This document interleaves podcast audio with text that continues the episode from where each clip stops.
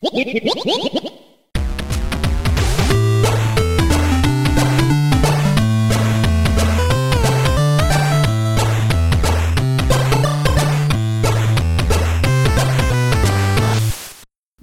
bij Buttonbashers aflevering nummer 74. Ehm, een mega gevulde uitzending, denk ik jongens, op voorhand. Eh, Koningsdag komt langs, eh, de Game Talk komt langs. En we gaan het in het hoofdonderwerp hebben over games kijken, maar niet zelf spelen. Eh, maar dat is allemaal voor straks. Steve, hoe Ja. was je Koningsdag? Gewoon even globaal, zeg maar. Want dat is toch hè, voor mensen die games verzamelen... toch ja, mooie momenten om langs eh, Jan en alle man te lopen... die allemaal zooi van zolder en uit kelders heeft, heeft, eh, heeft gerukt... en op een kleedje heeft gesmeten. Top. Ik had, Top. Een, ik had een geweldige Koningsdag. Oké, nou dat En mijn Koningsdag duurt anderhalve dag, hè? Ja, die begint op eh, woensdagavond al, hè? Bij Utrecht, denk Woensdagavond, ik. 6 uur Utrecht. Ja, precies. Ja, ik durf het niet te vragen, Niels. Nou, ik had wel een geweldige Koningsdag. Maar dat kwam niet omdat je naar buiten was gegaan, denk ik. Nee, dat klopt. Nee, ik heb die tijd gebruikt om ehm, een game uit te spelen waar ik het in de Game Talk nog even over wil hebben. Oké, eh, nog even over wil hebben. Oké, dus dat- die heb je al een keer aangetipt. Ja, klopt. Hmm, Oké. Eh, mijn Koningsdag, wat heb ik hier staan? Koud, nat, viel tegen. Dat was, eh, dat was Oh. in, in drie woorden mijn Koningsdag, zeg maar. Super duidelijk. Ja, ja, ja. Maar goed, dat, eh, daar zal ik zo iets, iets verder over vertellen. Maar vertel even, Steven. Ja, jouw Koningsdag begint inderdaad als eerste van ons drie in ieder geval. Op, Ja. de, op de woensdagavond dit jaar. Ja. En toen? Ik was naar Utrecht geweest met, eh, met Jelle. Ja. Dat is eh, ons vaste ritueel. En hij had me een paar dagen van tevoren... had hij mij lopen porren of ik wel wou. Want hij twijfelde of hij wel eh, zeg maar naar Utrecht moest gaan. Want je vond toch nooit, nooit iets. Ja, ja, hij wist het niet of hij er wel naartoe moest. Hmm, Oké, ja, dat klinkt bekend hoor. Ik wist het wel of hij er naartoe moest. ja, want jij vond dat hij er naartoe Ja, ik moest. zeg gewoon man up. Ja, Man up, jongen. Ja, nou, is ook wel zo. Maar Ja. ik heb diezelfde twijfel gehad voor Koningsdag zelf, zeg maar. Want ik vind ook meestal niet zoveel. Ik neem me altijd voor, ik ga alles kopen. En dan sta ik daar, denk ik, ja, waarom zou ik iets kopen wat ik al heb? Of wat me totaal niet interesseert? En ja, ik moet er toch vroeg mijn nest vooruit. Dus waarom eigenlijk? Maar goed. Eh, dus ik snap zijn gevoelens wel, Steve. Ja, het is ook gewoon een stukje gezelligheid. Het is ook gewoon een stukje avontuur, samengave, dingen zoeken. Ja, nee, Gewoon- dat ben ik met je eens. Ja, het voelt dan toch een beetje als Raiders of the Lost Ark, waarbij we allebei Indiana Jones zijn. Zo. Nou, dat is een mooie vergelijking, Steve. Ja, Maar ho- hoe ging jouw zoektocht naar de Lost Ark? Ehm mij, nou, het was een beetje Temple of Doom. Oké, maar het was niet aan het einde dat Jelle zei van... I hate to say I told you so, but I told you Nee, so. het, het was zeker niet The Last Crusade. Oké, Het ook was niet. zeker niet The Last Crusade, absoluut niet. Oh, dit is echt... Dit is zo'n mooie vergelijking. Ja, Dus, oh, het past, past allemaal zo precies. Ik, had, eh, ik zou eigenlijk willen zeggen dat ik het van tevoren allemaal in mijn hoofd had, maar dat is niet zo. nou, maar, dat maakt het ehm, nog mooier natuurlijk. Nee, dus eh, ik, ehm, ik had zelf eigenlijk heel weinig in Utrecht. Mhm. Maar Jelle die had eh, heel veel en die had echt wel mooie dingen. Oké, Dus eh, hij was eigenlijk heel blij dat, hij, dat we gegaan waren. Hij was überhaupt blij, want het was gewoon gezellig. En het is gewoon eh, leuk om dat te delen. ja, is ook.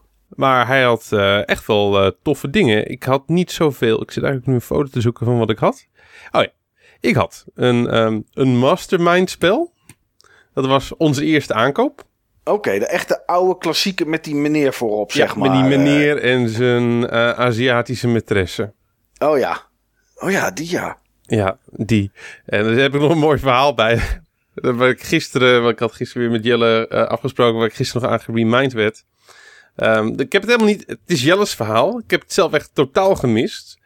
Maar toen ik zeg maar die mastermind pakte om hem te kopen. Hij was niet eens voor mezelf, hij was voor Marjan. Het, het schijnt dus dat er een moeder en een dochtertje achter me stonden. En dat die vrouw, ehm, toen ik hem af stond te rekenen tegen dat meisje, zei... Ja, jammer pop, maar we gaan gewoon naar het volgende kleedje. Oh, Steve. Ja, ik heb het helemaal niet, ik heb het helemaal niet gezien. Hoe oud was dat meisje? Ik, ik weet niet, dat is eh, een jaar of, eh, jaar of acht of zo. Als je het nou gehoord had, hè, wat had je Ja. gedaan? Had je, hem, had je hem aan de gegeven? Ja, dat ik, eh, eeuw, zoals ik tegen Jelle zei, ik heb dat kind gewoon een les gegeven in hoe de wereld werkt. Ja, In tuurlijk. ieder geval een trauma gegeven. Survival of the fittest. Ja, dat is zo. Nee, dan had, maar, ik, het- dan had ik het aan het kind gegeven. Maar ik heb het gewoon echt, ik heb het gewoon echt niet meegekregen. nou ja, dan kon je er niks aan doen. Dan is eigenlijk de smeerkees in dit verhaal is Jelle. Eigenlijk wel, ja. had Eigenlijk wel. zeggen, dat is eigenlijk de Steve, bad guy. Ja. Steef, wat doe je nou? Je pikt hem hier voor het neus van het lieve meisje weg. ja, en hij weet ook hoe ik in elkaar zit. Misschien was nu, een heeft dat leuke kind, moeder. nu heeft dat kind een trauma, nu heb ik een trauma. Ja, en, die, en misschien was het een hele leuke moeder. Vast en zeker. Ja, Ja, echt. eh, ik, eh, nee, dat, dat was zeg maar... ehm, ja, dat was mijn eerste aankoop. zo ja, begon iemand het. ging daar weglopen met een trauma en het was jij of dat meisje. Ja, klopt. Dus Ja. eh, nou, Nou, in dit kan het wel geval beter iedereen... dat meisje zijn. Hè? Die heeft wat meer... Die, die is jonger, dus heeft meer jaren de tijd om eroverheen te komen. Ja, bij vrouwen werkt dat anders, heb ik wel eens gehoord hoor. Maar goed. Oh. en dat was mijn, eh, mijn eerste aankoop. En ik had eigenlijk eh, in, in Utrecht, ik kan mijn aankopen zo eh, noemen. Ik had zeg maar eigenlijk twee, twee bordspellen, bijzonder weinig. Mastermind en Kolonisten van Catan het dobbelspel. Die had ik allebei al, maar Mastermind had ik meegenomen voor, voor Marjan. En die andere, die had ik zoiets van, joh, die raak ik al een keer kwijt. Ja, En ik had nog twee Blu-rays. oké. Ehm, Noordwend en, en Live.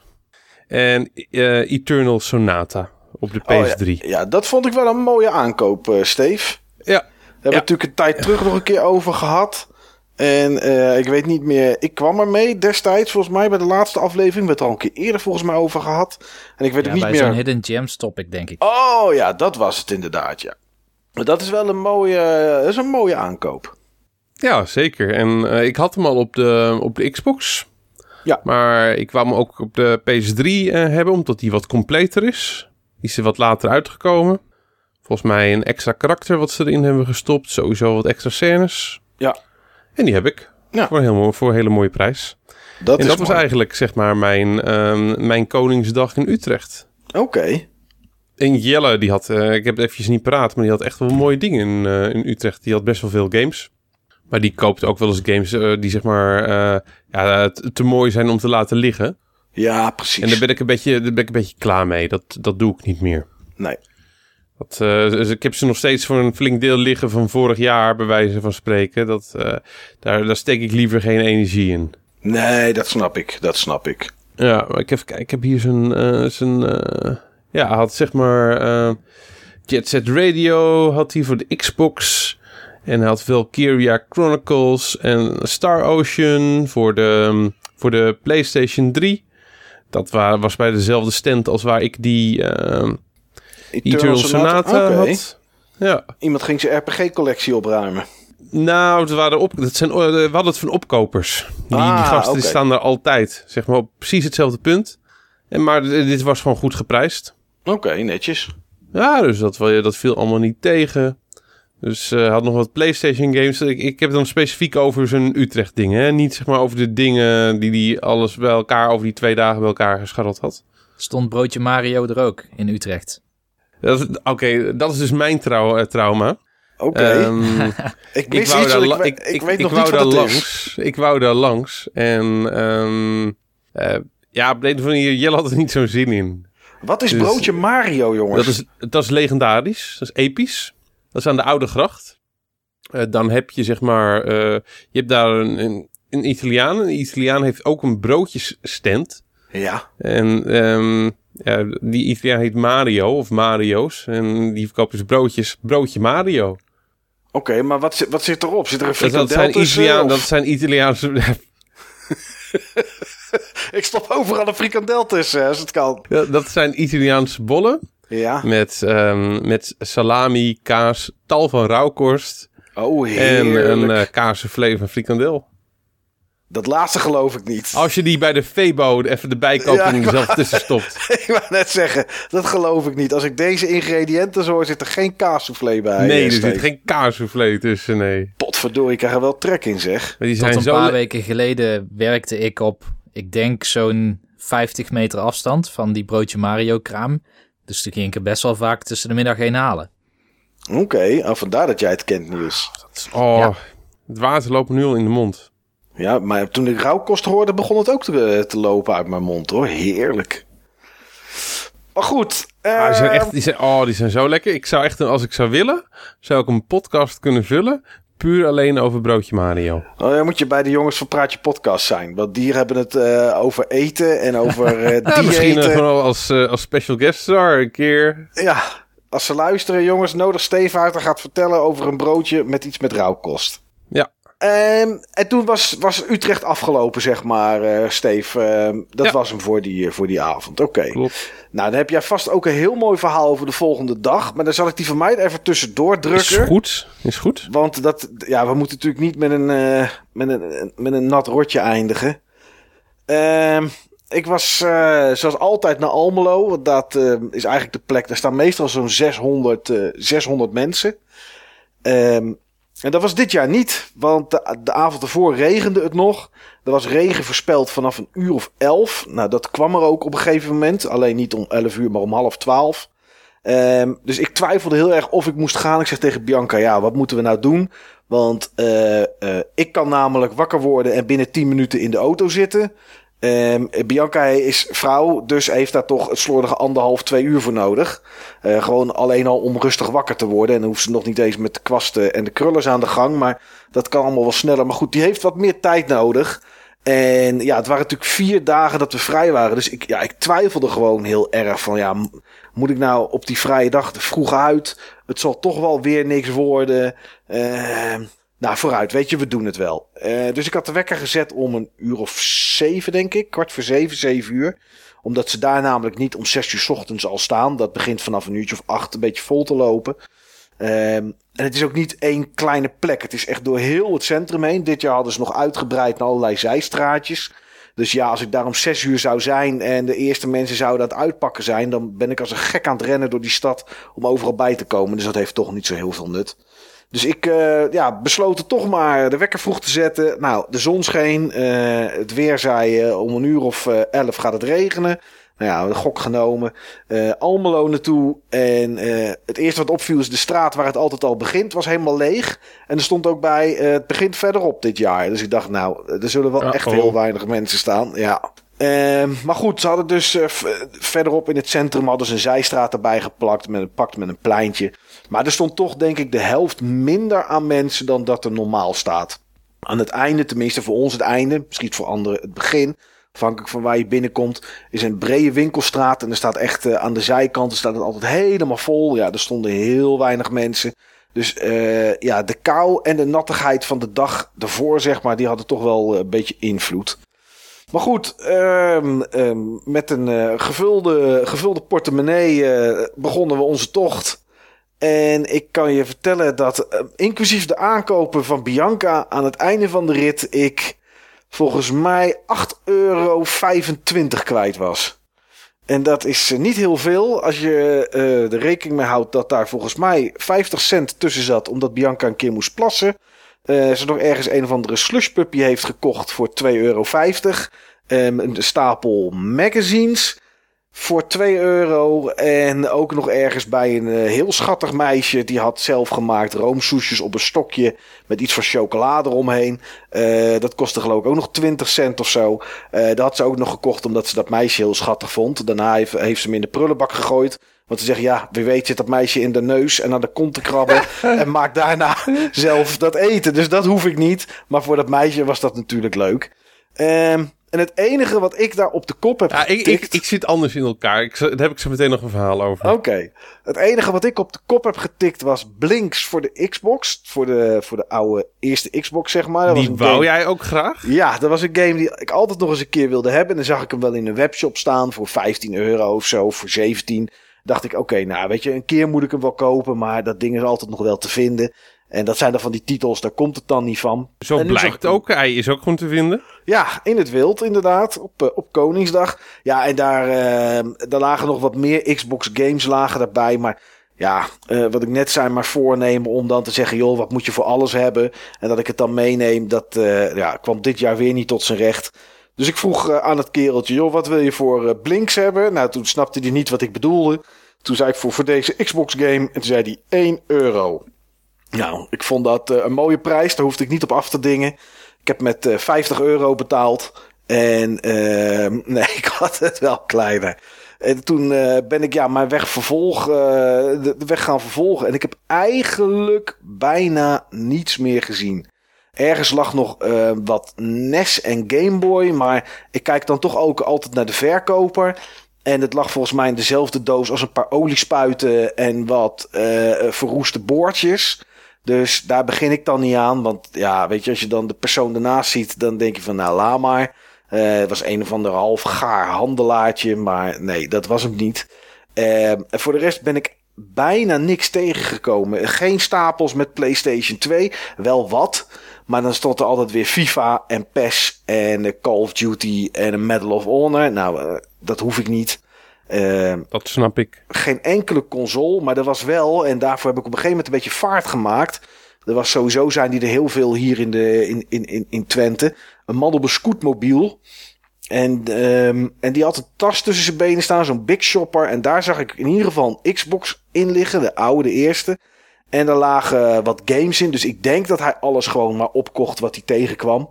Maar eh, nee, dat was eigenlijk heel mijn eh, Koningsdag. We zijn daarna naar huis gegaan, eh, hebben de verwarming aangezet en ik ben heerlijk gaan gamen. Nou, helemaal goed. Helemaal Ja, goed. Niet blinks, Joh, hij, zal, maar- hij zal het nodig hebben, joh. Dan kan hij ook zijn uitkering nog een beetje aanvullen. Ja, dat, dat zal het inderdaad Ja. zijn. Maar goed, ik had niet het gevoel dat ik echt heel veel gemist heb. En volgend jaar, als, het, als de zon schijnt en het niet regent, dan ga ik gewoon weer.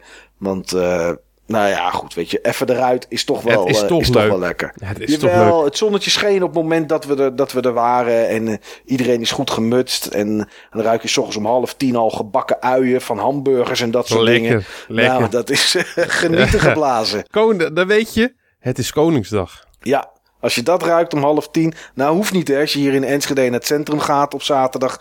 Dan is dat standaard. Vaste prik hoor. Dan staan er heel veel mensen al hamburgers om half tien te eten. Nee, ja, dat was eh, mijn Koningsdag, Steve. Dus ja, de klapper moet van jou komen. De klapper. Ja, Ja, dan, eh, dan moet ik die maar geven, hè? De ja laat klapper. maar doen. Nou, ik, ehm, ik was zaterdag vroeg uit de vieren. Donderdag. Oh ja, Toch? Eh, ik Ja. was die donderdag goed uit de vieren. Had ik trouwens al verteld van mijn, ehm, eh, van mijn terugkerende nachtmerrie? Nee. Zowel Jelle als ik hebben een terugkerende nachtmerrie. Die regelmatig oppopt. En hij popt vooral op eh, in het voorjaar. En onze terugkerende nachtmerrie is dat we op de een of andere manier Koningsdag missen. Echt waar, je hebt alle twee dezelfde nachtmerrie. Ja, dat we ons verslapen of dat er dingen tussendoor komen die ons ervan weerhouden om zeg maar ehm, ja, de, die dag ten volste te benutten. Oké. En eh, Jelle heeft hem dit jaar twee keer gehad en ik heb hem drie keer gehad. Slaap je die nacht dan ook eh, lichter en dat je rond vier uur wakker wordt en dat je kijkt en je denkt, oh ik, nee, was kan- om, ik was om tien over vijf wakker. Ah, kerel, zo vroeg al, hé. Ja. Nou, ik was nog eerder wakker. Ja. Volgens mij was ik al om half vijf wakker. En om tien over vijf had ik zoiets, ja, fuck ik ga nu toch niet meer slapen. Nee. Dus ik, ehm, ik ga douchen en ik zorg er gewoon voor dat ik zeg maar er om zes uur loop. Ja. Dus En- dat was al dus geschieden. Ja, en waar was dat dat je om zes uur liep, eh Steve? Ja, dat was gewoon in Gouda natuurlijk. Oké. Ja, daar, daar heb ik goed kunnen slagen. Oké. Eh, ik, ik had op een gegeven moment had ik zeg maar mijn eerste, mijn eerste bordspel eh, gevonden. Mijn tweede bordspel eh, gevonden. Ik ben eventjes de foto's erbij aan het zoeken van, van wat het was. Dat, er zat een gestaag tempo in. En op een gegeven moment, het was nog een beetje rustig, vreemd genoeg. Die kinderen moesten zich ook nog allemaal een beetje settelen. Ja. En op een gegeven moment ging het echt gewoon echt helemaal los. Echt overal kwam ik spellen tegen, ook gewoon echt gave spellen. Ehm, dingen die ik al had, maar waarvan ik wist dat ik andere mensen blij kon, eh, kon maken. Ehm, dingen die ik ook eh, zelf graag wou, of helemaal niet kende. Echt wel eh, hele mooie dingen. En op een gegeven moment had ik ook gewoon zoveel dat ik het allemaal niet meer kon dragen. Oké. Ik, ik was er naartoe gegaan met twee grote Albert Heijn shoppers Ja. en mijn schoudertas. Met in mijn schoudertas niet mijn portemonnee, ook mijn portemonnee. Maar ook een potje, een potje van de hak. Zo'n Ah, klein groente, kleingeld. groentepotje met kleingeld. Ja, ja, ja. Dat ja. verzamelt mijn moeder, zeg maar, in, eh, in de voorgaande weken. Oké, oh, dat is netjes zeg dat hij eh, zo met jou meeleeft. Ja, die, eh, die krijgt er van me- die, die spaart altijd kleingeld. En normaal gesproken gaat het naar de bank. Maar eh, dan gaat het naar mij. Oké, nou dat is wel heel aardig van me. Ja, dus ik noem het gewoon een goed moeder zijn. Maar als Ja. jij het aardig...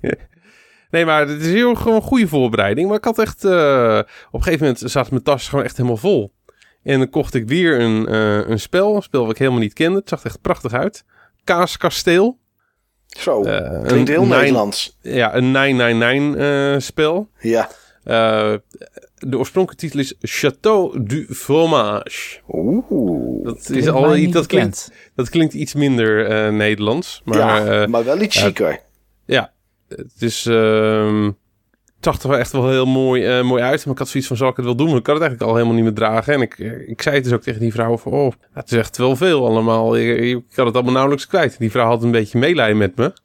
En toen kreeg ik er ook een shopper bij. Een hele grote. Oh, ik denk ze loopt met je mee naar huis. En die shopper die was eh, echt gewoon zeg maar nog twee keer zo groot als mijn normale shoppers. Dus ik, eh, ik liep daar echt met een gigantische shopper van Bart Smit. Twee Albert Heijn shoppers. En mijn schoudertas vol. Het, het zat gewoon echt helemaal vol. En toen was het pas half zeven, Steef. Eh, nou, toen was het denk ik eh, half acht. Ik ben echt Oké. gewoon een tijdje geweest. Dus toen ben ik, zeg maar, op een gegeven moment had ik zoiets van, het is goed. En ik ga, ehm, ik ga het naar huis brengen. Ik ga naar mijn volgende stop. En ik, ik, ik, ik ben nog een jongen tegengekomen die, we- ja, die regelmatig onze podcast luistert. Die ook Oh. in Gouda eh, woont en zeg maar ehm, eh, games verzamelt. Die had dan echt wel een paar leuke games nog. Ik had volgens mij in Gouda... Ik weet niet of ik games had in Gouda. Volgens mij had ik geen, eh, had ik geen games uit mijn hoofd. Oké, een kameraad van mij stond daar in Gouda met... die had allerlei spul, maar ook games had hij liggen. PS4 en voor de Switch had hij games Oh, ik heb, liggen. ge- ik heb gewoon zeg maar... Ik heb gewoon Bomberman eh, gemist. Ja, Bomberman lag inderdaad op de rommelmarkt eh, voor de Switch. Oh, dat maakt het echt wel zuur. Ja, die lag daar. Ik weet Dat vond ik hij een mooi, eh, dat vond ik een mooi verhaal trouwens. Van dat Bomberman een kleedje op is gegaan. Ja, ja, nu al. Na een week dat hij uit was, lag hij al op een kleedje. Ja, Maar stond jouw maat er eh, om, eh, om zeven uur 's ochtends? ja hoor, eerder al. Oké, oké. Ja. Ik heb hem echt niet gezien. Ja, en hij was rond een uur of één was hij geloof ik weer thuis. En toen had hij volgens mij een eh, slordige 6,500 euro verdiend die dag. Dus het was best eh, veel. zeker lucratief. Dat is best veel. Ja, ja, die heeft een goede Koningsdag gehad inderdaad. Ja.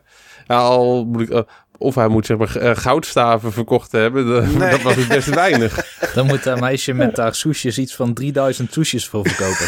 Ja, terwijl ze in de neus heeft gezeten. ja, nee, eh, hij had geen goudstaven, maar hij had heel veel eh, kantoorartikelen, zeg maar, eh, Oké. had, hij, had hij daar staan. Ik, eh, ik eh, ga, geen, eh, ga geen bellen rinkelen. Dus maar ik, eh, ik ben ook nog, zeg maar, ik ben dus die jongen tegengekomen. Die had zeg maar een paar 3DS-spellen.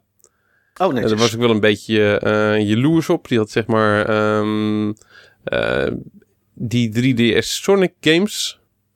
Volgens oh, mij ja, ehm, ja, ja. Sonic Boom Zeg maar- of zo. Lost Generation. En Lost, of nee, eh, of Generations en The Lost World. Zeg maar die leuke. Oh ja. Ja, Ik zeg, oh ja, ik weet niet of dat ze leuk zijn. Het zijn Sonic games. Nou ja, volgens mij waren deze wel aardig hoor. ja dit zijn de, eh, de leuke. Hij had ook nog een Pokémon eh, spel voor de 3DS. En hij had zeg maar eh, eh, die afschuwelijke Son- eh, Sonic game op de, eh, op de Wii U. Oh, Sonic dat, Boom. Ja, dat was Boom, ja. hele slechte.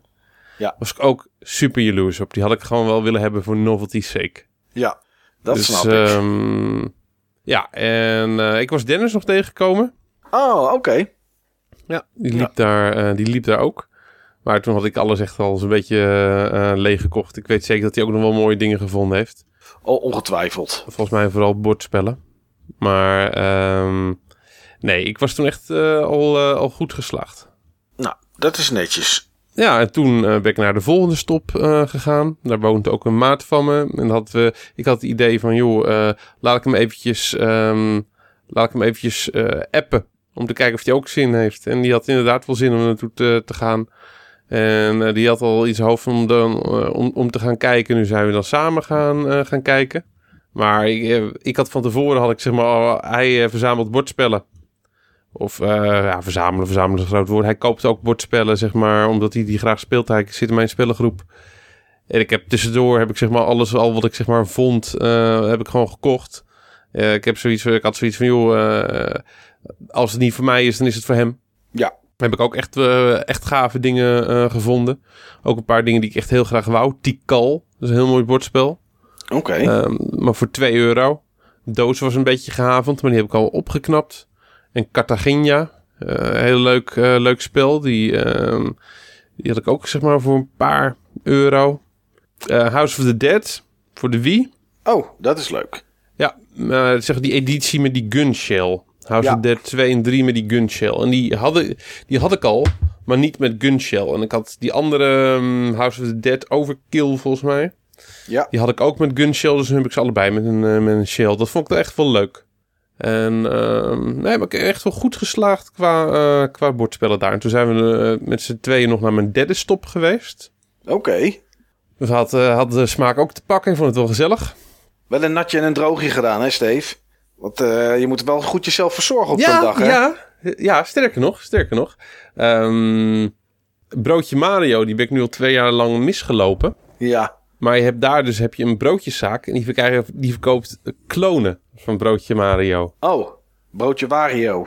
Een broodje Wario, inderdaad, ja. Ja. ja. Dus ik heb een broodje Wario gescoord. Oh, zo lekker. Het is net geen broodje Mario hoor, maar close Komt in de buurt, ja. Ja, laat ik zo zeggen, als je al vanaf zes uur ehm, op bent, dan, ehm, ja, dan, eh, ja, Ja, kun je maar, smaken rauwe bonen zoet. zo ook die avond ervoor in Utrecht, ehm, die live Blu-ray Ja. heb ik, heb ik gekocht van de beste marketeer van Utrecht. Oké. Want die, eh, die ging het nadoen, of die ging een beest nadoen wat in die DVD zit of zo, of in die Blu-ray? Nee, dat was Oh. een jongetje van een jaar of eh, acht, misschien iets jonger. Ja. En die, ja, die, ehm, die heeft gewoon echt de perfecte customer journey geleverd. Oké. Ja, echt de perfecte customer journey. Echt, eh, ehm, bedrijven huren dure marketingbureaus in om Ja. ze te helpen dit soort customer journeys te, ehm, eh, te verzinnen. Oké. dit Wat, jongetje, dit jongetje gaat het maken. wat had hij gedaan? Eh, ik, ik stond voor zijn stand. En hij was aan het, ehm, aan het, eh, aan het praten met zijn, met zijn vader. En ehm, vervolgens, toen hij ik, toen die, zeg maar zag dat ik die, die Blu-ray in, in, in handen had, toen zei hij ook direct de prijs. Ja. Die is 50 cent, meneer. Echt gewoon di- direct, zeg maar. eh, ik hoefde het niet te vragen. Die is 50 Nee. cent, meneer. En ik zeg, stop jongen, ga ik het voor je pakken. Hier, ik heb nog gepast voor je ook. dus eh, dus eh, nou, 50 cent voor, voor live. Dus Nou, ah, een mooie ja, prijs. Helemaal, helemaal top. Uh, hartstikke bedankt, meneer. Dus ja, top. Wat 50 netjes. cent voor live, ja.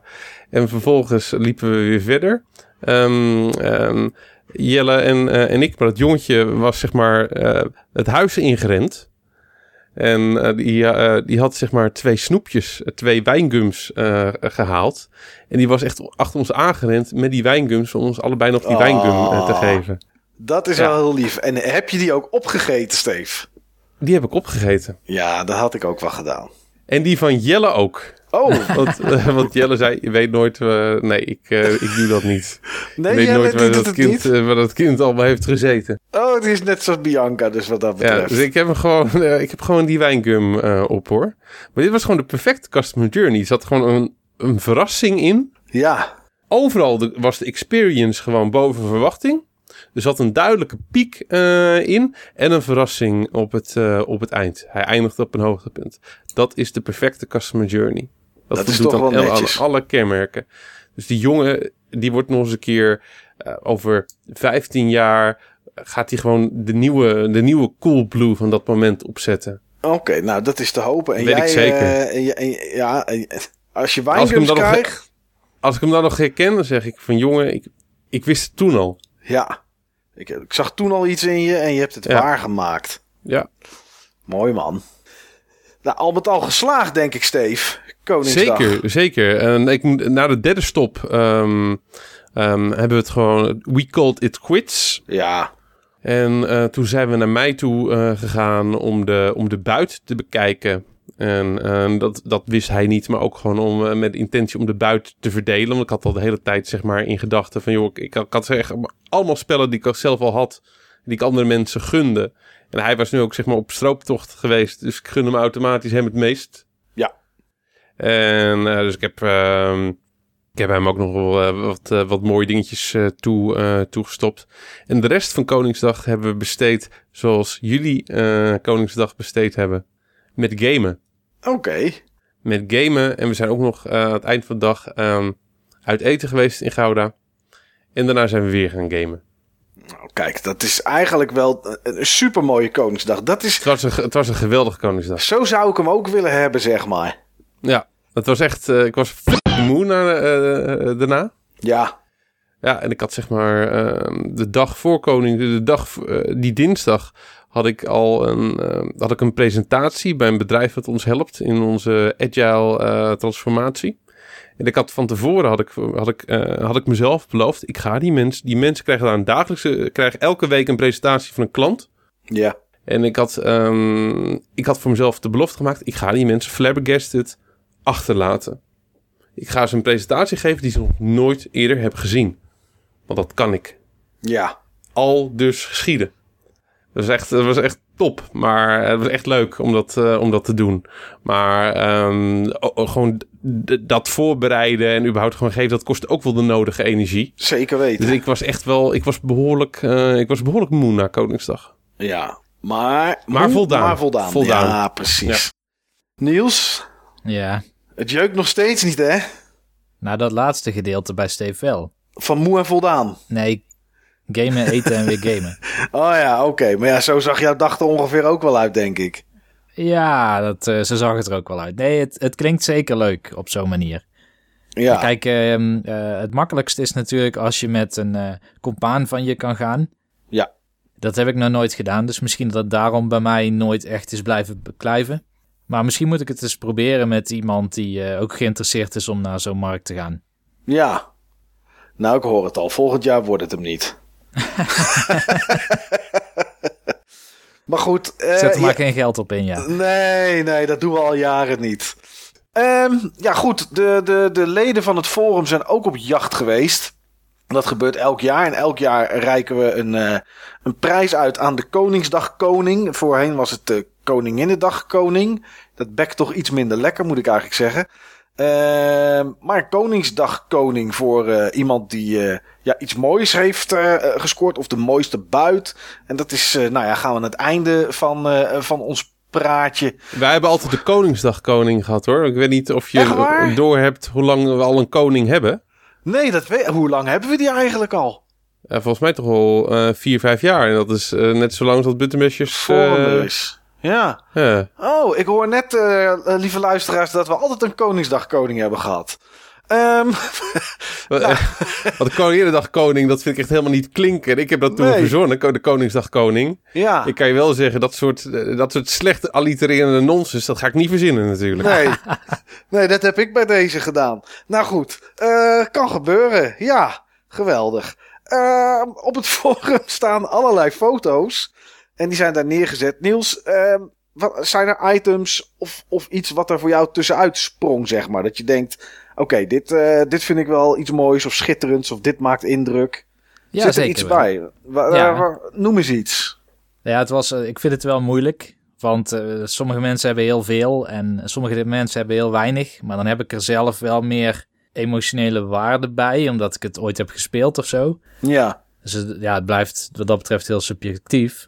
Maar een paar mooie dingen die ik langs zag komen, ehm, los van elkaar, zeg maar, losse items. ja, Ehm, ik denk dat, ik, dat het Zwartkampen heet, de naam.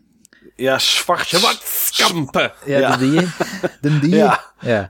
Die had eh, een eh sifon gevonden. Ja, maar Niels, ik, ik- ja, oké, nou, noem, noem het maar. Maar ik vind toch, hè, dat is een koffiemaker, Niels. Ja, Dat heeft toch niks met games te maken. maar Die dat jongen gaat had dat... mij wel aan het hart. Ja, oké, nou, Daar vooruit gaat dan het om. maar. Daar gaat het om hoor. Ja. Ja. maar dan ga ik volgend jaar ga ik iets kopen wat iedereen aan het hart is, jongens. Maar wat, wat- ga ik een, eh, een mooie, mooie opgezette kraai ga ik kopen dan? En die zet ik er ook op. Kan toch niet? Maar goed, een koffiemaker. Ja, een koffie maar. Ja, kijk, ik vind The Division geen game. Dus mag die dan ook niet... eh Ja, maar hij voldoet wel aan de technische aspecten van een game. Ah, oké. nou, ik, ik vind eh koffie zetten heel erg leuk. Dus voor mij Ja. is het game. Ja, Er komt goede koffie uit of niet.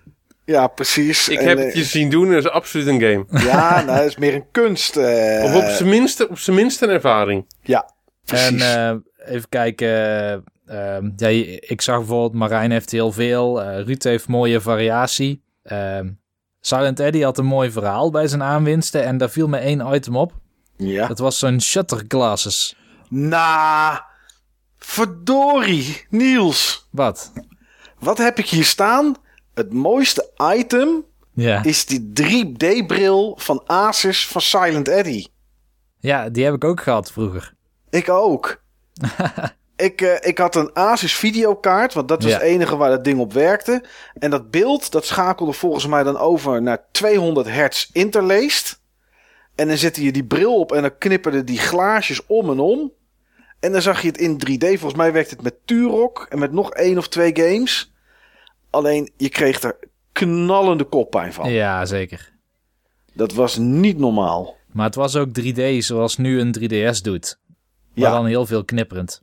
Ja, Ja. En, en ook een beetje donker, hè? Want eh, die shutterglasses gaven ook een vrij donker beeld. Ja, het was, het, was, het was echt een verschrikkelijke oplossing. En ik weet dat ik echt voor die videokaart nog iets van 11 of 1200 gulden heb betaald. Ik heb het twee keer gebruikt. En daarna heb ik die bril echt gewoon in een doos gedonderd. Eh, ik heb Goeie die- investering. ja, maar ja, goed, toen kon dat. Was 97 hè? Ja, Super gaaf was dat. ja, dat wel.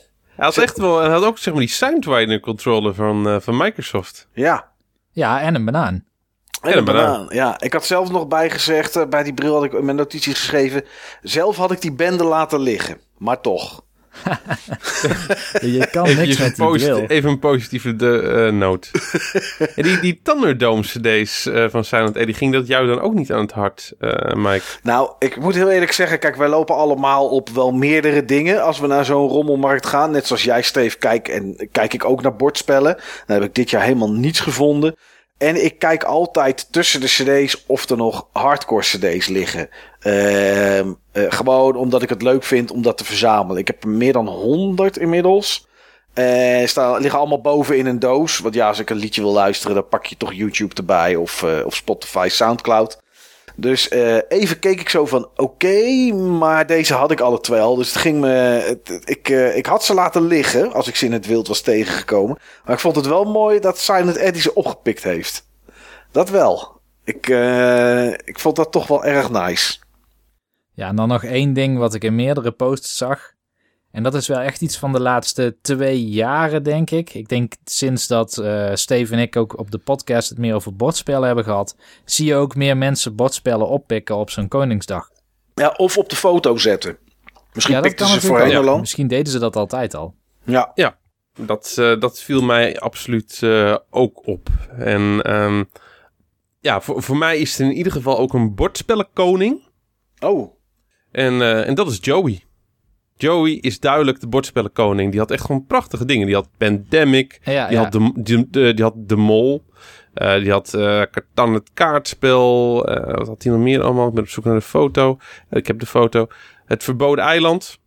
Ehm eh, eh, Stratego Tournament. Allemaal dingen die hij bij mij heeft gespeeld. Oké. Dus eh, ja, dat is toch wel grappig eh, van dat hij zeg maar al die dingen ook had die ook altijd zeg maar eh, bij ons op tafel komen. Ja, nou ja, mooi dat hij ze tegengekomen is inderdaad om ze Ja. te kopen. Want dat is nog ook nog wel... Het Ja. is geen kunst, maar dat is toch ook nog wel het geluk. Ik had, ik had ook het Verboden Eiland in Gouda. Ja, Het Verboden Eiland is een van mijn favoriete spellen. En ik had hem voor 1,50 euro. Een van de items ontbrak, helaas. Eh, maar die mocht, die, eh, daarvoor had ik White Goblin Games gecontact. En eh, drie dagen later had ik hem gratis en voor niets. oh, Eh, dat is inclusief- netjes. Inclusief 1,60 inclusief 1,60 euro verzendkosten had ik hem gewoon binnen. Oh, dat eh, doen ze wel heel netjes. super tof. En ehm, ja, die versie die ik had, daarvan was, waren de kaarten gloednieuw. En mijn, die van mij, waren de kaarten juist een keer verkeerd geschud. Oké. zo'n van dat die, eh, die zeg maar die kaarten schudt door ze helemaal te buigen en in elkaar te... ehm, ja, Oh ja, zo echt een mooie croupier-achtige iets eh, op die manier, of niet? ja, is echt enorm... Mensen doen het nooit, is enorm verneukeratief voor je kaarten. Ja. Dus, eh, maar Joey, Joey was voor mij absoluut de, ja, de bordspellen koning.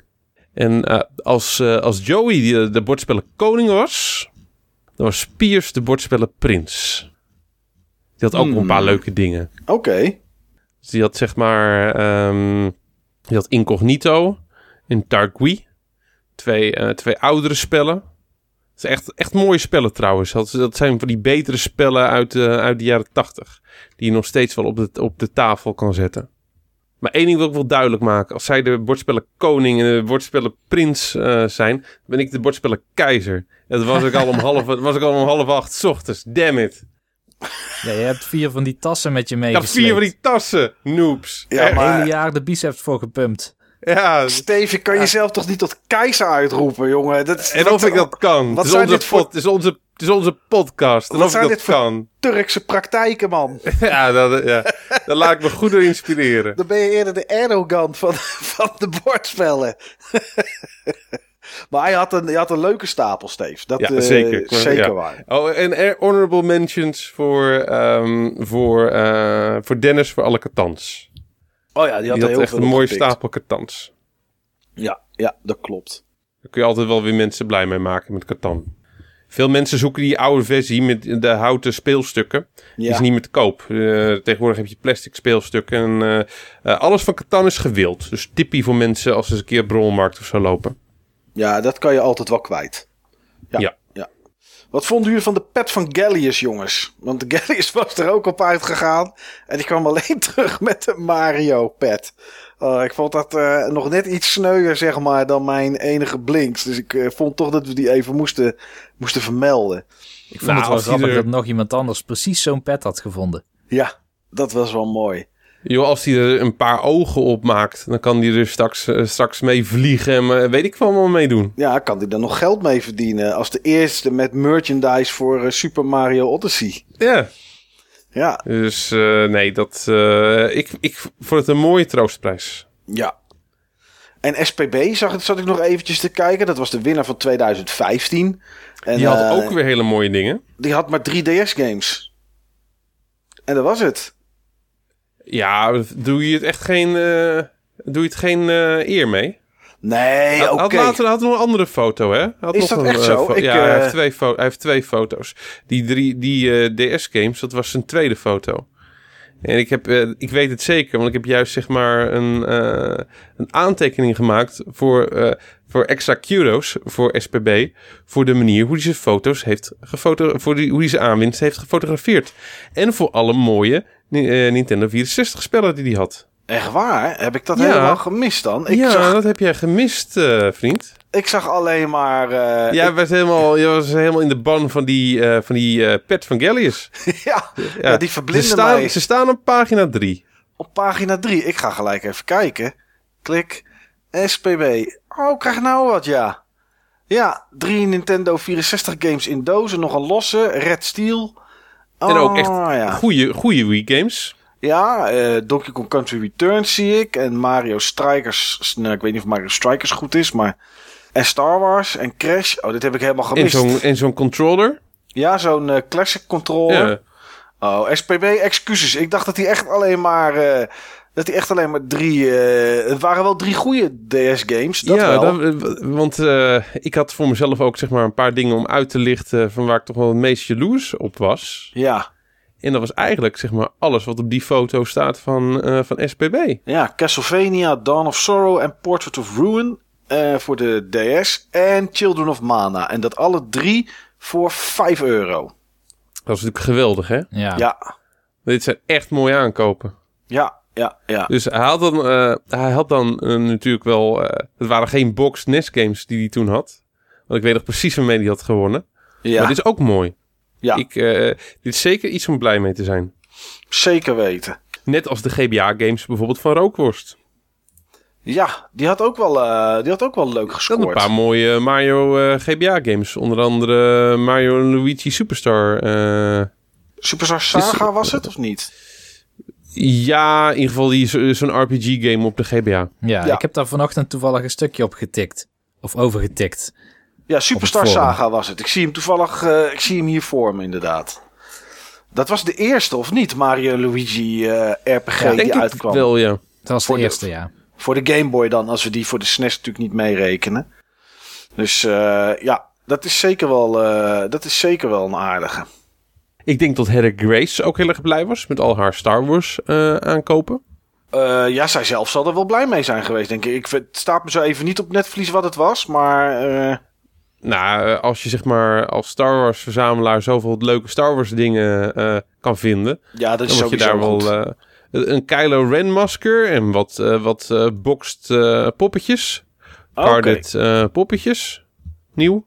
Oh, ik zie ze hier inderdaad, ja. Ja, ja, Ja. ja, ja. ja. Ja. Dat is Die had nice. echt wel eh, hele toffe dingen. Ja, en wat te denken van de DVD Sonic Christmas Blast. Kijk, daar kan je nog die, eens... wil, eh, die wil toch iedereen? Daar kan je op 25 december met de familie lekker eh, naar gaan zitten kijken, hoor. Bami Lolly verdient absoluut een honorable mention. Dat is als we zeg maar een podcast hadden over Turtles puzzels. Oh ja, die, die spullen bedoel ik. Ja, echt, dan was die echt de onbetwiste winnaar. Ja. Ja, ik zag het staan en eh, ja, ik, ben er, ik ben er langs gescrolld voor de rest. Ik dacht van ja, hier kan ik helemaal niks mee. Ik vraag me wel af of ze compleet zouden zijn. Kom je maar op één manier achter. Ja, tellen. dat is het snelst. Oh, tellen, ja. Ja, gewoon stukjes ja tellen. Oké, kun je op twee manieren achterkomen. Ja. Nou, zou je ook niet zeg maar eh tien puzzelstukjes kunnen wegen en dat dan eh de, en nou ja, goed. Misschien dat je het op die manier Ik denk ook het kan. niet. Ik denk het niet. Nee, Ik, dat dat lukt niet. lijkt me te onbetrouwbaar. Oké. Ik zou er genoegen mee nemen, denk ik. Maar eh, ja, ik, eh, die had inderdaad een hele berg aan, eh, aan puzzels, inderdaad, ja. Maar wie, Steve, springt er voor jou uit, zeg maar? Wie is voor jou de winnaar eigenlijk van eh, Koningsdag? Eh, de winnaar van mijn hart, Ja? dat ben jij, Mike. Met Oh. je prachtige blinks. Kijk, dat is toch eh, dat is wel goed. Ik wist al dat je hem wou. Ja, Dus ik, eh, ja. Ik zie trouwens dat het hoesje een beetje gehavend is. ja klopt. Hij zat een beetje dubbel gevouwen. Ik snap Ik- ook wel ik- waarom die 1 euro was. Ik had er wel afgedongen hoor, bij dat kind. Nou, ik had niet eens gekeken. Ik denk, Dit eh, kun je toch niet verkopen voor 1 euro? ik denk meenemen en doorrennen, dacht Heb ik. je, er- heb je er wel een wijngum bij gekregen? Nee, ik heb er Verdomme, helemaal... echt. heb- Ja, dat, die kinderen van tegenwoordig. Ja, tuig is het. Misschien stond er Ja. wel zo'n bakje met paaseitjes, dat je zelf iets mag pakken. Maar ja, dan hebben er nog meer vieze handen aangezeten. Is Ja. het is hetzelfde als een bakje pinda's op de bar, zeg maar. Dat moet je ook niet doen. Nee, nee, maar... eh, nee, ik, eigenlijk als ik eerlijk ben, is het van jou ook gewoon een honorable mention. Ja. Ja. Mijn, mijn persoonlijke winnaar is toch wel, is toch wel Ruud. Oké. Ja, ehm, Die voor dag en dauw ook, zeg maar, eh, ja, op pad was om mooie dingen te scoren. ja, om zes uur, hè? Ja, zes uur. Zes uur is dan toch gewoon de tijd waarop het gebeurt. Ja. Ja, ik kan dat toch niet over mijn hart verkrijgen. Maar eh, ja, zes uur is... eh, dat doet het hem wel, inderdaad. Want jij had natuurlijk ook op zes uur mooie vondsten, Steve. Ja, ja. Ik moet overigens nog twee dingetjes eh, aanhalen, zie, eh, zie ik net. Ja. Ehm, wat absoluut vondsten zijn die ik specifiek nog eventjes eh, aan wil tikken, zijn die van Arjen. Eh, Eh, die had ja. een paar hele toffe eh big boxen voor de PC. Onder ja. andere de prachtige eh, big box van eh, Wipeout eh 2097 Mhm. en Icewind Dale. Ja, Icewind Dale, ja, inderdaad, ja. Die Icewind Dale, dat is denk ik toch wel een van de, van de items waar ik toch een beetje jaloers op, eh, op werd. Ja, ja dat is wel mooi, inderdaad. Ja, dat, eh, die wou ik nog eventjes aanhalen. maar de winnaar was voor mij Ruud. Met zijn eh, collectie Mario Toys. Met zijn Final Fantasy games op de PlayStation. Ehm, met zijn, ja, toch wel veelvoud aan foto's die hij eh, genomen heeft. Om alles gewoon goed in beeld eh, te brengen. NES games die hij nog had. Ook box NES games. Sword and Serpents, Shadowgate. Ehm, ja, en die ColecoVision. Ja. Die ColecoVision met Expansion Pack 2, zoals ze dat eh, noemden, zeg maar. Dat is gewoon een stuurtje. Maar eh, dat noemden ze Expansion Packs en dit was nummer 2, als ik het goed heb. Zo. Is, eh, en, en gewoon ook nog een leuk stapeltje games erbij. Ja. Donkey Kong zie ik, Donkey Kong Donkey Junior, Junior, Smurfen. Carnival. Volgens mij was het ook een populaire titel voor die game. Ja, Voor die, voor die console. ja, ja, ja. Ik, ja, ik moet zeggen dat het ook mijn winnaar is, eh, Steve. Dus eh, het is al 2-0 voor Ruud. De spanning is er daar wel, wel gelijk een beetje vanaf. Maar ja, goed. Nintendo 64 ook nog erbij. Met, met een Mario Kart erin. Dat moet jouw hart toch ook stelen, Niels? Dat zeker. Ja. Dus ja, voor mij is het ook Ruud. Maar volgens mij heb jij een andere, Niels, of niet? Ja, voor mij is het Marijn. Ja, die had ook echt een hele mooie score wel hoor. Ja, die heeft eh, een PlayStation 1, een PlayStation 2, een SNES met Mario World en Parodius, een Wii met twee ehm, van die eh, Wii Motion Plus controllers, Ja. een Gamecube met een eh, controller, een Game Boy met een stuk of, ik tel zo snel, 11 games. en in zo'n zo'n koffer. koffertje? Ja. Ja, een eh, DS XL, misschien is het een DSi. Ik denk een DSi. Eh, denk ik ook. Volgens mij is Daisy. Ja, ik zie en geen dan- s- slider. liggen er nog een aantal spellen, maar die, ja, ik bedoel, er zit Advance Wars tussen, eh, Pokémon game. Ik zie helemaal rechts ook nog een Ease voor de PSP. Die heb Ja. ik nog niet. Dus ja, kijk, als ik, als ik ook kijk naar zijn games, ik, ik zou denk ik naar, naar Marijn zijn aanwinst neigen. Als ik een, eh, een, een lot over moest kopen of zo, of mocht kopen, dan zou het die van Marijn zijn. Oké. Ja, Marijn heeft er wel mooie dingen tussen zitten hoor. Dat is, eh, dat is zeker zo. Op een of andere manier was het voor mij die ColecoVision. Die, eh, en daar kan Marijn niks aan doen. Ik bedoel, hij heeft zijn best gedaan. En als hij een ColecoVision was, tegen, Absoluut. was tegengekomen, had hij hem eh, zeker weten, denk ik, opgepikt. maar eh, ja, Niels, het is dan toch 2-1. Ja, het, wa- het was voor mij close hoor. Ja, Ja, ik, ehm, Als Marijn moet niet die Call of Duty had gekocht, dan had Marijn het voor mij geweest. Maar ja, als je, als je dat koopt, ja, dat kan gewoon niet, jongens. dat, kan, gewoon niet. Nee.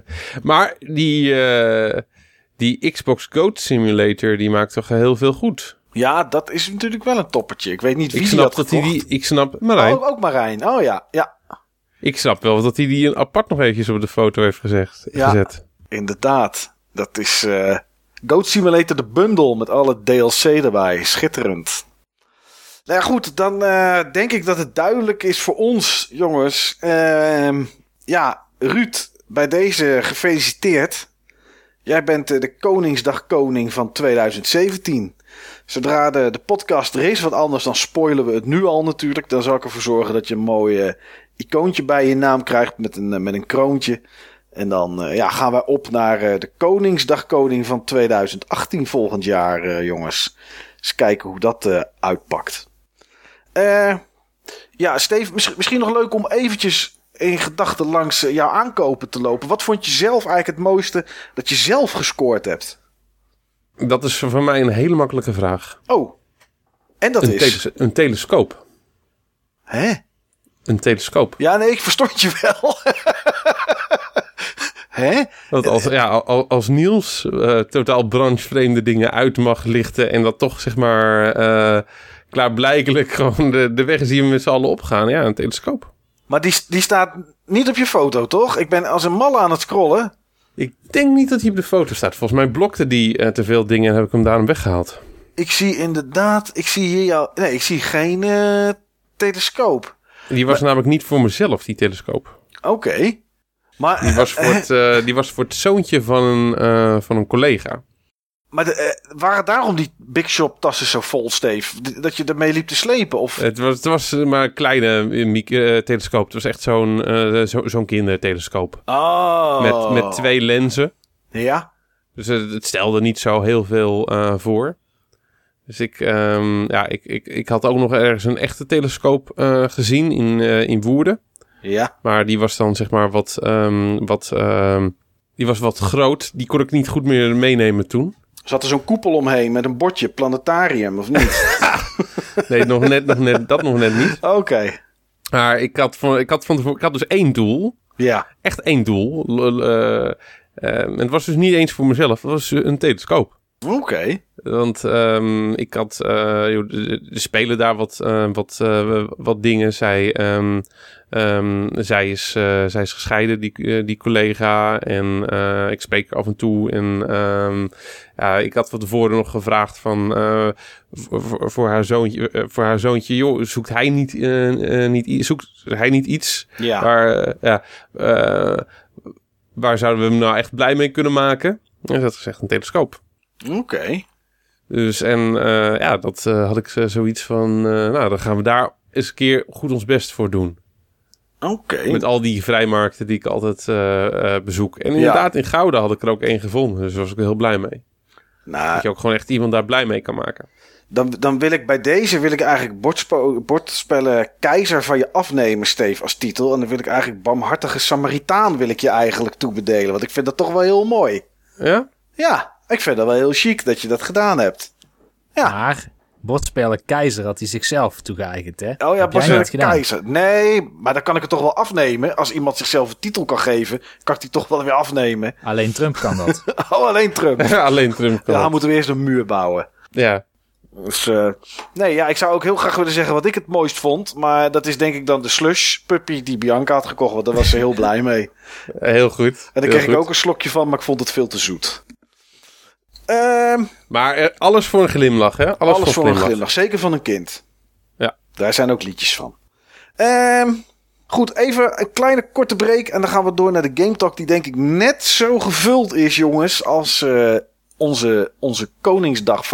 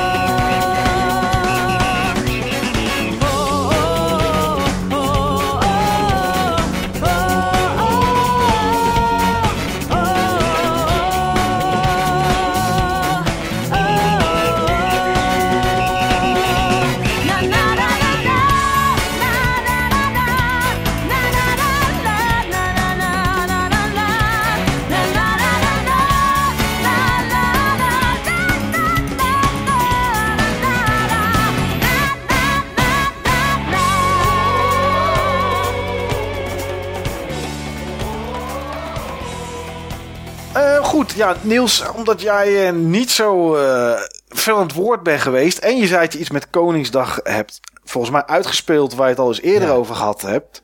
Ja, eh, het woord is aan jou, eh, kerel. We hebben een tijdje niet opgenomen, dus ik weet niet of je veel gespeeld hebt of niet.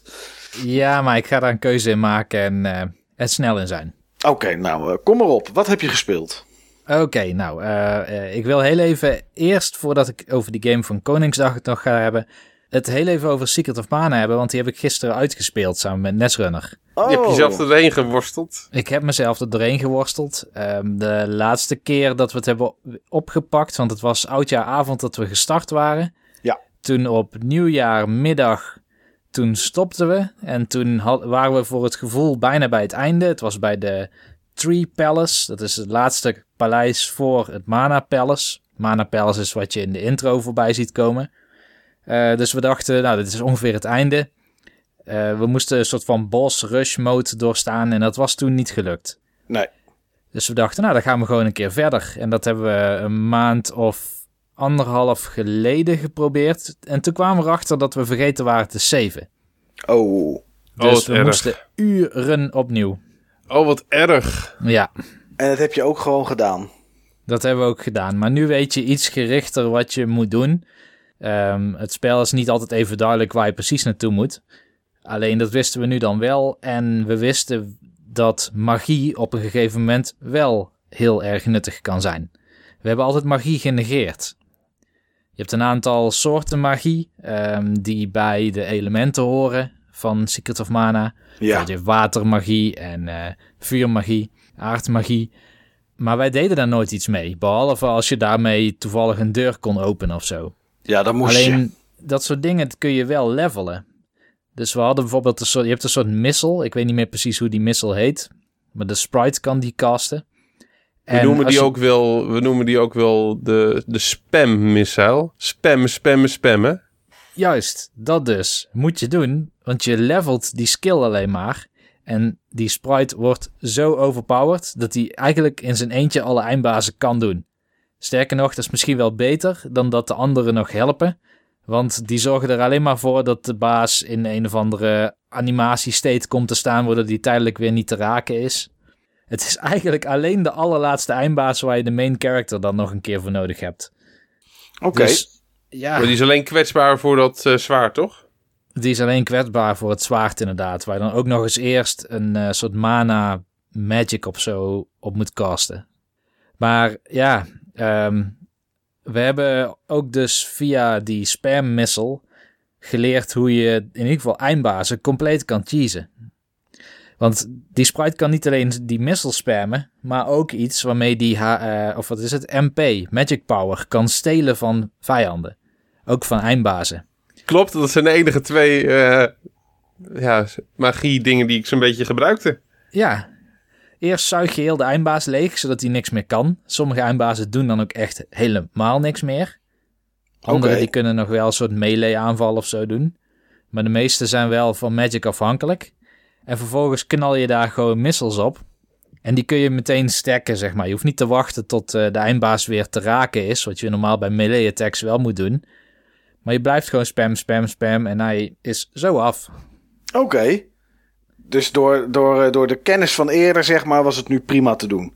Ja, en toch moesten we weer een save game herladen. Oh want jee. we hadden een glitch meegemaakt. En wat was er die? zit een glitch en die noemt men de Snowman Abduction Glitch. Oh, als die een naam heeft, dan, eh, dan is het vast een hele mooie. Ja, dit is een hele mooie, want we waren in een paleis.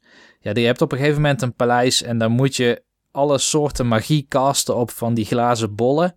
Zodat je volgens mij de deur naar het einde of zo openmaakt. Dat is een van de laatste kastelen waar je nog in komt. Volgens mij is dat de Tree Palace trouwens. Ja, dat is de Tree Palace. Dat is het ene laatste kasteel. En ehm, op een gegeven moment toen eh, raakte eh, het meisje, Poerim heet zij, en eh Nesrunner speelt daar, die raakte bevroren. Dan word je zo'n sneeuwpopje. En dat kost maar heel even tijd. Maar Ja. ik had toevallig net als main character met een zweep over een soort platform heen geslagen, waardoor je aan een paaltje vastgrijpt. En wat er normaal gebeurt is, dat al jouw eh, andere party members, ook al worden die door andere spelers bestuurd, die worden naar de tile waar jouw eh, main character op staat toegetrokken. En dan ga je allemaal achter elkaar in één keer over een afgrondje heen. Ah, Behalve dus die sneeuwpop. Ja, want die blijft staan, want die is bevroren. Ja, en dan verdwijnt ook gewoon de GUI van dat character. Oké. Dus dan heb je nog maar twee karaktertjes over. Oh, dat is vies, zeg. erg. Dat is echt erg. En eh, ja, je kan de keuze maken om het nog uit te proberen te spelen. Was misschien ook wel gelukt. Maar ehm, nou ja, het is gewoon vreemd. Dus dan kun je weer een save game herladen. Kun je weer dat paleis opnieuw doen. Mijn is- hemel. Ik vind het nog steeds een waanzinnig overrated game. En ooit heeft Steve dat ook genoemd. Volgens mij in de meest overrated SNES games. Ja, het spel zit zo vol met, met irritante dingen. Het battlesysteem, vooral als je nog van melee afhankelijk bent, dan ben je eigenlijk de hele tijd maar aan het wachten tot je de eindbaas een keer kan raken. Dan moet je soms iets van zeven balken chargen. Dus dan sta je gewoon anderhalve Ja. minuut A ingedrukt te houden. eh, en te wachten tot de eindbaas eh, te raken valt. Ja. En dan stapt hij misschien net weg op het moment dat je A loslaat na die anderhalve minuut. Of je raakt hem niet. Of je raakt hem überhaupt niet, want de hitboxes zijn shit. Of eh, misschien zit er een soort evasion stat die verborgen is in de game waar je niet van weet. Verschrikkelijk. Nou, hij is in ieder geval uitgespeeld, Niels. Dat is waar. We Ja. hebben doorgezet. Ja. een andere game die is uitgespeeld. En dit is wel die game waar ik het over wilde hebben na Koningsdag. Oké. Is uh, Shin Megami Tensei 4. Oh, op de DS, 3DS. Op de 3DS inderdaad, ja. Hij heeft uiteindelijk zo'n 62 uur geduurd. Best een lange game dus. Oké.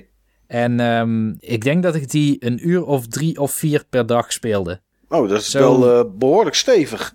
Ja, zo diep zat ja. ik in die game. Maar ja, ik had ook de tijd, want ik... Uh, ja, tijdens de bus en de trein kon ik spelen. Um, ik sta s ochtends ook tegenwoordig een uur eerder op, zodat ik heel rustig koffie kan gaan drinken. En dan pak ik de 3DS erbij, of de Switch. Uh, maar toen was ik dus heel erg Shin Megami Tensei 4 aan het spelen. En ik heb het de vorige keer er al over gehad waarom de gameplay zo leuk is. Ja. Um, en ik, ja, de game blijft tot het einde mij me gewoon inpakken. En ik denk dat een van de redenen dat dat dat doet, is omdat de eindbaasgevechten super goed ontworpen zijn. Ik heb vorige keer uitgelegd dat elke vijand een soort weakness heeft en ook een strength. Maar als je die weakness, als je die exploit, dus bijvoorbeeld een eindbaas kan misschien heel slecht tegen uh, elektriciteit.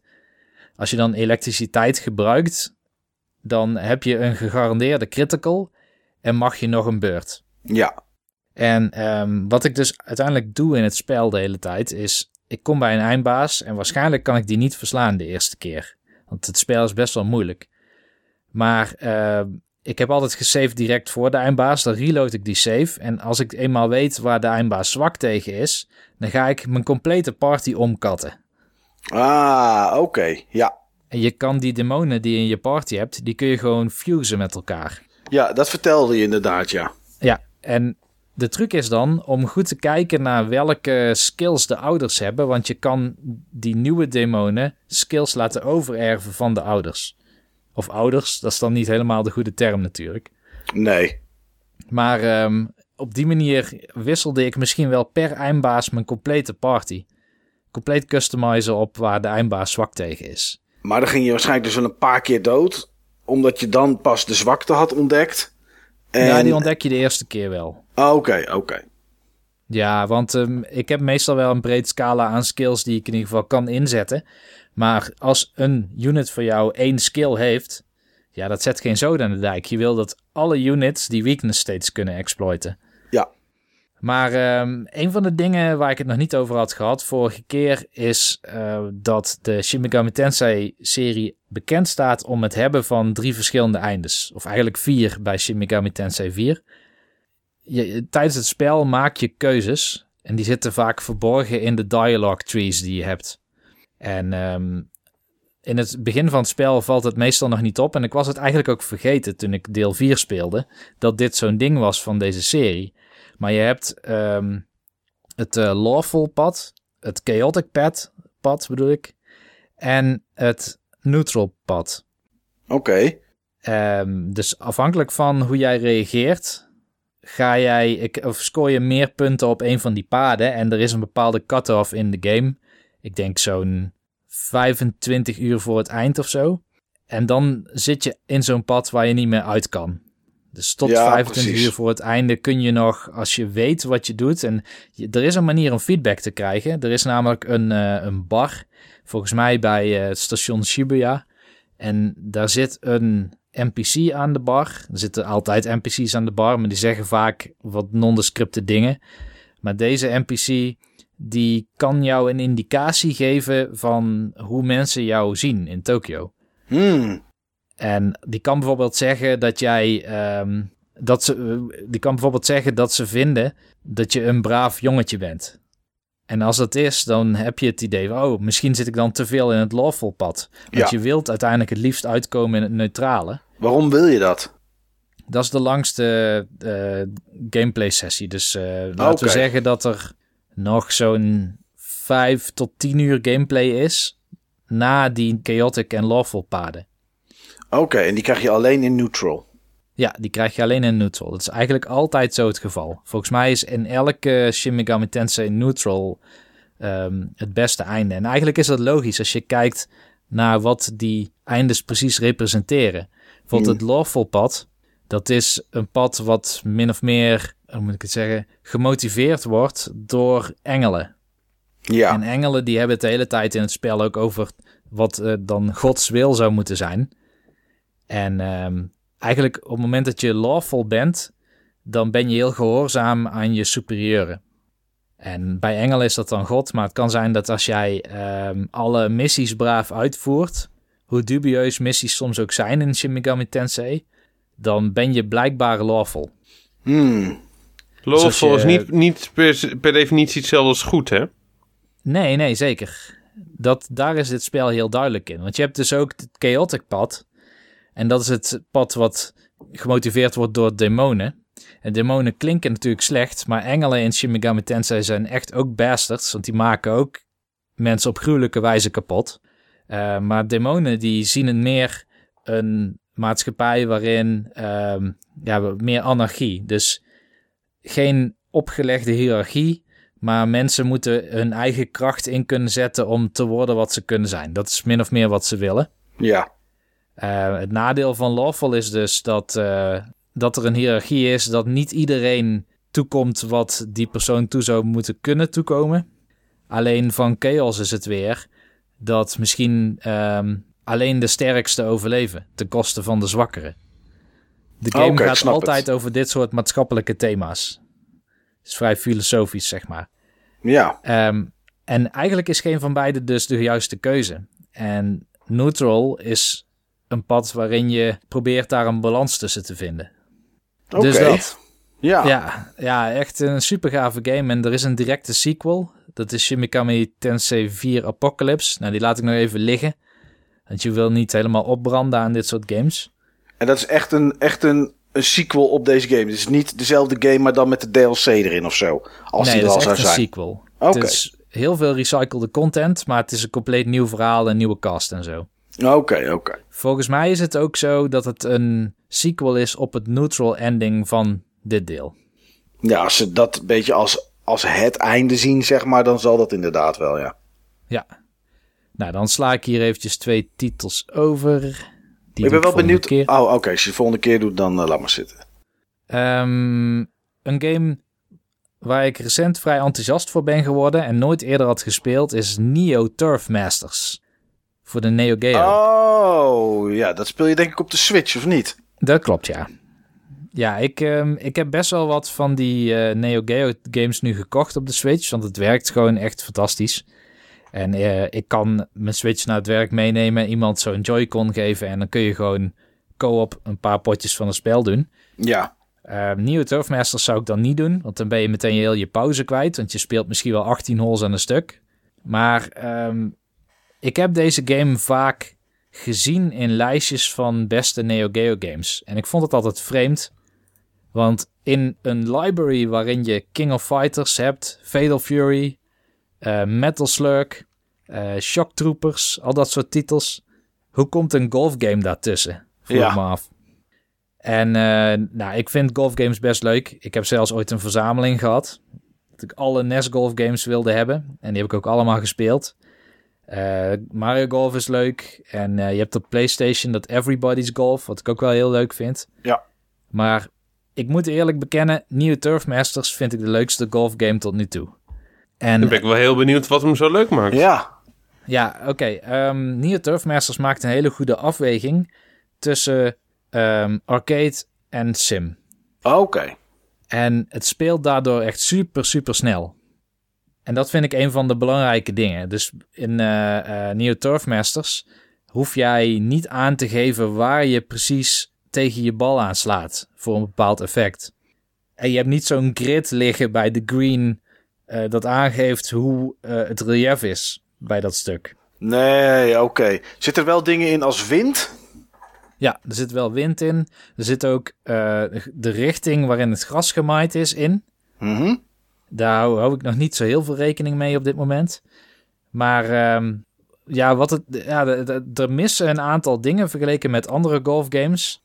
Die je niet mist als speler, zeg maar. Die, die zie ik nu echt als overbodig. Maar die maken dat het wel echt super lekker snel speelt. Moet je zelf Dus- je, je club bijvoorbeeld kiezen? Of doet, die de, of doet de game dat voor je?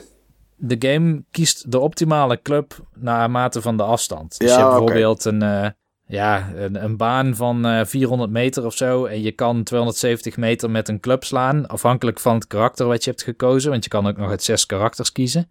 En dan kiest hij degene die het verst kan. Of degene die het dichtst bij de, de afstand past. Ja, oké.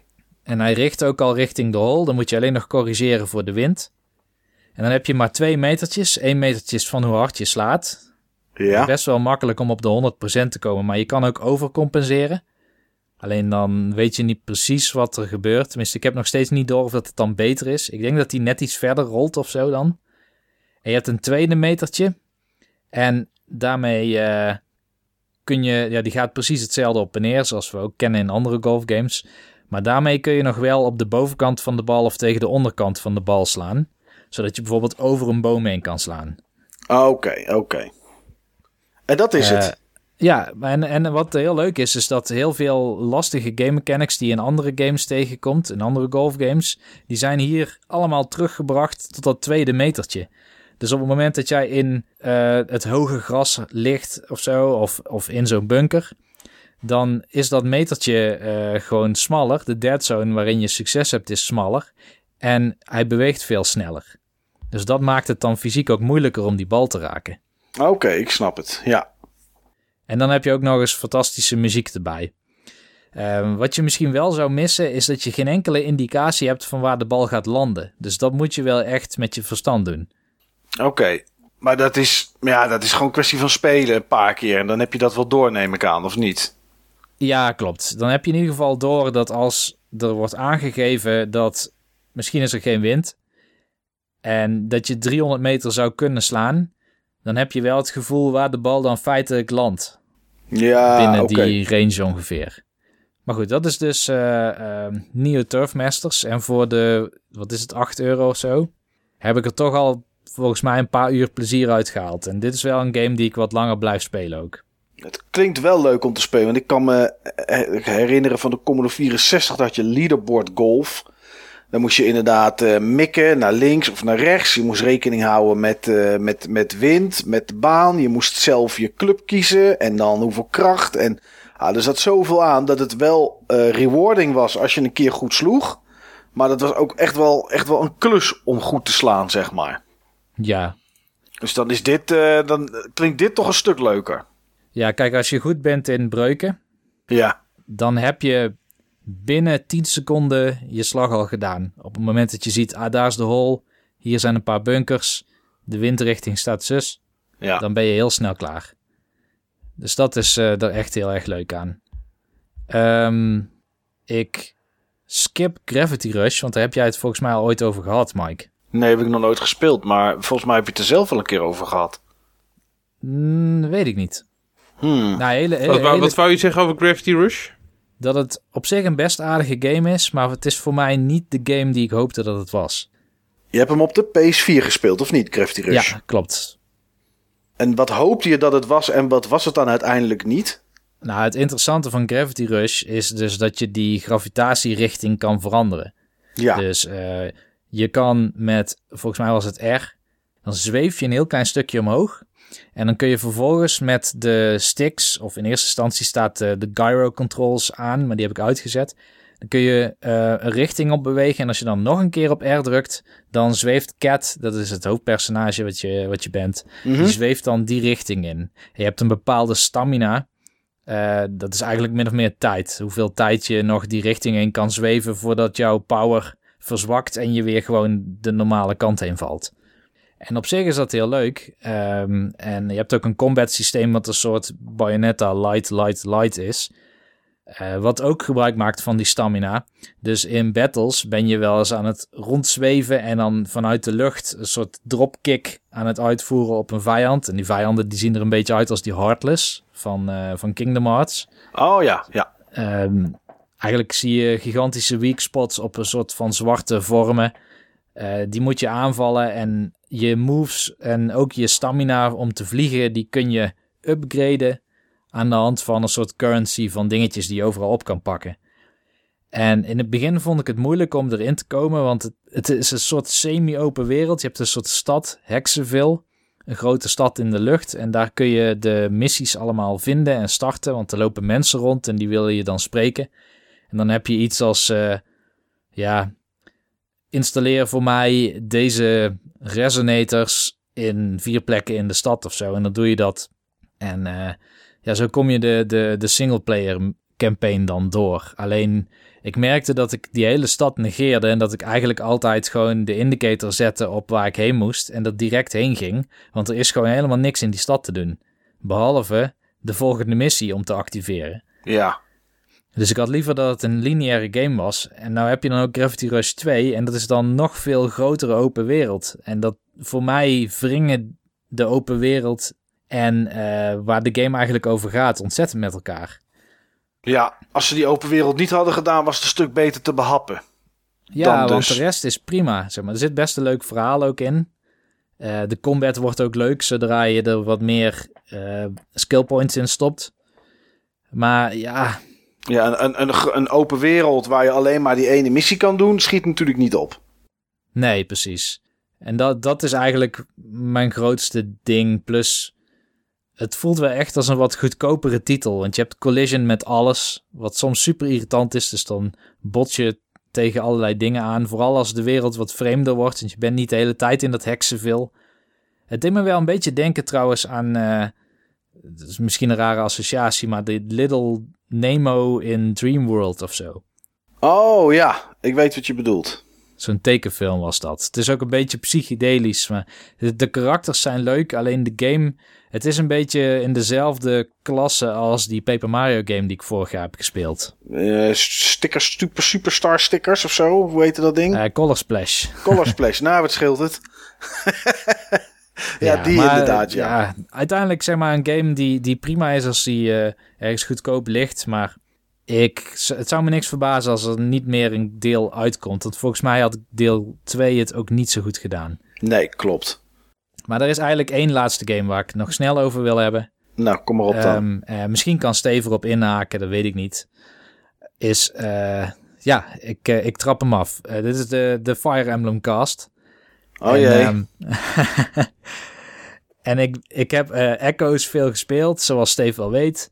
Uh, maar ik wil het wel meer hebben over Fates. Ik ben nu in de laatste missie voordat je de laatste eindbaas moet verslaan van Conquest. En uh, ik heb daar nu sinds Shin Megami Tensei denk ik nog wel een uur of dertig ingestopt. Ik heb absurd veel uh, Fire Emblem gespeeld in de afgelopen weken. En ja, ik, het, het wordt steeds maar leuker voor mij. Ook al ga ik steeds vaker af. Ik doe makkelijk gewoon 10 uur over een missie tegenwoordig. 10 uh, uur? 10 uur, ja. Ja, dat betekent dus heel vaak resetten. Ja, nee, dat snap ik. Maar dat, dat is wel echt lang, zeg. Dat, dat zijn uh, tijden voor een uh, Dark Souls baas. nou ja, kijk, ja, het is veel moeilijker dan een Dark Souls baas. Ja. Want je, je hebt echt geen enkele ruimte tot, um, tot het maken van vergissingen. Je hebt geen Estes Flask of zo, of Blood Files die je nog eventjes kan inzetten om een fout te herstellen. Uh, waar ik nu ben, elke unit die toevallig. Je kan ook niet je XP op gaan, uh, gaan halen, hè? Nee. En dat... al die spulletjes. Dood is dood. Ja, dood is dood, inderdaad. Als je dat instelt, wat jij had het laatst omgezet, toch, Steve, of niet? Nee, nee, nee. Dat heb ik nooit omgezet. Ah, oké. Ik speel altijd met dood is dood. Anders is geen Fire Emblem. Ja, weet je, het, het ding met uh, Conquest is natuurlijk dat je heel weinig kans hebt ook om te levelen. Want er zijn geen maps die je opnieuw kan bezoeken en waar je vijanden kan verslaan die dan meetellen aan je experience. Je kan wel je supports levelen. Dus wanneer je twee units bij elkaar zet, en dat doe je heel vaak. Dan gaan ze elkaar beter leren kennen. En dan krijg je ook conversaties en zo tussen als je die wil zien.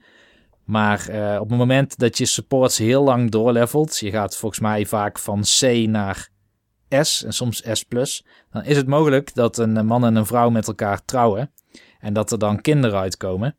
En die kinderen die moet je ophalen uit een, wat ze dan een epiloog noemen. Dat is een, een ja, soort chapter, zeg maar, wat conditioneel is aan zo'n relatie. En daar moet ik het nu dus van hebben. Dus ik moet supports levelen, zodat ik kans heb dat mensen kinderen krijgen.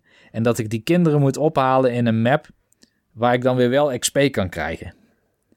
En eh, Het klinkt vermoeiend, Je, je, je weet dat er meer men, eh, methoden zijn hè, om, eh, om te levelen.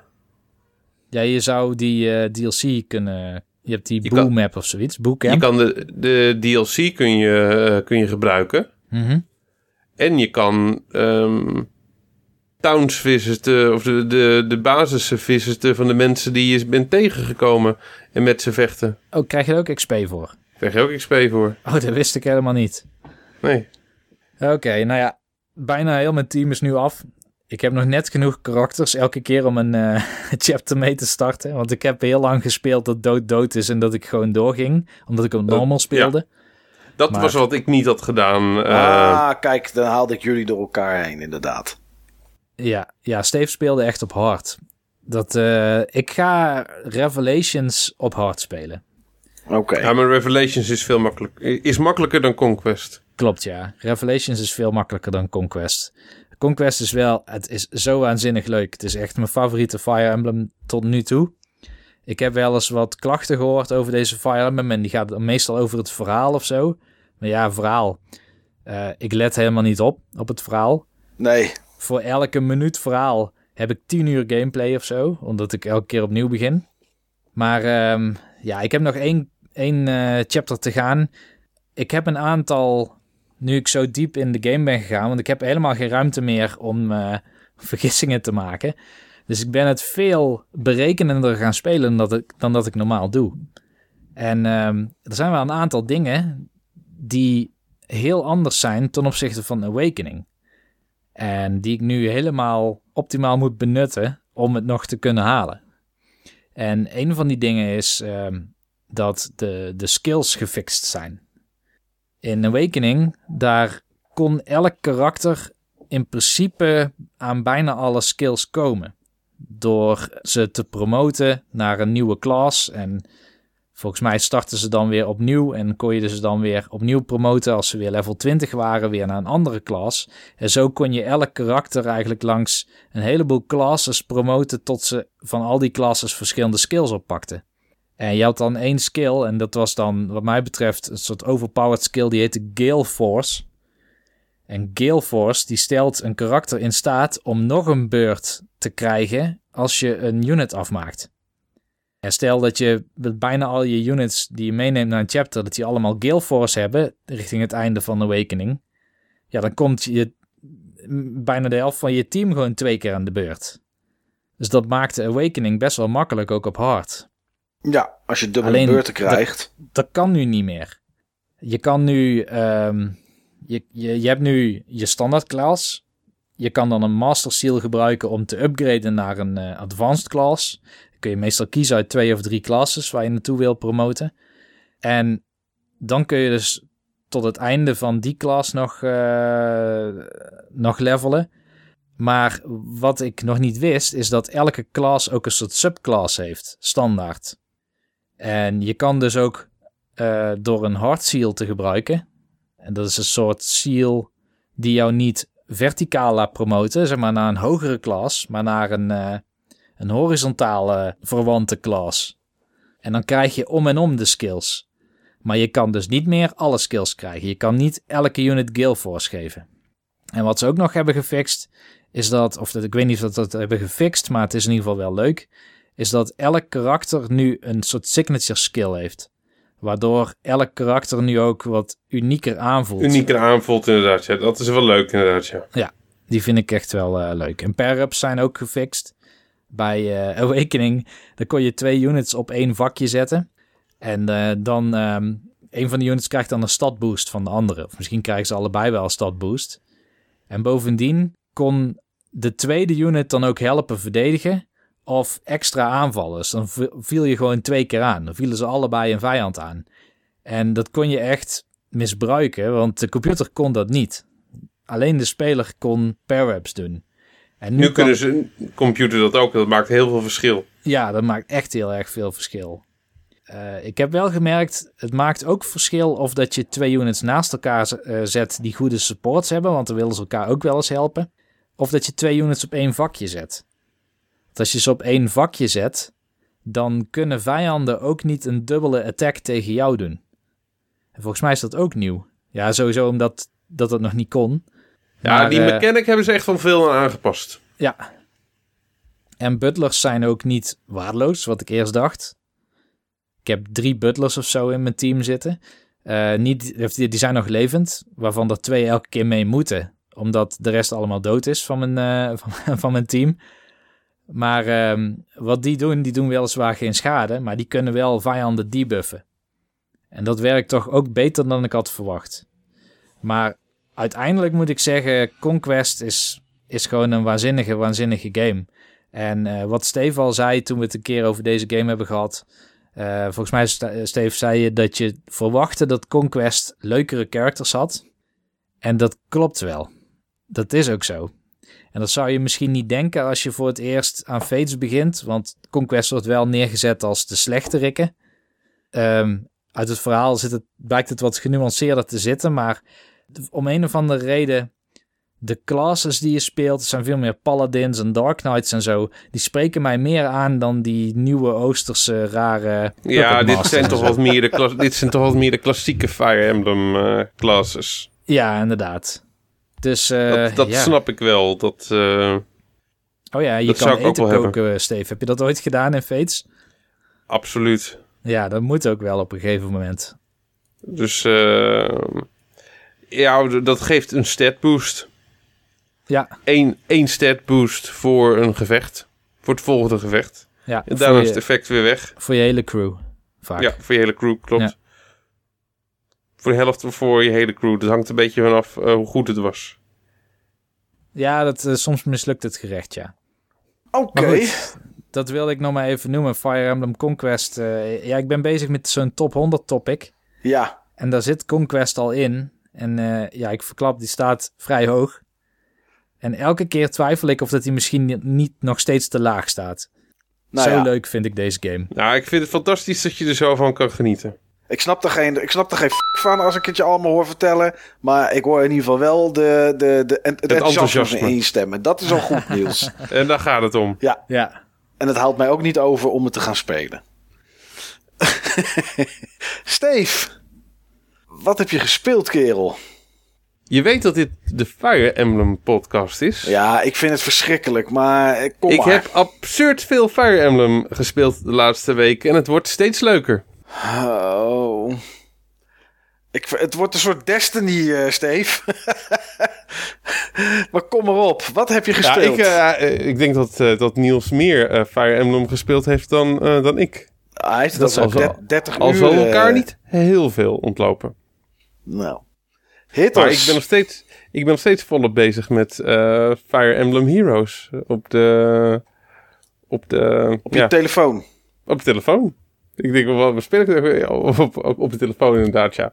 Dus eh, ja, ik vind hem echt superleuk. En ik heb inmiddels al zo'n mooi roster. Dus ik heb ook weer echt hele goede helden erbij eh, gehaald, hè, Niels. Ik, ik deel ze altijd met jou. ja.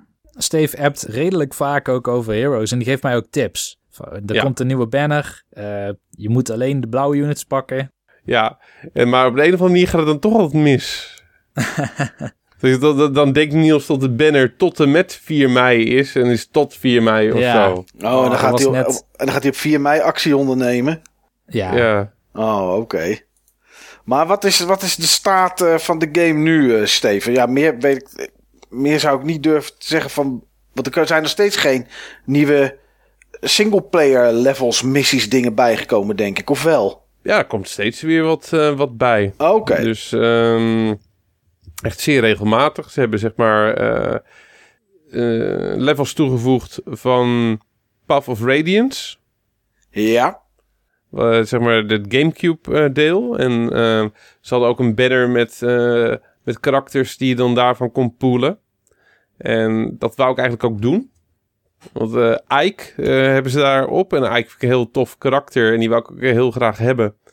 En ik had zoiets van daar... Desnoods stop ik daar wel wat geld in. Het is toch iets anders gegaan. Want ze hadden nog een andere banner gelanceerd. Heel super sneaky. Ze hadden een banner gemaakt met de vier eh, beste helden die je zo'n beetje kan hebben. Allemaal op die, op die banner. En ehm, ook met een verhoogde kans om ze, te, om ze te pakken te krijgen.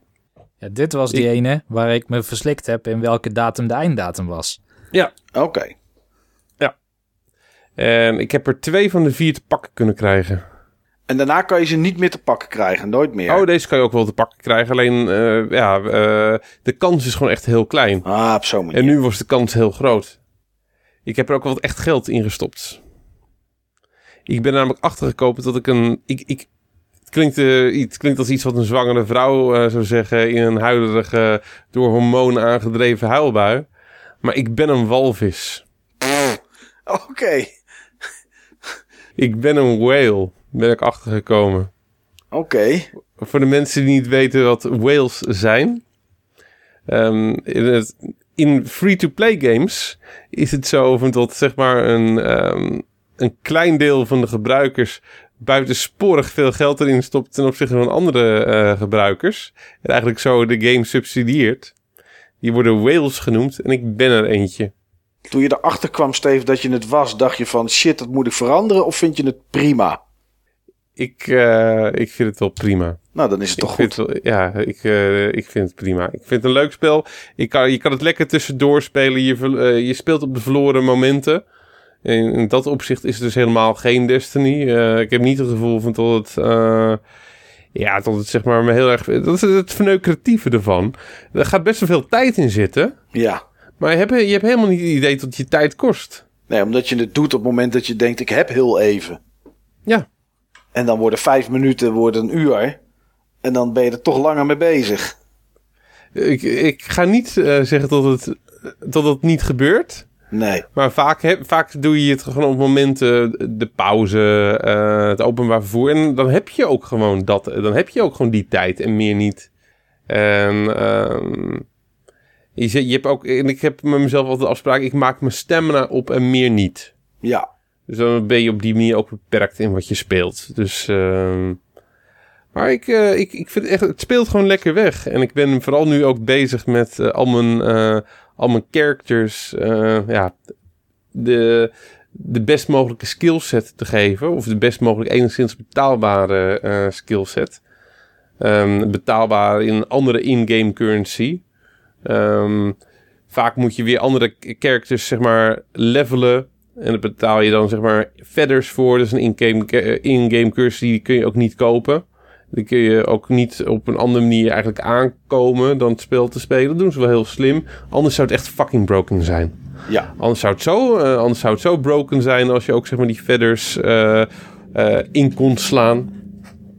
Kan je ook wel. Maar je kan zeg maar de helden die je niet wil, kun je ook weer inleveren voor feathers. Maar dat, dat, dat kost zo enorm veel geld. Dat zullen maar heel weinig zijn die dat doen. Die hebben, daar, daar heb je wel echt een probleem. Dus, ehm, maar ik vind het echt een heel leuk spel. Want ik heb, eh, ik heb nu Ryoma, ik heb Takumi. Ehm, er komt, zeg maar, volgende week komt er een, ehm, een nieuwe healer uit. En die healer die heeft een bepaalde skill. Waardoor hoe je attackt met je, met je, eh, met je staf. Je kan, want die healers kunnen ook attacken, maar er zitten heel veel penalties op. Dat doet eigenlijk eh, relatief weinig damage. Maar op het moment van dat je die skill hebt, dan worden die penalties eh, niet meegeteld. En waarschijnlijk is dat nog steeds een hele mediocre eh, attacker dan. Maar ik heb zeg maar een healer met een extreem hoge attackwaarde. En ik, ik wilde zich per se die nieuwe healer hebben. Zodat ik dan zeg maar die skill kan laten overerven naar deze healer die ik al heb. Ja. En volgens mij wordt het echt een beest. En gewoon eh, daarmee spelen, ik vind het gewoon leuk. Oké. Nou ja, wel. Eh, omdat je er ook wat geld in gestopt Wat geld, zullen we het maar noemen, Steve. Is het mooi dat het nog steeds ja, boeit gewoon, gewoon. gewoon, wat geld. Eh, Ja. laat ik- vol- volgens mij heb ik er zeg maar... Nou, wat zal het zijn? Ik denk dat ik er de laatste drie weken iets van 60 euro in gestopt heb. Oké. Ja, eh, eh, we hebben het er al eens eerder over gehad. Als het het waard is, is het prima. Ja joh, kijk of je nou een game koopt eh, nieuw en dan gaat de kast in in de seal. Of, eh, of je investeert het in een spel wat je ook echt speelt, speelt en echt leuk vindt. Nou prima. Ja, dan is het toch goed. Ja, Ja, en Fire Emblem Heroes is ook echt, echt leuk. Ik bedoel, Ja. in het begin klikte het bij mij nog niet echt. Maar inmiddels, ik bedoel, in dat topic met die top 100 games, daar staat hij ook in. Misschien al wat vroeg, want ik heb nog lang niet alles gezien van de game. Maar ehm, ja. ja, je hebt hem echt, eh, als ik eerlijk ben, je hebt hem alleen nog maar een beetje gekriebeld. Ja, Ik heb er van de week ook iets mee gedaan trouwens. Oh, sorry. Je hebt hem, je hebt hem verwijderd van je telefoon. Ja, dat klopt. Ik heb hem van de week verwijderd van mijn telefoon. Sorry dat we door je verhaal heen gingen, Niels. maar ik werd, eh, ondanks dat het niet heel veel is, kreeg ik één keer per week een notificatie van die game. En dat vond ik gewoon irritant. Dus eh, dan zei hij weer iets, geen idee. Dan was er weer iets beschikbaar of iemand beschikbaar of eh, er was weer iets aangevuld. Ik weet het niet, maar eh, dat vond ik vervelend. Dus ik heb hem verwijderd inderdaad. Prima. Hoeveel uur denk jij dat jij er nu in hebt zitten dan Niels eh, in die game? Dat is eigenlijk niet te achterhalen. Maar wat je wel kan achterhalen is welke tier je bent. Ja, Dus ehm, ja, afhankelijk van hoe committed en hoeveel je het speelt en hoe goed je presteert qua highscores en zo, kom je in een soort van globaal ranking systeem te staan. En ehm, volgens Steve, want Steve kan het van mij zien en ik kan het van Steve zien. Je kan, ik- het ook van, je je kan het ook van jezelf zien hoor. Alleen toen nog even, eventjes niet. Nee, toen, ja, stond, eh, toen stond eh, eh, er eventjes iets uit. ja, klopt, dat was waar. Maar stond ik in tier 9 geloof ik. En dat is wel de tier die, want je hebt nu ook weer een nieuw systeem wat geïntroduceerd is. Waarin je ook kan devalueren, geloof ik. Ja. Qua tier. Maar dat, ja, dat is vanaf tier 8 of zo. Dus ik zit in de tier die wordt gezien als een toegewijde speler. oké. Nou, dan zou je het wel zijn. Nou, als ik eerlijk ben, dat zie ik niet als een tier voor de toegewijde spelers. Oh, Maar het is een mooi begin, eh, Niels. Ja, jij zit zeg maar één echelon hoger. Ja, ik zit wel een stukje hoger inderdaad. Ja, maar, eh, joh, ik, ik, maar ik, nee, dat komt zo meteen. Eh, Waarom, je, eh, waarom ik dat eh, zeg maar niet, niet zie, dat, dat, komt, dat komt veel later in de uitzending. Veel later. Daarmee weet Niels al waarom het... ja. Ja. Dus nee, maar... joh, wel- welk level eh, zijn je poppetjes nu? Tegen de 30. Tegen de 30. Nog steeds tegen de 30. Ja. Ik, ik wist gewoon echt niet dat je zo lang gewoon tegen de 30 aan kan hangen, joh, als je het ook echt speelt. Ja, dat betekent gewoon dat ik ook heel erg aan de onderkant poppetjes aan het levelen ben. Dus ik heb verschillende teams en die verschillende teams laat ik van alles doen. Ah. En ik ben bezig meer Dat- met verders dan Ik met... snapte, ik snapte er niets van. eh, ah, Nu wel. Nu wel. Ik, het zou toch wel heel erg handig zijn om even een team richting de 40 te krijgen, hoor Niels. Dat, over, dat opent zoveel deuren. ja, ik ga wel weer eh, die arena's doen op de moeilijkste moeilijkheidsgraad. Dus eh, oké, maar nee, dat, dat, dat verklaart het inderdaad, ja. Dus eh, nou, maar, eh, super tof dat je er op die manier zoveel voor jezelf uithaalt. Ik speel wel elke dag. En ehm, ik denk tussen een kwartier en een half uur in de praktijk. Ik denk dat ik een uurtje of anderhalf tot twee speel. Oké. per dag. Ja. Oké. Ehm, nog iets anders, Steve, wat je gespeeld hebt. Ja, ja, ja, zeker. Had je daar wel Zeker. tijd voor met twee uur Fire Emblem Heroes per dag? Ja, maar dat ze nogmaals, het is in de verloren momenten, hè? Ja, dat zijn de wc-momenten, openbaar vervoer-momenten. Ja. Wachten Ja. totdat het eten klaar is, momenten, dat soort dingen. Ja, dat, ja precies. Eh, ja, ik heb, ik heb echt best veel gespeeld namelijk. Ehm, wat ik sowieso gespeeld heb is eh, Breath of the Wild. Maar dat was ehm, vrij kort na de laatste podcast. Heb ik een tijdje laten liggen daarna. Ja, Eh, volgens mij had ik nog niet verteld over, eh, zeg maar, eh, mijn eerste ehm, Celestial Beast, toch? Of wel? ik weet het. Ik, volgens mij niet, maar ik heb zo... Nee, volgens mij niet. Nee, ik, ik heb zeg maar die eerste Beast gedaan van de, van de Zora. Die grote olifant. ja, Vond ik fantastisch. dat is goed, hè? Ja. Zodra ik de Master Sword had, ben ik direct zeg maar eh, die, die Beast gaan, eh, gaan doen. Ja, En nu wil ik eigenlijk ook die andere Beasts eh, gaan doen. Ik heb, echt, ik, ik heb echt werk van gemaakt om de Master Swords te pakken te krijgen. Zo snel mogelijk. ja. Wat, joh, dat, wat, ik al zei toen, het irriteerde me een beetje, zeg maar, op dat je steeds je wapens kapot gingen. Ik vond het toch wel erg fijn om een wapen te hebben wat niet kapot gaat. Dat snap ik. Ja. En ehm, ja, ik vond die dungeon echt gewoon tof. Ook gewoon hoe je, ik weet niet of die andere dungeons het ook hebben. Maar je manipuleert, de manier hoe je die dungeon manipuleert. En hoe je dat beest eigenlijk in verschillende modussen brengt. Ja, dat is gaaf En gedaan. hoe- ja, dat is echt tof gedaan. Hebben al die dungeons dat? Dat gaan we je niet vertellen, Steve. Oké. Ik ga er binnenkort achter. vertellen dat ik die olifant niet de leukste dungeon vind. Oké. Ik ook niet. Nou, dat belooft goede dingen. Ja, zeker weten. Oh ja, ik, eh, en eh, haal al je memories op voordat je Ganon verslaat. kan het dan niet meer? Of, eh, Jawel, het kan dan nog wel, maar ehm, ja, de, ik denk dat je er meer uithaalt als je dat wel doet. Ik ga het nog wel doen. Oké, ik was ook op een gegeven moment was ik, ehm, was ik zeg maar begonnen om memories te verzamelen. Ja, Was ik daar specifiek naar gaan zoeken. Ik, eh, Dus, ik, moet- eh, ik moet er nog wel een aantal, maar ik moet sowieso nog spelen. Want ik heb sinds de laatste keer dat ik gespeeld heb, en dat is echt meer dan een maand, anderhalve maand geleden, denk ik, totaal geen Zelda meer gespeeld. Dus dit gaat voor mij eh, langzaam richting het punt dat die game. Of ik moet hem van de week echt gewoon een keer gaan uitspelen. Anders is dit zo'n titel die op mijn lijstje van 80% games komt, zeg maar. Dat zou zo zonde zijn. Nou ja en nee, want ik heb er een hoop lol aan gehad inmiddels. Dus ik heb mijn, mijn, mijn plezier er wel, eh, wel uitgehaald, zeg maar. Maar ik, eh, nee, ik heb het totaal niet meer gespeeld. Zou overigens niet nodig zijn. Ehm, het, het gevoel wat ik bij Zelda heb, al zou je me wijze van spreken drie maanden laten liggen, acht maanden laten liggen en hem daarna weer oppakken. Ehm, bij veel games ben je er natuurlijk volledig uit. Ja. Maar ik, ik heb het gevoel dat, eh, zo ervaar ik het zelf, bij deze game niet. Eh, Omdat je eigenlijk gewoon, je hebt geen pad. Nee, dat is ook zo. Je kan gewoon weer een kant op gaan en wat gaan Ja. doen. Ja, je hoeft niet te bedenken van, waar was ik ook alweer, wat moest ik ook alweer gaan doen. Nee. Je Nee. bedenkt er gewoon opnieuw van, wat wil ik nu gaan doen? Ja, wat ga Dus, ik doen inderdaad? ja. Nee, dat, dat, is, dat is ook zo. Alleen, ja, ik weet hoe het werkt. Eh, de kans is gewoon klein. Dat het wordt met de dag kleiner dat ik hem weer ga spelen. Dat, eh, Ja, dat heb ik dan wel. Ja. Dus ehm, bij mij wordt de kan. Ja, ik heb. Ik, heb, ik, ik wil gewoon even een mooi aaneengesloten brok tijd. Ja, Gewoon even een weekend. Ik had toen zeg maar met, eh, met Pasen heb ik echt heel veel tijd in, eh, in gestopt. En dat vond ik echt leuk. Dat is het ook wel. Het is leuk bij Zelda als je gewoon vijf, zes uurtjes kan gaan zitten. En niet eh, even een uurtje of zo. Nee. Nee, dat is zo. Ja, Daar heb ik nu ook te veel andere eh, games voor. Die er gewoon echt heel geschikt voor, eh, voor zijn. om even een uurtje Zo. te spelen. Ja. Ja. Een daarvan. Wonderboy The Dragon's Trap. Oh, dat... En ik weet dat jij hem ook gespeeld hebt. Ja, ik heb het eh, een half uur, drie kwartier gespeeld. Toen was ik er wel klaar mee. De controls zijn niet mijn vriend. Oké, ik, ik heb er niet zoveel moeite mee met de controls. Nee.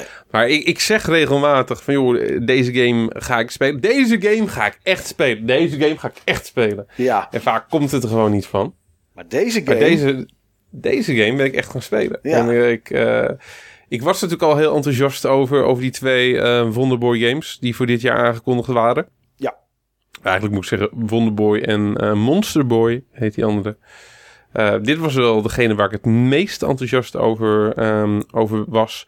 Voor mij terecht. Oké, Ik vind dit de mooiste remake die ik tot nu toe van een game heb gespeeld. ja. Ik vind hem echt fantastisch. Het ziet er zo prachtig uit. Ze hebben eh, zoveel leven in die game ook gestopt. Ehm, Wonderboy had op de 8-bit systemen best wel kale achtergronden. Ja, En nu, elke achtergrond is anders. Het is allemaal hand-drawn. Het zit zo'n sfeer in. Eh, ja, dat hebben ze echt cool gedaan. ja, want je kan switchen hè, naar de... ja, je kan switchen. En zijn het ook echt de originele, originele graphics dan, Steve? Hoe bedoel je? Nou, is het, je kan switchen terug naar 8-bit. Ja. En Ja, ik, heb dat, ik heb dat even Ja, gedaan dat inderdaad. echt originele graphics. Oké, ja. Nou, dat zag Originele er, eh, graphics van de Master System versie. Ja, dat zag er inderdaad heel kaal uit voor de rest. Ja. En ehm, ja, ze hebben ook gewoon heel veel effort gestopt om die levels gewoon echt levend te maken. Ja. En ehm, muzikaal vind ik het ook echt sterk. Ze hebben die, eh, eh, hele mooie nieuwe composities gemaakt van, van die muziek. En die muziek vond ik altijd al een hoogtepunt van de serie. Ik vind alle extra's die ze erin hebben gestopt heel erg tof. Ehm, op basis van waar je bent in het spel, unlocken er in de extras in de extra gallery ehm, allemaal kleine filmpjes van het maken van het spel, met name van het maken van de muziek. Oké. En allemaal artwork, concept art. Ja, dat is echt tof. Echt tof. Maar met name die filmpjes van het maken van de muziek. Dat ze het echt gewoon eh, met sessiemuzikanten aan het opnemen zijn. Ehm, in gedeeltes. Ja. Ja, dat, dat is echt wel tof hoor. Dat had ik ook nog niet vaak gezien. Ik weet het niet eens of ik dat op deze manier gezien heb als extra's. Nou ja, voor iemand die, eh, die de game een warm hart toedraagt, het origineel en dan ook deze, is dat wel heel gaaf om te zien. Ja. Oké, En, netjes.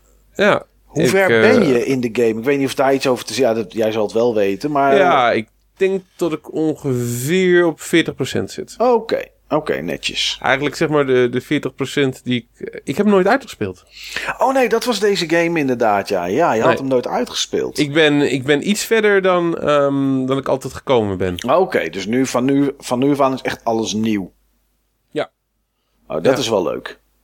Ja, ik, eh, ik heb hem gekocht op de PlayStation 4. Mhm. Ik heb er echt over zitten twijfelen. Ga ik hem kopen? De Switch ga ik hem kopen op de PlayStation 4. Ik heb toch gekozen voor de PlayStation 4.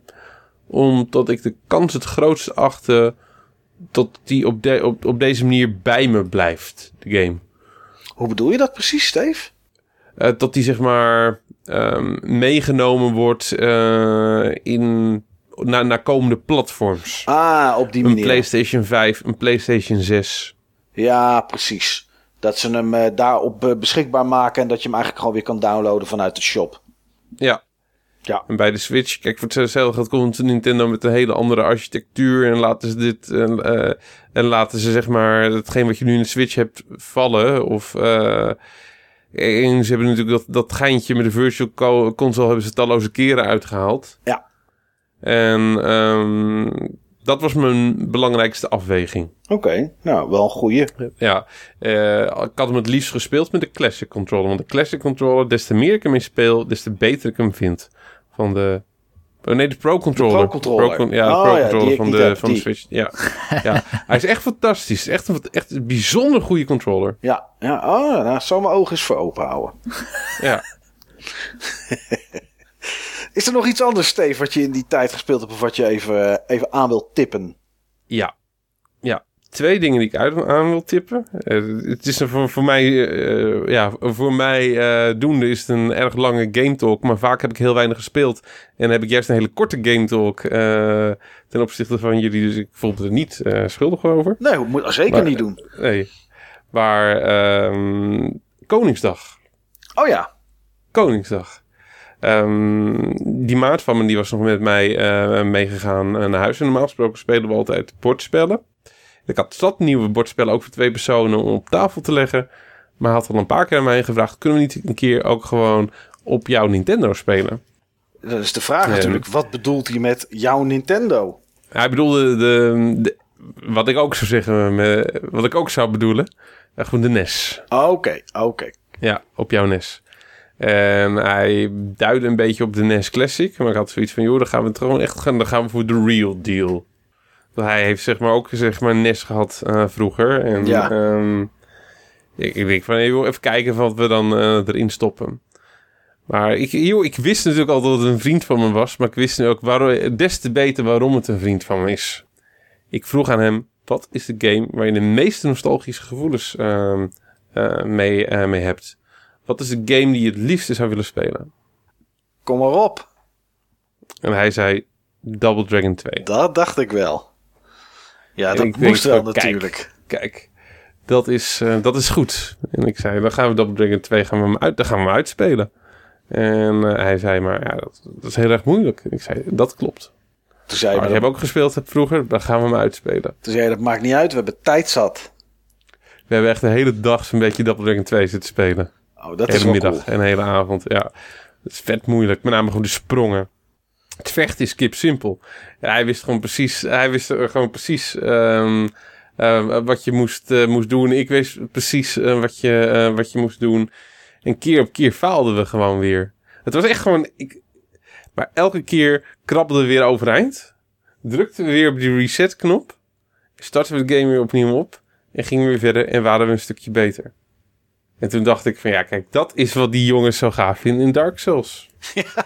Ah, Ja, dus maar, eh, maar dat was gewoon Dark Souls met sprongen. Ja, oké. Oh, die klote sprongen, die afschuwelijke sprongen. Echt, echt, echt. Nou, nou, nou, echt. eh, Nou, ik kan je Eh, en vertellen, elk- Steve, in Dark Souls, hè, als je wil springen om bij een item te komen, is ook niet normaal makkelijk, zeg maar. Oké. Het zijn ook klote sprongen, dus eh, het past precies. Oh, dat is heel goed. Maar ehm, ja, wat, wat, wat me echt opviel was eh, bepaalde sprongen die waar ik vroeger, de, de kamer waar ik vroeger de meeste moeite mee had met sprongen, Ja, daar had ik nu de minste moeite mee. Van zeg maar de, de lastige stukken. Daar kwam ik het makkelijkst dan nog eh, doorheen. Maar ehm, ja, veel van die andere sprongen, nou echt afschuwelijk. Het is ons, eh, ondanks dat we het een keer of zes geprobeerd hebben, het is ons uiteindelijk niet gelukt. We hebben wel de eindbaas eh, gezien. ja. En eh, goed met hem gevochten, maar het is ons niet gelukt. Eh, we gaan het nog een keer proberen. Oké, nou dat is, een, dat is een mooie. Al is, al is het Koningsdag volgend jaar. Al dat is het Koningsdag uit. volgend jaar. Nee, dat komt wel eerder hoor. Maar ik heb, ik heb er echt van genoten. Wie was Bimmy? Wie was Bimmy? Ehm, ik ben altijd Bimmy. Jij bent altijd Bimmy. Goed zo. Ja. ja. Player one, hè? Player one. Ja. Dus, eh, maar dat heb ik in ieder geval eh, gespeeld. Eh, ja, lang en uitvoerig. In, ehm, in Niels zijn favoriete vorm van multiplayer. Couch multiplayer. Ook al zat hij op mijn stoel en zat ik op, op de grond. Maar ik heb, ik heb weinig ehm, periodes gehad waarbij ik zoveel couch multiplayer heb, heb gespeeld als, ehm, als deze weken. Oké, En eigenlijk ook vanaf Koningsdag. Eigenlijk niet vanaf Koningsdag, vanaf de dag na Koningsdag. een, eh, een algemene ATV-dag was dat voor eh, heel Nederland volgens mij. dat klopt, ja. Dat klopt, ja. En dat was zeer goed gepland. Want dat was de dag waarop Mario Kart 8 Deluxe ehm, Uitkwam. uitkwam. Oh ja. Ja, Ja, dat een, die was er ook nog, Niels. Ik Ja, had, een supergoeie, ik had echt een supergoeie tip gehad van, eh, van Niels. Ik had ook nog contact gehad met Niels eh, die dag. En Niels eh, had me geappt van... eh Steve, als je twijfelt... ehm, je moet Mario Kart 8 Deluxe halen. Hij is echt super tof. De- de- Gun het jezelf, je moet hem halen. Dus ik, waarop ik zeg maar Niels een fotootje had gestuurd. Oh, goeie tip eh, eh, Niels. Dan ga ik hem zo meteen eens uit het folie halen. ik heb die ook gespeeld. Oh, oké. Ja, toevallig. Bij, Ja, jouw. Switch, bij jouw Switch, maat. Ja, ja, ja, ja. Daar hebben we ook eh, co-op eh, eh, Mario Kart 8 Deluxe gespeeld. Dus ja, brand los, Steve. Ja, ik vind hem fantastisch. Ja, Ik vind hem echt fantastisch. Ik, op, de, mm, op de Wii U greep hij me niet. Ik heb hem sowieso in co-op heb ik maar één keer gespeeld. De Wii U. ja. Dat was met, dat was met jou, Mike. Oh ja, wij hebben samen gespeeld. Dat klopt, ja. Op mijn verjaardag. Ja, Dus zeg maar eh, twee, drie jaar geleden moet dat geweest zijn. drie denk ik. Ja. En ehm, ik irriteerde me gewoon echt aan alles van dat, eh, van dat spel. Ja, Ik, eh, ik irriteerde me aan de lage resolutie. Ik irriteerde me aan de NTR-lijsting. Of beter, beter gezegd het gebrek aan. ja. En nee, nee, ik irriteerde me gewoon alles. Ik weet niet wat, hoe het kwam. Nee. En nu irriteer ik me aan niks. Ik Oh, nou, dat vind is het- goed. Ik vind, ik vind het fantastisch. Ik vind het echt helemaal fantastisch. Ja, Dus ehm, ik Ja, vind dat die banen... gaaf dit spel. Ja, die banen die komen gewoon veel beter tot hun recht. Ehm, ik vond dat je echt gewoon niet lekker vooruit kon kijken. Dat was misschien mijn zeikerige eh, mening. Maar ehm, ja, dat, dat heb je nu wel. Er was iets in de gameplay wat me eh, irriteerde. Ik gok dat het, de kleine, dat het de kleine frameskip was. Die er zeg maar in het eh, spel zat op de Wii U. Is er nu uit. Hij draait namelijk op 59 frames per seconde op de, op de Wii U. En, ehm, en nu draait hij gewoon volle 60. Een of andere rare bug. En ja, we, het, je weet gewoon niet. eh, het belangrijkste waar ik me nog aan irriteer in het spel is van... Ik weet gewoon niet waar ik moet beginnen qua banen. nee. Zo enorm veel banen. Ja, dat zijn er echt veel. Dat zijn er echt veel. Het is echt gewoon super tof. Heb Dus je ook ik, die, eh, eh, die battle mode gespeeld, eh Steve? Die heb ik nog niet gespeeld. Ben ik Oké. gewoon niet aan toegekomen. Ehm het enige wat ik dan ehm, jammer vind aan, de, ehm, aan, aan de Switch-versie... ehm, wat ik altijd leuk vind in een, ehm, in een eh, Mario Kart is het vrijspelen van de cups. Ja, En het vrijspelen van de karakters. En dat kan nu niet, want alles is al vrijgegeven. ja, je krijgt wel nieuwe items als je zoveel coins hebt, Ja. volgens mij. Ja, dat, dat dan nog wel, maar... Klopt, customization options. Ja, maar je hoeft niks, eh, nee, je hoeft niks vrij te spelen meer. Dat vind ik echt heel dom. Vind ik echt een hele domme keus. Nee, dat snap ik. Dat is, dat, is, dat is het enige wat ik jammer vind. Ja, Ik, ik vind het zelf geen domme keus. Ik snap ook wel waarom ze die keuze hebben gemaakt. Kijk, je- wat je, eh, dit is gewoon de Mario Kart voor de mensen zoals Niels. ja ik snap het Dit wel is hoor. Niels' Mario Kart. Voor, voor mensen die er gewoon echt honderden uren al in hebben zitten. En die gewoon zeg maar eh, precies alles willen kunnen wat ze al konden op de Wii U. Maar dan op de Switch.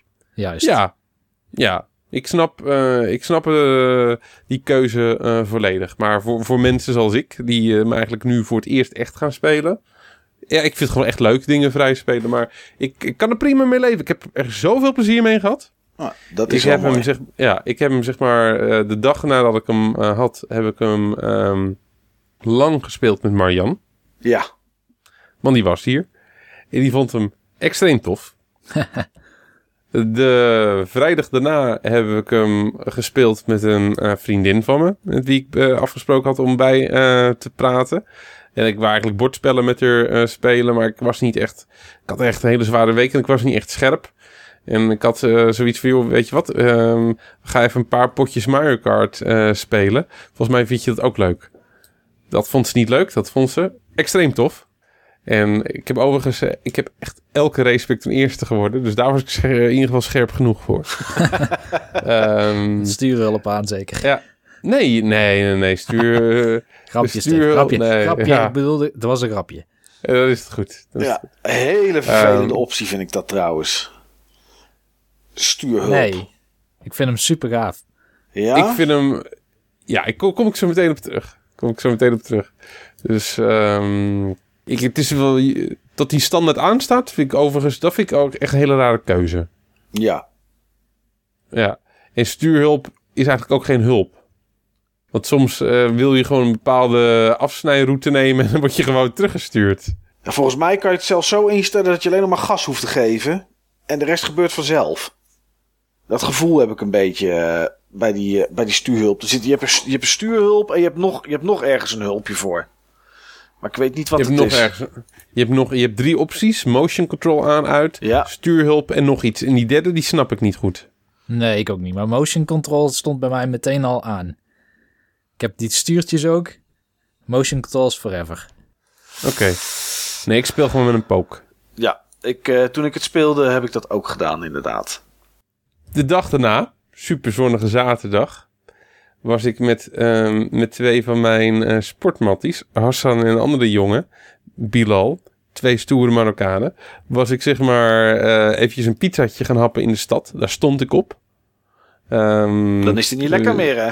Ze wil, sorry? Wat? Dan is die niet lekker meer Als, als je erop hebt gestaan. Nee, Nee. Maar ik, eh, ik, joh, we wilden met z'n drieën wat gaan eten. En ik, ik- stond erop van dat we eventjes zeg maar, een terrasje gingen pakken. Ik trakteerde.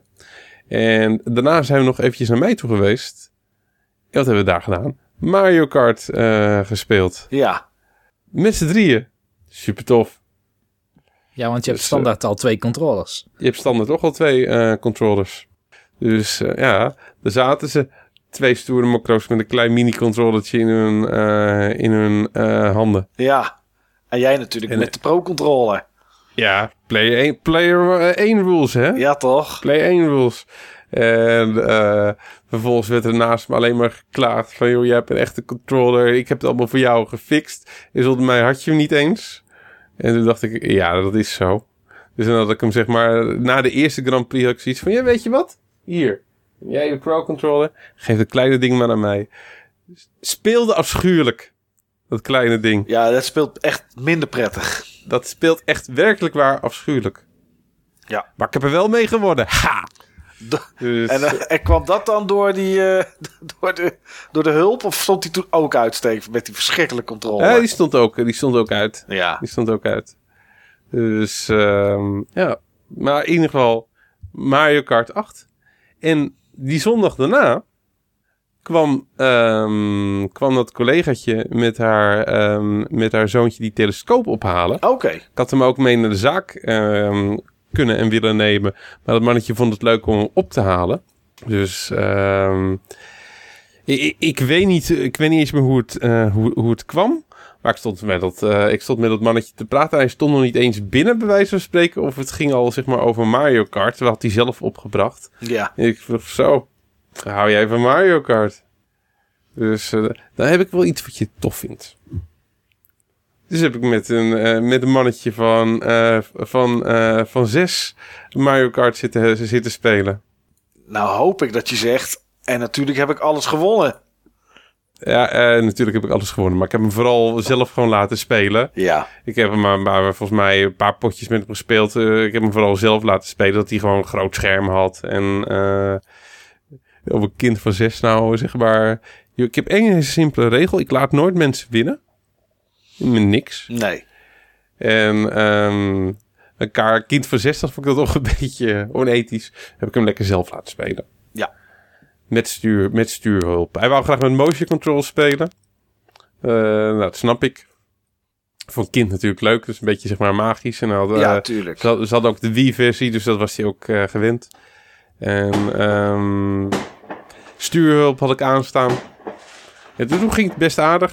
Maar stuurhulp moest uit hoor. Want het haalt door dat er iets niet klopte. Oké, okay, ja, het voelt ook. Het haalt door dat er iets niet klopte. Het dus voelt ook vooruit. Ja, dus uh, ja, lekker stuurhulp uit. En uh, ja, nee, maar het, het ging goed. Dus uh, hij werd wel vaak, zeg maar, geen eerste, vierde of zo. Maar uh, ik heb hem wel steeds een prijs gegeven. Ik, had, ik heb altijd wel dingetjes liggen voor, voor, voor, kinderen van Rommelmarkt of zo. Wat Playmobil. Of, leuke dvd'tjes. En joh, hij had, die had echt de dag van zijn leven hoor. Die is met de hele goodiebag naar huis gegaan. Ah ja. Ah, dat is leuk, Steve. Ja. Ja. De grootste hit was een Darth Vader poppetje. Wat ik ergens gekocht had voor 2 euro. Dus uh, ja, dus, uh, als, als een kind zo blij, dat had inderdaad wel uh, een duidelijke ja, betekenis. Wat hoor ik, jongens? Dat is vuurwerk. Waarvoor ter, ter ere van wat? Uh, te, ter ere van dat mijn buren het nog hadden liggen, gok ik. Of uh, misschien Feyenoord kampioen of zo. Oh ja, heel dat goed. natuurlijk. Dat, ja, ja, ja, dus, ja, ja, ja, dat moet. Ja, dat is inderdaad nu gebeurd inderdaad, ja. Wat wel leuk is trouwens, wat ik hoopte dat op mijn werk zou gebeuren, is nu ook werkelijkheid. Ik zie zoveel switches en ook uh, op, in die tabletop mode. En soms gewoon een aantal studenten bij elkaar die dan Mario Kart aan het spelen zijn. Ja.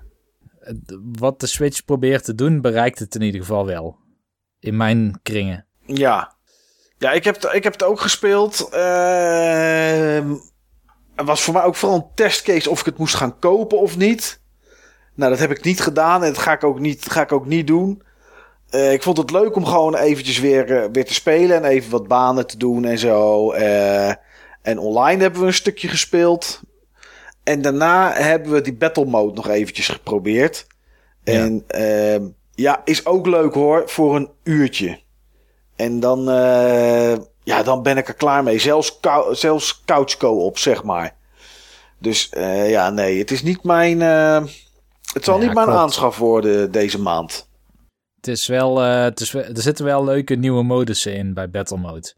Die, die politie- en boefje variant, zeg maar. Ja, dat is wel grappig. Dat je inderdaad uh, één team is boeven en de ander is politie. En dan krijg je die piranha-plant vooraan als je politie bent.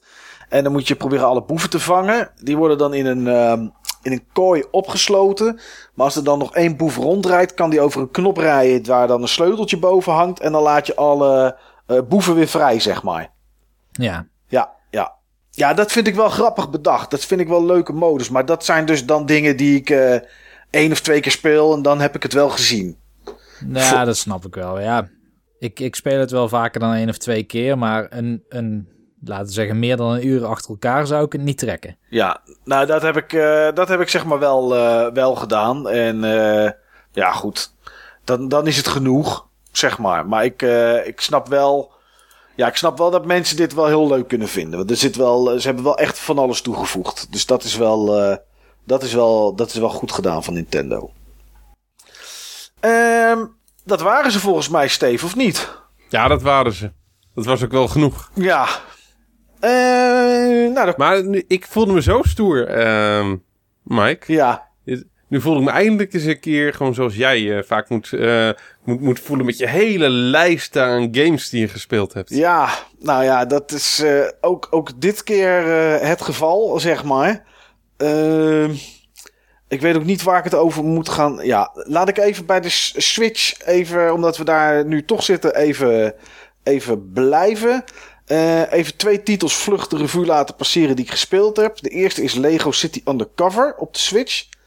Eh, daar wil ik het eigenlijk niet te lang over hebben, want ik vond dat echt een verschrikkelijk slecht gepoorte game. Ik, eh, we hebben het natuurlijk wel eens over gehad, zeg maar. En ik weet dat de Switch anders in elkaar steekt hoor. Maar als het nog niet eens. Ja, het was een eerste generatie Wii U game. En het draait echt beroerd. Er zijn zoveel frame drops in die game. Ehm, dat is echt niet normaal. Dus mocht je Lego City Undercover willen spelen. eh, ik zou het je echt niet aanraden om het op de Switch Op te de doen. Switch. Nee, dan zou ik lekker de PS4 of de X. Is die ook Xbox One? Ja, volgens mij wel. En PC is die er. Ik zou echt, eh, ik zou echt daarvoor gaan. Ik, eh, nee. Weet je eigenlijk of de, de zeg maar, Nintendo exclusive extras die in de Wii U versie zaten ook naar de Switch versie gegaan zijn? Nee, dat durf ik je niet te zeggen. Volgens mij wel, want volgens mij zitten ze ook eh, in de PC-versie, in de PS4 en in de Xbox One-versie. Volgens mij hebben ze alles erin gestopt wat ze hadden. Maar dat is, dat is even wat ik zo uit het hoofd zeg, zonder daar een eh, stempel op te drukken van zo is het, maar volgens mij wel. Ehm, Super Bomberman R. We hadden het er al even over bij het Koningsdag eh, topic in deze, in deze uitzending.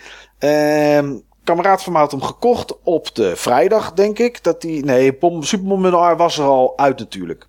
Eh, maar had hem tegelijkertijd gekocht met eh, Super Mario 8 Deluxe. Dus ergens op die, eh, op die vrijdag. En de maandag daarna was ik bij hem. En toen zei ik van, nou laten we eventjes Super Bomberman R spelen. Want ik ben toch stiekem wel benieuwd. Toen hebben we van de, ik geloof, zes werelden die er zijn in de singleplayer. Hebben we er vier uitgespeeld. En die vijfde zijn we ongeveer tot de helft gekomen. En, en toen heeft hij hem uit de Switch gehaald. Want toen gingen we iets anders spelen. En drie dagen later lag hij op het kleedje van Koningsdag. Nou, ik denk dat dat genoeg zegt. Ik ehm, vind het niet zo'n hele beste Bomberman. Ehm, wat ik er vooral vervelend aan vind, is dat je heel moeilijk de diepte kan zien die ze in de levels gemaakt hebben. Je hebt verhogingen, je hebt ehm, een soort eh, schuin oplopende eh, blokjes waar je gewoon omhoog kan lopen naar een wat hogere verdieping in het veld. En je ziet het verschil tussen dat, die hoogte en die laagte, die zie je gewoon heel slecht. Dan zijn er wel tegenstanders die van hoog naar laag kunnen vliegen zonder door netjes van de, van de, van de, ja, van, van het opstapje af te gaan, zeg maar. In dat geval is het een afstapje, maar om daar vanaf te gaan. Ehm, en dat maakt het echt heel onoverzichtelijk. Eh, er zitten wat bossfights in die, die vrij lang duren. En dat is, dat, dat, er zitten best wel wat pittige tussen soms. En ehm, ja, Niels, volgens mij kan je, zei jij dat, dat, dat, dat ehm, eh, hoe heet het ook alweer, dat schuine perspectief.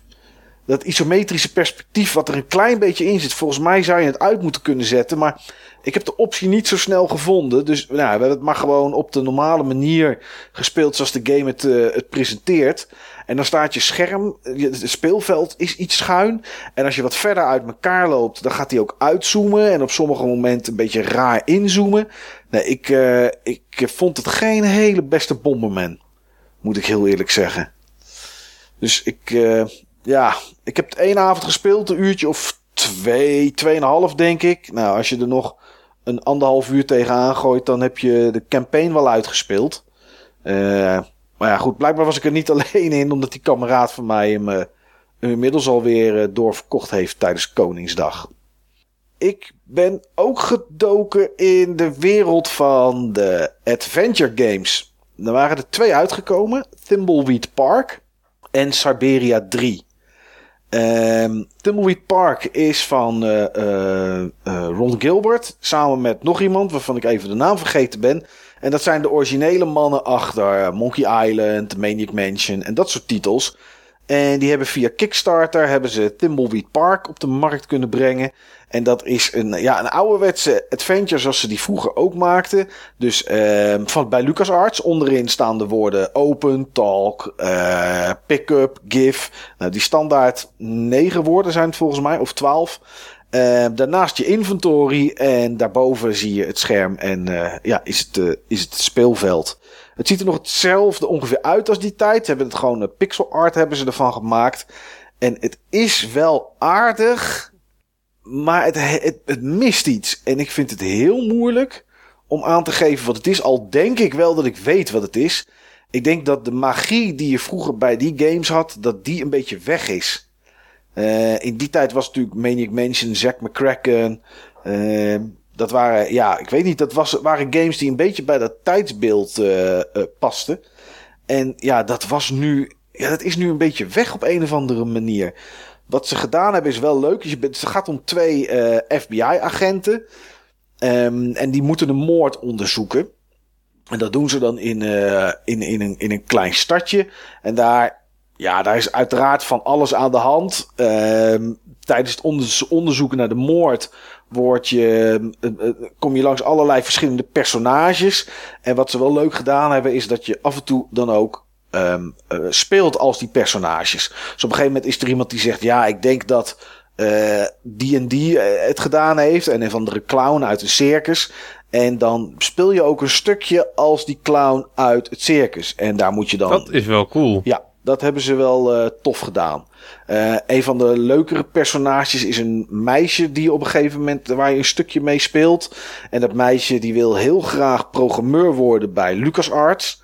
Um, en die gaat dan um, ja, ook een, een, brief, een uh, sollicitatie versturen en um, dat doet ze dan op een, op een Commodore 64, waarop je moet inloggen en dan wat vragen beantwoorden. En dat moet je dan uitprinten. En uh, ja, dat is wel echt heel, heel tof. En dat uitprinten gaat niet, want de inkt is op en dan moet je zelf inkt maken. Nou, dat soort puzzels uh, zitten erin. Ja, ik weet niet of uh, de puzzels vroeger moeilijker waren omdat mijn Engels wat minder was, of dat de puzzels wat bizarder en vreemder waren in die tijd dan nu. Maar ik, ik loop er vrij. Ik denk allebei. Ja, ik denk het ook wel inderdaad. Maar je loopt er vrij makkelijk doorheen. Je ziet dingen nu eerder. Op een gegeven moment is er één iemand opgesloten. En er is een telefoon. Hij is opgesloten in het riool. Met je andere uh, FBI-agent loop je nog gewoon boven. En ja, weet je, je ziet dan ergens zie je zo'n zo'n zo'n rooster. Ja, dan weet je gewoon, oké, ik moet hier iets naar beneden gooien. Ik weet nog niet wat. Maar je weet dat dat een keer gaat komen. Nou, dat soort dingen die doorzie je nu iets sneller. Omdat je waarschijnlijk uh, door die jaren heen de ervaring wat ouder. En ja, dan, dan zie je dat soort dingen gewoon aankomen. Uh, ja, het is een, uh, wel een aardige game. Er zit één ding in, dat vind ik, het past wel bij tegenwoordig, maar ik vind het wel jammer. Want dat was toch een beetje wat die adventure games vroeger ook wel lastiger maakte. Dat is dat iedere speler heeft een soort van notebook. Dat niet een laptop, maar gewoon echt een notitieblokje. En daar zit een soort to-do-lijstje op. Ja, en dan is het eigenlijk afvinken van de taken, zoals tegenwoordig quests ook zijn in games. Uh, ga van punt A naar punt B. En uh, ik moet hiervoor zorgen, ik moet daarvoor zorgen. En ja, als je alle punten op dat to-do-lijstje afgevinkt hebt, ja, dan zal je waarschijnlijk wel op het punt zitten dat de volgende personage speelbaar wordt. En dat is ook een beetje hoe de game werkt. Dat vind ik wel, uh, ja, dat vind ik wel jammer.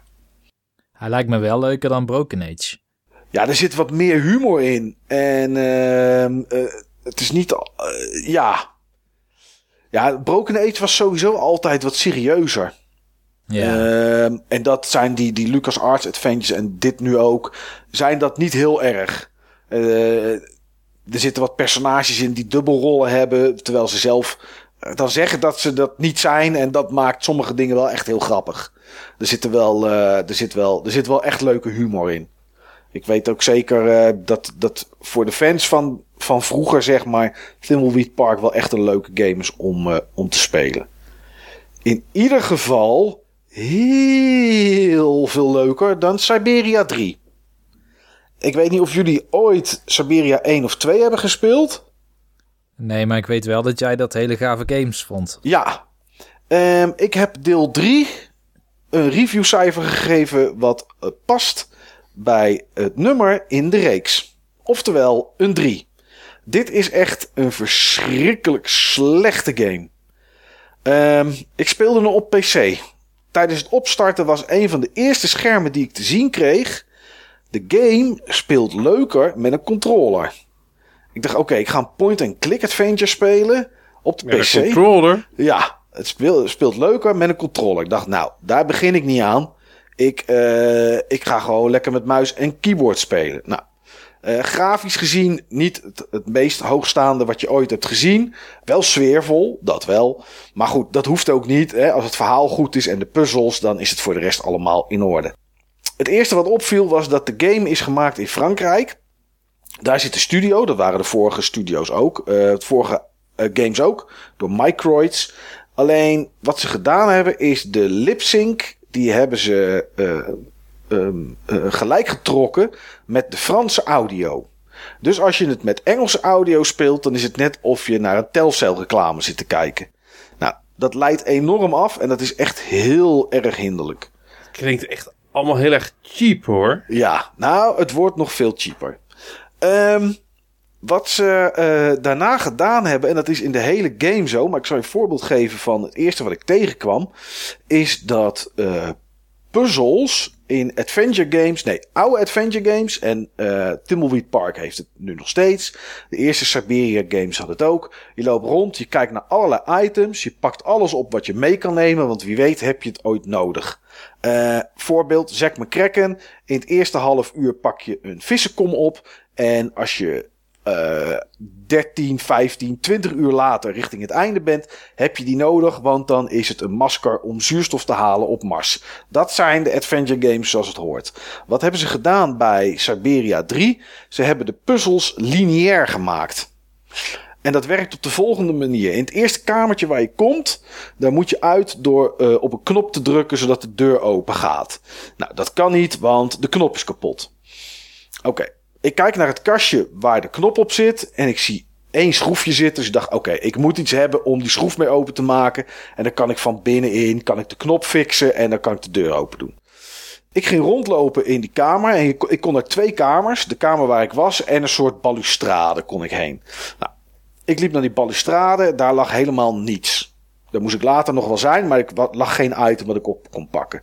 Ik liep terug de kamer in waar ik begon. Ik keek en ik zag dat er eten stond um, op, de, op de tafel. En denk, oké, nou daar zal dan wel een mes bij liggen wat ik kan gebruiken. Het was een, overigens een, uh, een ziekenhuis waar de game zich, uh, waar de game start, waar het, waar het begint. Dus ik dacht eerst, misschien ligt er ergens, ergens een scalpel of zo, of een ander instrument, maar dat kon ik niet vinden. Toen zag ik dat eten liggen. Ik denk, oké, nou dan pak ik, pak ik dat mes bij dat eten op. Maar dat, dat, dat mes werd niet gehighlight, dat werd niet actief als item. Denk, oké, dan is het dat niet. Nou, ik ben iets van een half uur bezig geweest om te zoeken en te kijken en ik kon het gewoon niet vinden. Nou, en het voelde heel kneuzig aan. Maar ik denk van, ja, oké, okay, dan kijk ik even. Misschien is er iemand op YouTube die toevallig dit al gespeeld heeft. Dus ik kijk op YouTube. En wat zie ik? Je moet naar het kastje kijken van die knop. Dan moet je draaien, zodat je aan de zijkant de sticker ziet hoe het kastje open moet. En pas op dat moment werd het mes wat ik al na een minuut of twee minuten zag liggen, pas actief. En dan kan je hem pas oppakken. Nou. Dat is wel slecht hoor. Dat is heel slecht. Ik terug de game in, ik het mes oppakken. Ik klik met het mes op het schroefje. En toen vertelde de game mij dat ik moest ronddraaien om hem los te maken. Dat moest ik doen door de WASD-knoppen te gebruiken. Dus ik was WDSA, WDSA aan het indrukken om zo te draaien. Nou, toen dacht ik, oké, de game vertelt mij dat ik het met een controller moet doen. Laat ik dat dan maar doen. Game afgesloten, controller erin, opgestart. En toen kon ik met mijn analoge stick heel makkelijk uh, dat schroefje eruit draaien. Nou, ik vond dat echt heel beroerd. Uh, de lipsync was al niet zo best, zei ik. Maar ook de stemmen die ze voor de voice actors hebben gekozen is af en toe niet zo, uh, niet zo geslaagd. Zo kwam ik een oude man tegen. Ik denk een jaar of 70, geef ik hem 75. Die had de stem van een 25-jarige. Uh, puzzels die zijn vaak op één scherm op te lossen. Dus je hebt ergens een obstakel, dan ligt er iets in dezelfde ruimte wat je op kan pakken, zodat je er langs en doorheen kan. Dus heel moeilijk is het allemaal niet. En na ongeveer 6,5 à 7 uur spelen kwam ik op een punt dat de omgevingen niet werden ingeladen van een boot waar ik op moest. Dus ik uh, liep op de boot, ik liep de trap naar beneden en hij had wel de, de achtergrond ingeladen, maar niet de voorgrond. Dus uh, ik kon niks meer.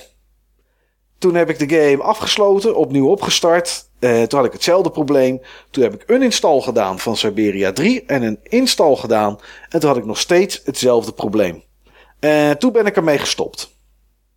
En dat was mijn uh, Siberia 3 uh, ervaring. Zonde. Ja, het is, het is verschrikkelijk. Het is echt heel slecht. Ze hadden drie beter niet kunnen maken, dan had de serie nog uh, redelijk in, hoog in het vaandel gestaan. Maar dit is, uh, nee, dit is echt niet best. Dit is echt niet best. En er zijn nog veel meer dingen aan mis, maar uh, prima zo. Prey heb ik gespeeld. Oh, daar ben ik heel benieuwd naar.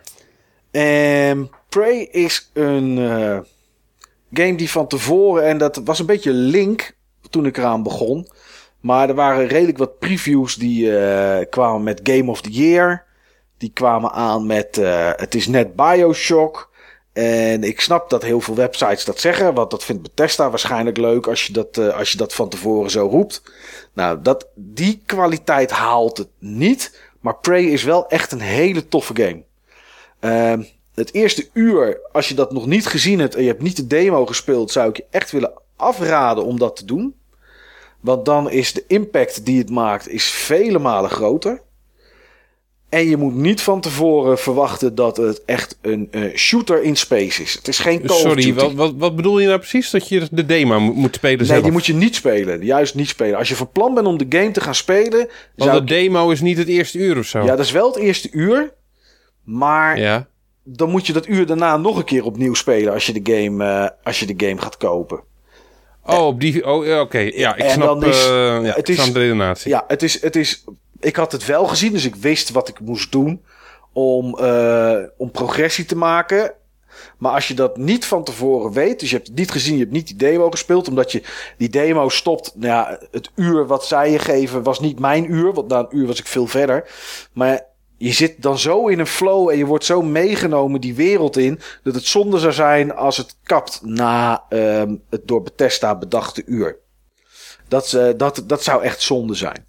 Uh, en het is dus wel first person, maar je moet niet verwachten dat het een shooter is. Wat is Prey? Prey is al in 2006 uitgekomen. Er zou een vervolg komen, maar dat kwam er niet. Uh, Arcane Studios, de mannen en vrouwen van Dishonored, die zijn na Dishonored 1 begonnen aan Dishonored 2 en een ander deel wilde een game in de ruimte maken. En uiteindelijk bleek dat het best wel leek op Prey en dat ze het dus maar Prey genoemd hebben. En um, je speelt Morgan Yu, een, uh, een onderzoeker die gaat werken in het bedrijf van zijn broer Alex. En um, op het moment dat jij daar bent, dan uh, gaat er uiteraard van alles mis. Want anders zou de game veel te kort zijn. En uh, dan komen de aliens, de typhoons, komen vrij. Of althans, die beginnen een rol te spelen. En die typhoons, dat zijn, uh, zijn opgedeeld in een aantal soorten type tegenstanders. Maar de tofste, en ook na alle uren die ik erin heb uh, gestopt, vind ik de mimics. En de mimics, als je ooit trailers of plaatjes hebt gezien, zijn een soort uh, vierpotige spinnen. Gemaakt van een soort zwarte materie, noem ik het maar. En die hebben de, de mogelijkheid om te veranderen in een object wat in de ruimte ligt. En dan in elk object. Ze kunnen dat doen als dat object in de buurt ligt. Dus niet aan de andere kant van de kamer of helemaal niet in die kamer aanwezig is. Maar als ze in de buurt komen van object, dan kunnen ze uh, ja, dat object worden. En jij ziet dat niet. Dus als jij een kamer binnenkomt en daar staan twee koffiemokken op tafel, dan kan een van die twee een mimic zijn. En kom je in de buurt, verandert die terug en valt die je aan. Kom je een wc binnen en staan er een aantal wc-rollen, dan kan het zijn dat er één van die wc-rollen mimic is. Maar het hoeft niet. Kom je een vergaderzaal binnen waar 20 stoelen staan, nou je raadt het al, dan kunnen er best zes een mimic zijn en 14 niet. En dat houdt je eigenlijk continu scherp. En dat vind ik echt heel gaaf. Ik vind het echt super, super gave tegenstanders.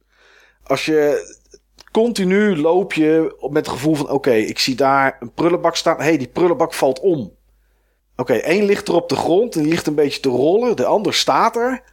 het kan zijn dat er een tegenstander langs gerend is, want dat kan ook. Maar het kan ook zijn dat die ene die nog een beetje beweegt, een mimic is. Ja, dan loop je er dus op af met je, met je moersleutel of je pakt een wapen en je begint te schieten. Maar het kan ook zomaar zijn dat het geen mimic is. En dat maakt het echt heel tof. En dat door jouw schieten andere tegenstanders die ergens lopen, dat die jou gehoord hebben en dat ze op je afkomen. Wat de game best wel een beetje heeft, is een beetje het sluipen um, van bijvoorbeeld een Deus Ex. Maar ook de manier hoe je door de ruimtes heen beweegt, heeft daar best wel iets van weg. Uh, ja, je kan schieten, maar je hebt niet zo heel veel ammo. Die kan je wel maken door troep te recyclen. En met de materialen die daaruit komen, kan je in bepaalde machines kan je items maken. Kan je medpacks maken. Je kan uh, ammo maken. Je kan er van alles mee maken. Maar je hebt geen overdaad aan kogels. Dus soms kan het best wel eens de moeite zijn om je glue gun te pakken. Dat is een, een, wapen waar je um, tegenstanders mee kan vastlijmen, even tijdelijk. Maar je kan er bijvoorbeeld ook gaten mee dichten. Uh, als je een gasleiding hebt en er, is, er komt vuur uit omdat er op geschoten is, dan kan je met een glue gun kan je dat dichtmaken. Maar je kan ook op, het op de muur schieten en erop springen door er zo een trap van te bouwen. En het kan dus best wel um, uh, handig zijn om uh, waar een ruimte waar je binnenkomt en denkt van oké, okay, lopen daar twee tegenstanders. Ik heb niet zoveel kogels meer, maar ik moet wel die kant op. Dat je even naar boven kijkt om te zien of er geen verlaagd plafond is. Of dat er buizen aan de zijkant zijn waar je op kan staan. Door met die, en dan die gluegun te gebruiken door een soort van trap te bouwen op de muur. Daardoor omhoog te springen. En gewoon over de tegenstanders heen te lopen. Door van het uh, ene deel van het plafond naar het andere te springen. Um, en zo kan je zelf eigenlijk een beetje bepalen hoe je de game wil spelen. Je zou ook een bom op de muur kunnen plakken. Uh, tegenstanders lokken. En op het moment dat ze er zijn, zo'n gasleiding kapot schieten. En de bom laten ontploffen. Daarna de tijd, de tijd uh, slowen. En ze alsnog met een paar kogels afschieten. Weet je, je kan het een beetje spelen zoals je zelf wil. Een beetje Breath of the Wild, maar dan Prey. Ja, dan met, met wapens in de ruimte. Het ja, klinkt nou voor mij eigenlijk als... Weet je, uh, ik heb Pre 1 gespeeld. En volgens mij was ik een Indiaan die op het plafond kon lopen. Ja, dus ik hoor dat, klopt. dat niet helemaal meer terug. Het klinkt mij meer als een soort Half-Life Episode 3 of zo. Ja, dat mensen vergelijken het met van alles. Ja, het is een beetje Bioshock-achtig. Waar halen mensen dat vandaan? Het is niet puur een shooter. Je bent best. Je hebt niet enorm veel kogels, maar dan moet je wel naar 1 en 2 kijken. Meer nog naar 1. Want in 3 krijg je van Elizabeth kogels als ze op zijn. Um, en het is, in, het is uh, redelijk een goede sfeer. Er zitten audiologs in, je moet e-mails lezen. Het moet niet, maar als je het niet doet, dan kan je beter Prey niet spelen. Want het gaat echt wel om de beleving van uh, de Talos One, het ruimtestation waar uh, het groot gedeelte zich afspeelt. Uh, ik snap Half-Life, want ja, hè, je loopt met een moersleutel, je hebt niet veel kogels, het zijn aliens. Uh, ja, snap ik, snap ik ook. Ja, weet je, het, het heeft van allemaal wel iets. Oké. Okay. Dus dat, dat, dat klopt wel. Uh, echt een hele toffe game. Er zitten een hoop sidequests in. Dat, waarbij je meer informatie krijgt over wat zich er heeft afgespeeld. Uh, hoe de verhoudingen zijn tussen werknemers. Uh, ja, dat, dat, ja, ik weet niet. Het is gewoon een leuke, een leuke, leuke plek om rond te lopen. Het is gewoon tof. Ja, het is gewoon tof. Er zitten wel een paar minpuntjes aan. De audio, de muziek is heel raar gemixt. Soms dan sta je in een ruimte en dan uh, gaat er ineens heel hard muziek spelen. Uh, en dat is dan niet muziek uit een stereo-installatie of zo. Maar dat is gewoon, ja, weet ik niet. Het is gewoon achtergrondmuziek, om maar zo te noemen. Uh, dat is een beetje vreemd. De tegenstanders lijken wel erg veel op elkaar. Dat, dat, dat is wel zo. De variatie vind ik wat minder. Maar ja, ik, ik ik kan hem eigenlijk wel aan iedereen aanraden die niet op zoek is naar een shooter, maar wel een, een, een spannende game wil spelen. Want dat is het wel. Waar best wel wat mysterie in zit. En die best wel, ja, best wel interessant is eigenlijk gewoon. Het is een, eh, ja, een toffe game. Toffe game, Prey. Ja, dat was hem voor mij voor dit moment even, jongens. Eh, ik heb nog wel meer gespeeld, maar dat bewaar ik voor een volgende keer. Want het wordt nu toch rustiger met de games die uitkomen. Dus dan, eh, dan heb ik in ieder geval nog iets over voor een, voor een volgende uitzending.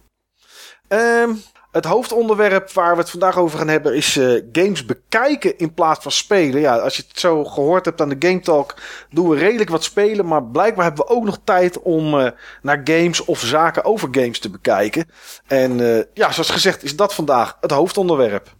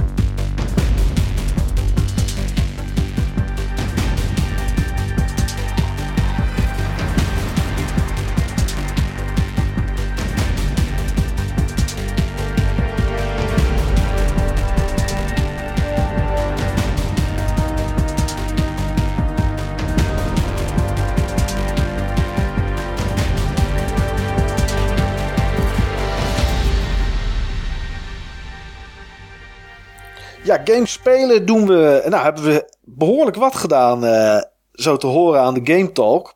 Maar je kan natuurlijk ook naar games of zaken die daarmee te maken hebben kijken.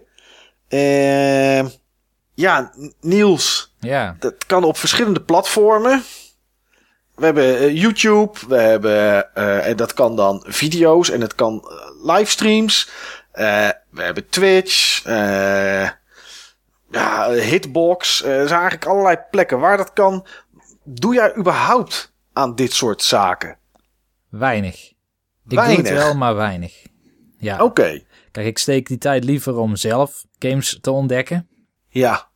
Of in zelf games te ontdekken. Maar um, ik, uh, als ik dan ergens naar kijk, is het vooral YouTube-kanalen. Mm -hmm. Niet zozeer Twitch. Of er moet nee. iets aan de hand zijn. Een, uh, zo'n soort AGDQ of zo. Ja. Um, of, uh, of, of ik vind het wel eens leuk om toernooien te kijken. Van fighting games of wat dan ook. Maar uh, nee, ja, ik kijk eigenlijk niet zo heel veel YouTube-video's. Ook vooral omdat ik niet altijd alles wil weten. Okay. Ik vind het wel prima als ik een trailer zie die door een developer de wereld ingegooid is, zeg maar. Ja. En daarop baseer ik wel of dat ik geïnteresseerd ben. Maar ik ben vaak wel een klein beetje huiverig voor, uh, ja, voor, voor, voor YouTube-video's waarin ze laten zien wat er precies gaat gebeuren in de game. Oké. Okay. Um, Steve, doe jij dat wel? Of meer ja, in ieder geval dan nieuws? Ja, ik, ik kijk naar mijn gevoel best wel veel uh, YouTube. Maar niet, soort, niet het soort dingen wat, um, wat nieuws beschrijft. Maar dingen die ik eerder zou vergelijken met onze podcast. Oké. Okay. En wat is, wat is of, of, zonder in te gaan op wat dan soort wat voor dingen allemaal, maar hoe, hoe vaak en hoeveel is dat zeg maar? Awesome, awesome dingen, jongens. Awesome dingen. Oké. Ja, net als ik zei toch net als onze podcast. Ja, nee, ja. Poeh, snap ik. Dat ja. worden een hoop bliepjes. Ja. maar Steve, doe je dat vaak? Doe je dat veel? Wat, wat... Uh, nee, uh, gewoon, uh, joh, ja, ik, ik kijk echt wel regelmatig op YouTube-kanalen. Oké. Ik, ik heb ook abonnementen lopen en die abonnementen werken tegenwoordig wat anders natuurlijk. Dan moet je eigenlijk jezelf dubbel abonneren op een uh, kanaal. Vind ik persoonlijk best wel suf. Maar um, nee, ik, ik volg best wel veel kanalen en ik kijk best wel wat. Kijk of luister best wel veel, veel YouTube eh, content. Meestal kijk hoor, maar eh, soms zet ik het ook gewoon aan in de douche of zo. Oh, Oké, ja, ja, ja. Dat klinkt, eh, dat klinkt bekend. Ja, dus je consumeert het meer passief dan? Ik weet niet wat jij passief... eh, nou, dat, dat, dat je eigenlijk ergens anders mee bezig bent. Of, of ga je echt Ja, s'avonds nee, ervoor klopt. zitten? Soms. Oké. Soms. Vaak doe ik het passief. Eh, dingen die ik echt heel leuk vind, eh, die kijk ik wel echt actief. En dan doe, ik juist iets anders, doe ik vaak juist iets anders passief erbij. Zoals Fire Emblem Heroes spelen. Wat trouwens prima passief gaat. Oké, nou ja, ik, eh, ik zit er eh, nou ja, een beetje tussenin, denk ik. Ik ben wel lid van een aantal YouTube-kanalen qua, abonne qua abonnee, zeg maar. Ehm, maar ik kijk het eigenlijk bijna nooit. Omdat ik op een, nou ja, waarom, daar kom ik straks wel, wel op. Ehm, maar Twitch dan weer wel. Daar ben ik wel eh, eigenlijk wel fan van. En ik kijk eigenlijk eerder twee uur naar Twitch dan tien minuten naar YouTube. Ja, en ik kijk dus echt nooit Twitch. Nee, daar ben ik benieuwd. En ik denk dat het. Ja, goed, misschien dat het andersom. eh dat precies is waarom ik wel eh, naar Twitch zeg. Waarom kijk jij niet naar, naar Twitch, maar wel naar video's op YouTube, Steve? Ehm, Ja, je kijkt, zei Om- net al naar andere dingen, hè, eigenlijk. Je kijkt niet echt naar gameplay Ja, dan. Ik heb helemaal geen interesse om, eh, om mensen te zien spelen. Dan ga ik zelf wel spelen. Ja, Ik heb zelf eigenlijk, eh, ik, ik heb voor mijn gevoel zelf te weinig tijd om, ehm, om, om te spelen. ja. Dan ga ik vooral de tijd die ik heb niet op die manier investeren. Dat is voor mezelf een hele slechte keuze. Maar heb ik het echt over dat, hè? Voor, voor mezelf. Ja, ja, ja, ja. Snap ik. Ja, dit Ja. volg ik wel. Dit is precies mijn reden. Ja, maar als ik dan kijk hè, naar de momenten dat ik naar Twitch kijk. Ik heb het vaak. ehm, sommige mensen hebben radio aanstaan tijdens het werk. Of gewoon muziek. Ik heb dan vaak Twitch aanstaan. Ja. En ehm, eh, als ik dan even mijn ogen op iets anders moet richten. Dan kijk ik even naar wat daar gebeurt, zeg maar. En er zijn, tenminste, ik heb heel vaak van die momenten. Dan is het eh, half twaalf 's avonds. Dan eh, is het eigenlijk tijd om langzaam richting bed te gaan. Maar vind ik het nog eigenlijk te vroeg. Vind ik het zonde. Dan ga ik eigenlijk meestal niks meer spelen. Dan heb ik nog een half uurtje, drie kwartier voordat ik denk: oké, nu moet ik echt naar mijn nest. En dan kijk ik gewoon even op Twitch.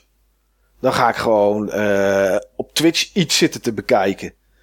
En de reden dat, dat ik. Ik ga dan niet meer eh Prey opstarten voor een half uurtje. Ja, zou- snap ik. Ik zou één of twee potjes Hearthstone kunnen doen. Maar waarschijnlijk heb ik dat daarvoor al gedaan. En dan heb ik zoiets van, nou weet je, voor vandaag is het wel, is het wel genoeg. Dus het is eigenlijk voor mij meer een manier om een beetje te, te, te, te ja, unwinden in het Engels. Ik weet niet wat we in het Nederlands eigenlijk daarvoor zouden moeten zeggen. Gewoon om een beetje te relaxen, zeg maar. En ehm, de reden dat ik dan Twitch pak tegenover eh, YouTube, is dat YouTube ben ik echt na twee minuten zat. Daar ga ik doorheen skippen. Denk, oké, ja, ja, ja, gelul. Oké, ja, ja, deze game ken ik. Maar, eh, en ik heb wel kanalen die ik wel, wel eens kijk hoor. Maar ja, ja, ja oké, skip ik doorheen. Ja, gezien, oké, weg. Ja, dan ben ik er eigenlijk wel al, al klaar mee. En dat heb ik niet bij Twitch. Ondanks dat dat, zeg maar, eh, langdradiger is voor je gevoel. Want iemand zit iets te spelen. Maar toch is het, vind ik het leuker. Maar daar kom ik straks wel op waarom ik dat leuker vind. Ja, doe maar. Ja, Ja, ik Maar- vind Twitch echt verschrikkelijk. Echt verschrikkelijk. Maar dat heeft meer met het platform te maken dan met de content. ja, en ik denk dat ik het platform namelijk heel leuk vind. Ah, Oké. Ik vind het leukste aan Twitch de chat. De chat die naast een kanaal zit. En dat er interactie mogelijk is met degene die aan het spelen is. En ik vind dat op zich ook wel leuk om te zien als het dan op YouTube staat. Zodat ik het doorheen kan skippen. Ja, ja ik, vind, ik vind. Als ik naar een YouTube-video kijk.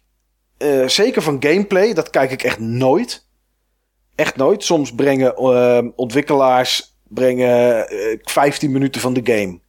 Laatst was het van Darksiders 3 bijvoorbeeld. Er kwam 15 of 20 minuten gameplay kwam eruit op het YouTube-kanaal van IGN. Nou, dan start ik op. Dan kijk ik de eerste 30 seconden. denk ik, oké, klik, klik, klik, klik. 15 minuten heb ik nu gezien. Ja, ja, maar dat snap ik wel. Want het is natuurlijk is YouTube is vergeleken met Twitch veel te responsive. De interface is te goed. Het laat veel sneller. Het zijn allemaal dingen die je niet wil als je op rust wil komen.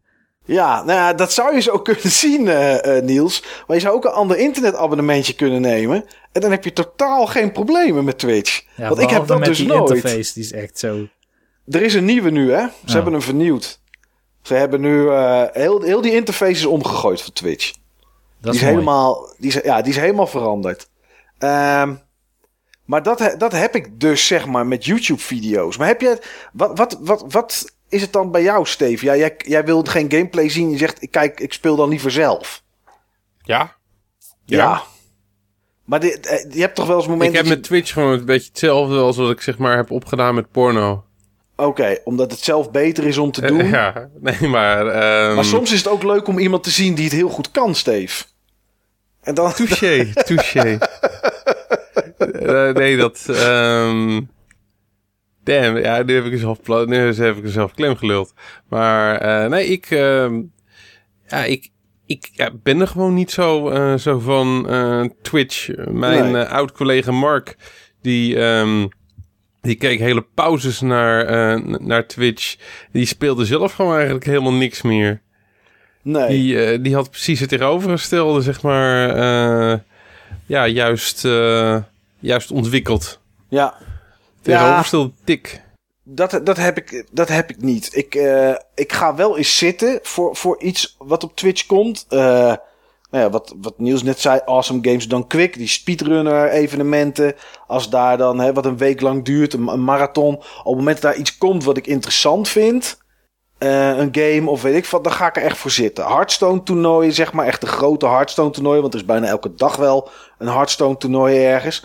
Maar als er een grote is van, van Blizzard zelf, ja, dan ga ik gewoon echt op de bank of achter mijn PC zitten. En dan ga ik gewoon 7, 8, 9, 10 uur lang ga ik dat zitten kijken.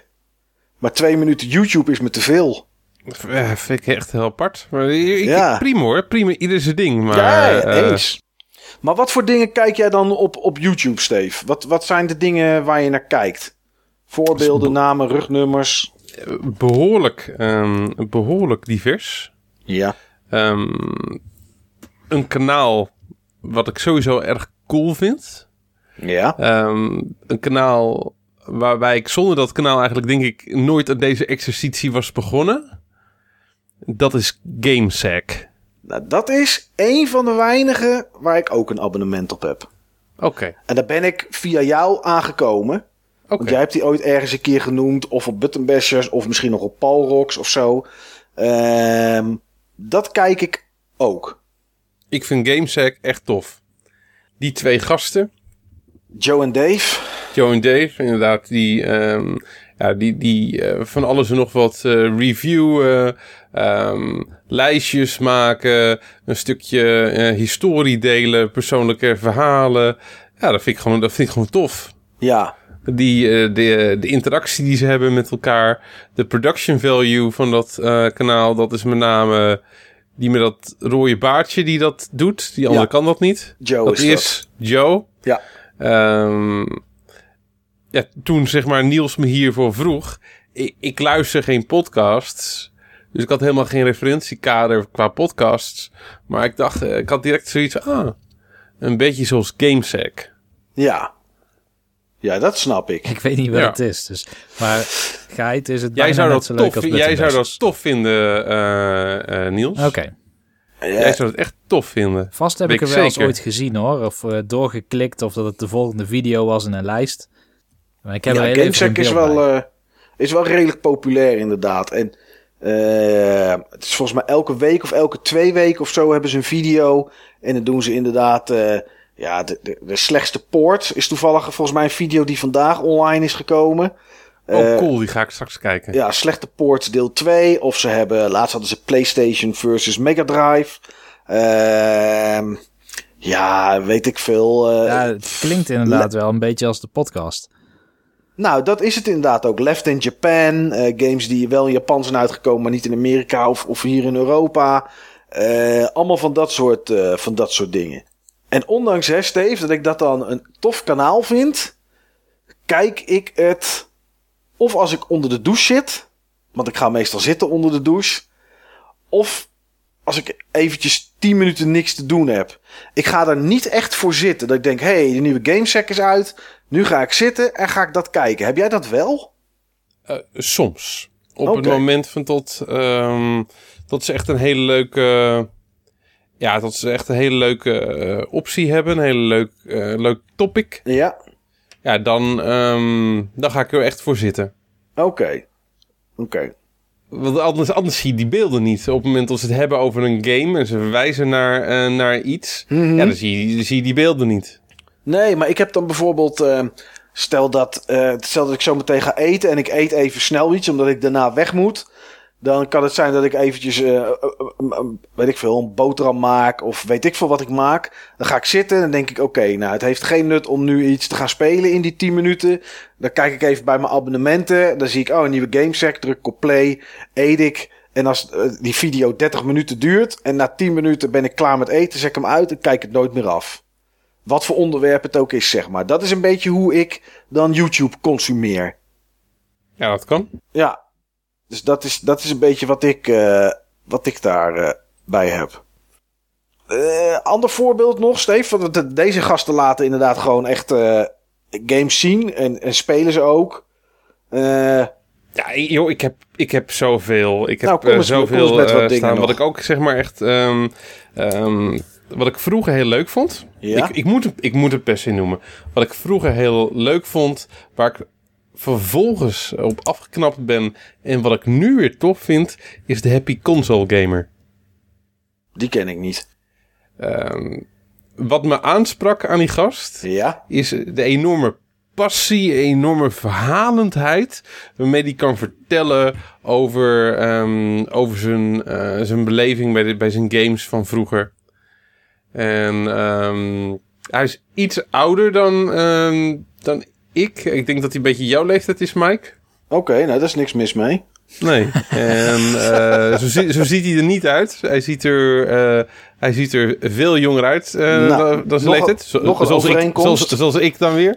Ja, Maar, nog een overeenkomst met mij. nog een overeenkomst inderdaad, ja. Misschien moet ik die gast gaan volgen. Ja, hij heeft een superleuke vrouw. Oké, nou Ook hier, zoals bam. jij?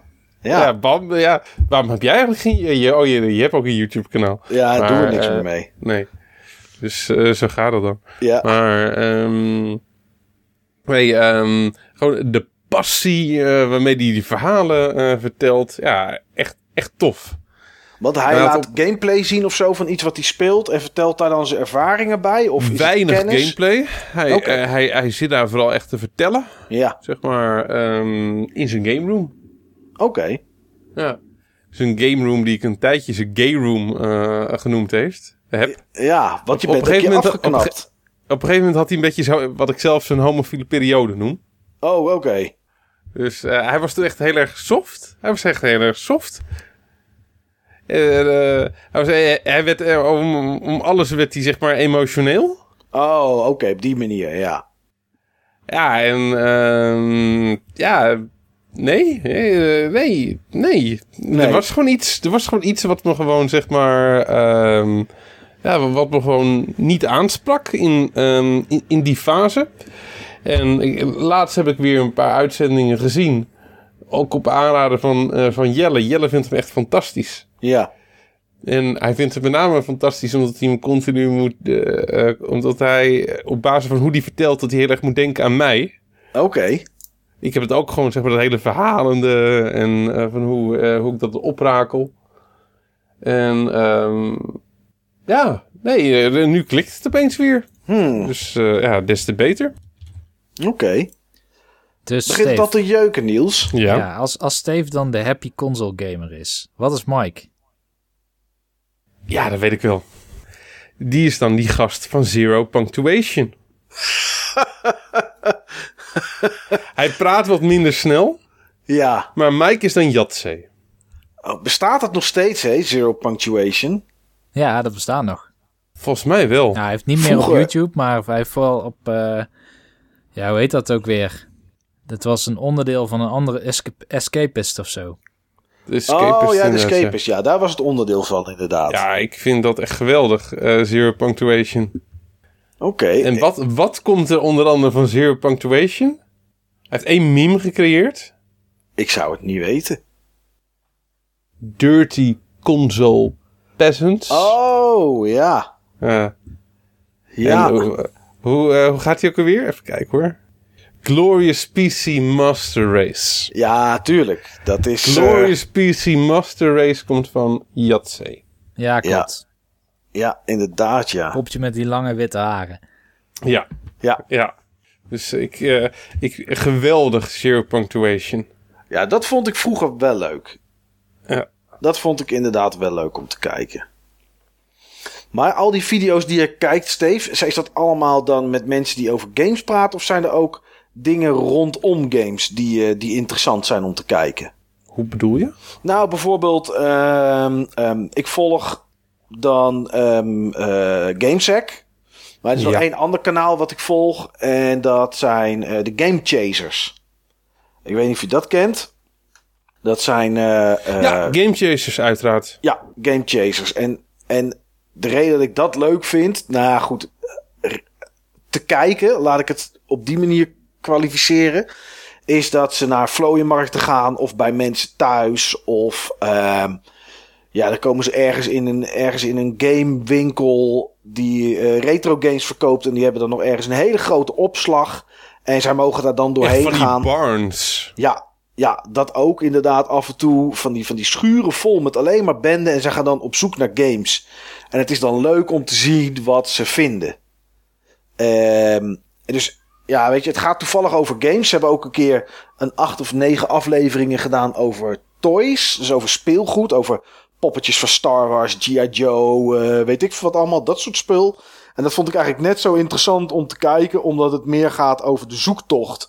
Waar we het wel eens over gehad hebben. Dat ik, eh, ik heb op zolder redelijk wat games staan. Ik speel het bijna nooit. Om, en ik vind het ook minder leuk om games op beurzen te kopen. Omdat die zoektocht op, op, op een kringloop of op een rommelmarkt of dat soort dingen. Dat vind ik er leuk aan, zeg maar. Dat is eigenlijk dat een is beetje wat zelfs wat ik doen. zo fantastisch vind aan Koningsdag. Ja, En waarom ik nog netties heb over, eh Te laat over het komen, missen ja. Nou ja, en daarom vind ik, ehm, vind ik Game Chasers wel leuk. Maar daar zit gelijk ook iets in. Wat mijn grootste aversie is tegen heel veel dingen op YouTube. En dat is een van die twee is eh, Billy. En dat is die gast met die lange haren. En die doet af en toe zo overdreven. En, zo, en wordt daardoor zo irritant. En dat heb ik met heel veel YouTube-kanalen. En ik denk, eh, Niels die zegt, eh, jij kijkt bijna niks, Niels. Maar ik, ik denk dat misschien, maar dat is, dat is een aanname van mij en Niels. Dan moet je maar aangeven of dat klopt of niet. Ja. Maar ik denk dat heel veel daar, eh, omdat misschien heel veel figuren zijn zoals een eh, kwebbelkop. Ik weet niet of je hem kent. Nee. Is dat, is dat die, die van Kabouter Plop? Nee, dat Die is heet niet ook die zoiets. Ja, die heet Kwebbel. Zonder kop, maar die heet gewoon Kwebbel. Ehm Ploppen de ploppen de plop. precies, die. Ehm nou, dan eh, een beter voorbeeld misschien nu niet, want nu is het helemaal, staat helemaal nergens meer op. Maar de oude PewDiePie. Ja, ja, ik heb dan nooit PewDiePie gezien, maar ik weet wel wat voor soort figuur dat is. En het is eigenlijk de reden dat ik juist niet op Twitch kijk. Want al die, zitten- al die streamers die zitten dus ook de hele tijd maar onzin te brallen terwijl ze aan het spelen zijn. Ik heb liever een inhoudelijk gesprek wat eh, bijvoorbeeld zo'n happy console gamer heeft, die Steve al aanhaalt, Ja, dan dat iemand een, weet ik wat, zo'n platte NES-game loopt te spelen en dan allemaal commentaar heeft op, eh, op hoe de sprites eruit zien, terwijl ze allemaal... ik vind, dat, ik vind dat niet zo eens zo erg, maar het is vaak zo overdreven. Zeg maar, PewDiePie ging dan een, een, een, een horror game spelen en dan echt gillen als een wijf. Ja, ja, nee, daar heb ik. Ja, daar hou ik echt niet van. Nee. Nee, nee daar hou ik ook niet van. En dat is. eh, ja, daar zijn meer. dat- is, heel veel kanalen hebben dat. Eh eh, Kwebbelkop is een Nederlandse gast, uiteraard. Aan zijn, stem, aan zijn naam te horen. Ehm, ik heb hem één keer ontmoet ergens op de Gamescom. En die gast die heeft iets. Die, nou ja, die, die verdient echt dik aan. Die heeft iets van 8, 9, misschien zit hij inmiddels wel op de 12 of 13 miljoen abonnees. Hij doet zijn video's in het Engels. Maar die geeft ook gewoon aan als hij een video op heeft genomen, als hij vier, vijf uur video heeft opgenomen om daar één of twee video's van te editen, dan is zijn stem ook gewoon verrot. Omdat hij zoveel zit te schreeuwen met Oh my god, and look at this. Oh! Ja, ja. Allemaal dat soort, dat soort spul. En daar heb ik zo een hekel aan. Ja, ik ook. Dat vind ik echt verschrikkelijk. En dat is één onderdeel van het populair doen waar ik, eh, waar ik niet zo'n fan van ben. En dat is, ja, dat hebben heel veel YouTube-kanalen. Twitch hou je dat niet vol. Eh, en dat soort figuren ken ik op Twitch ook niet. Maar ik snap wel wat jij bedoelt met mensen die een game spelen, daar geen achtergrond bij hebben. En dan maar gaan praten over de presidentsverkiezingen, omdat de chat het daarover heeft. Ja. Ja, Maar ik snap ook wel wat je net bedoelde. Kijk, op YouTube heb je ook heel veel van die reaction video's. Bijvoorbeeld Oh, rondom de verschrikkelijk. E3 of zo, als er dan een trailer wordt getoond. ja, Ja, en dat kan. Ik bedoel, soms is het. eh, soms helpt het ook om jezelf heel gemotiveerd te krijgen voor een spel. Of als je zelf ergens een reactie bij had, die, waarbij je niet loopt te gillen dan natuurlijk. Dan ben je benieuwd of dat, dat misschien iemand anders ook heeft. Maar dan wordt het overspoeld met mensen die dit eigenlijk alleen maar doen om kliks te krijgen. Ja. En vaak ook met een trailer die dan al drie dagen uit is. En dan nog maar drie dagen na verschijnen van de trailer. Dat dan nog maar eventjes opnemen. Ja, nou ja, dat is zo. Dat is, daar, zijn er, eh, daar, zijn er heel, eh, daar zijn er heel veel van. Maar dat heb ik dan zeg maar met, met eh, terug te gaan naar Game Chasers. Ik vind die, die zoektocht vind ik tof. Er was ergens een keer één aflevering. Daar gingen ze naar een oud, oude shoppingmall. En die was eigenlijk gedeeld. Het grootste gedeelte was gesloten. Maar ergens waren nog een paar winkels die open waren. Het was echt een hele grote shoppingmall. En het grootste gedeelte was gewoon dicht. Overal rolluiken zaten geen eh, winkels meer in. Niks, niks, niks, niks, niks. Maar dat was de shoppingmall waar die gasten vroeger kwamen. En het was dan een van de twee die daar naartoe ging, Jay. Die ging daar dan eh, naartoe en die filmde dat. Want daar zat de winkel waar ze vroeger kwamen om games te kopen. Dus hij wilde daar weer eens een keertje naar binnen. En eh, nou, er waren een aantal winkels open. En de winkel waar ze vroeger kwamen, die was dicht. Maar hij ging. eh, ergens was een soort opslag. Hele grote opslag achter met een onwijze loods. En dan mocht je eigenlijk niet naar binnen. Maar ja, als je de deuren eh, tegenovergesteld van elkaar eh, d- open duwde, zeg maar. Ja, dan kon je, gewoon, kon je gewoon naar binnen. Want er zat iets van een ketting omheen. Dus hij was daar naar binnen gesneakt. En toen zag hij daar twee displaykasten staan. Die vroeger in die winkel hadden gestaan. Er was wel overheen geverfd met zwart. Maar je zag de Nintendo 64 logo's. Zag je er nog doorheen. En het Nintendo 64 woord. eh, in letters stond daar nog op. En aan de andere kant stond volgens mij de naam van de winkel. En ehm, de, de, de schappen lagen er nog in. En de, de ijzers, hoe die games daarin hingen. En dat soort dingen. En toen is hij dus ergens gaan vragen of hij die mocht hebben. Toen is er een zoektocht geweest naar de eigenaar van die shoppingmall. En weet ik wat allemaal. En uiteindelijk mochten ze, hebben ze voor een x bedrag, hebben ze twee van die kasten gekocht. En toen zijn ze die verf eraf gaan halen. En toen kwam eh, ja, die oude, de oude logo's eronder. Hier en daar was het een klein beetje eraf. Maar ze hadden dus die kasten, hadden ze weer. Zoals die vroeger in de speelgoedwinkel stonden. Waar zij hun games kochten. Ja, dat vind ik dan wel echt een toffe video om naar te kijken. Want ik kan me helemaal voorstellen hoe dat is als je die kasten dan eens ziet staan. En dan zie je toch die excitement een beetje bij die gasten naar boven komen. Ehm, dus dat vind, ik, dat vind ik wel cool. Maar zodra er overdreven geschreeuwd gaat worden. Die ene gast moet ook heel vaak in zijn blote bas zitten. Om een beetje te laten zien dat hij spieren heeft. Ja, wat de f gast. Ga weg. Oh, dat, eh, wat, is daar mis mee dan? Nee, Kijk, dat jij dat nu doet, Steven, is prima. Niemand die het ziet. En af ja, en daar heeft nu niemand last van. Af en inderdaad. toe Nee, horen, we, ik, horen we dit. Van je microfoon. Wij weten ook wel, dan flex jij eventjes je muscles. En die Ja, stoot, stoot tegen die microfoon aan. ja, klopt. Maar waarom moet ik daarnaar kijken op een YouTube-video? Weet je, wat kan mij dat schelen? En dat vind ik dan, dat is een soort aandachtzoekerij of zo, of iets. Of het is iets Amerikaans, of het is gewoon een, een debiele Of gast. allebei. Ja, of allebei. All of the above. Ja, en dan denk ik van, dat hoef ik dan niet te zien, zeg maar. Weet je, laat maar. Dat hoeft voor mij gewoon echt niet. Eh, nog een ander voorbeeld, Steve, van, van iets wat je, wat je kijkt. Dat je denkt, dit wil ik toch wel even genoemd hebben, want dit is wel echt heel tof. Ja, zeker.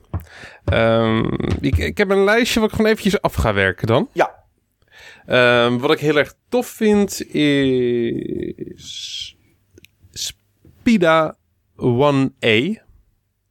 Of als je zoekt op Spida PC Engine, vind je hem ook wel. Ja.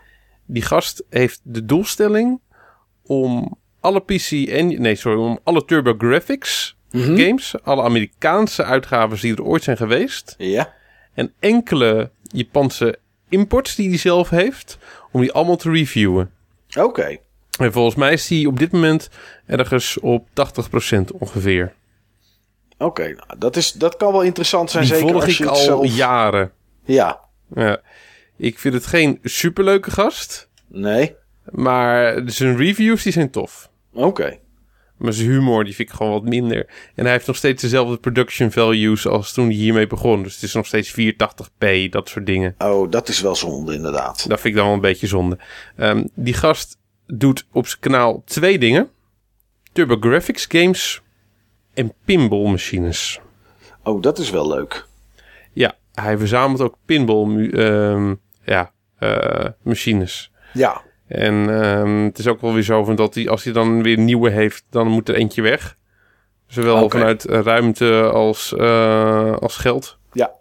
Maar hij had laatst eh, de Ghostbusters kast gekocht. Die nieuwe, Ja, die nieuwe. die is echt heel goed. Die is echt heel tof. Ja. En eh, zijn nieuwste aanwinst, daar had hij nu ook zeg maar verschillende filmpjes van. Dat hij hem in elkaar zette en dat hij hem testte. En dat hij ook echt een review was van de gameplay.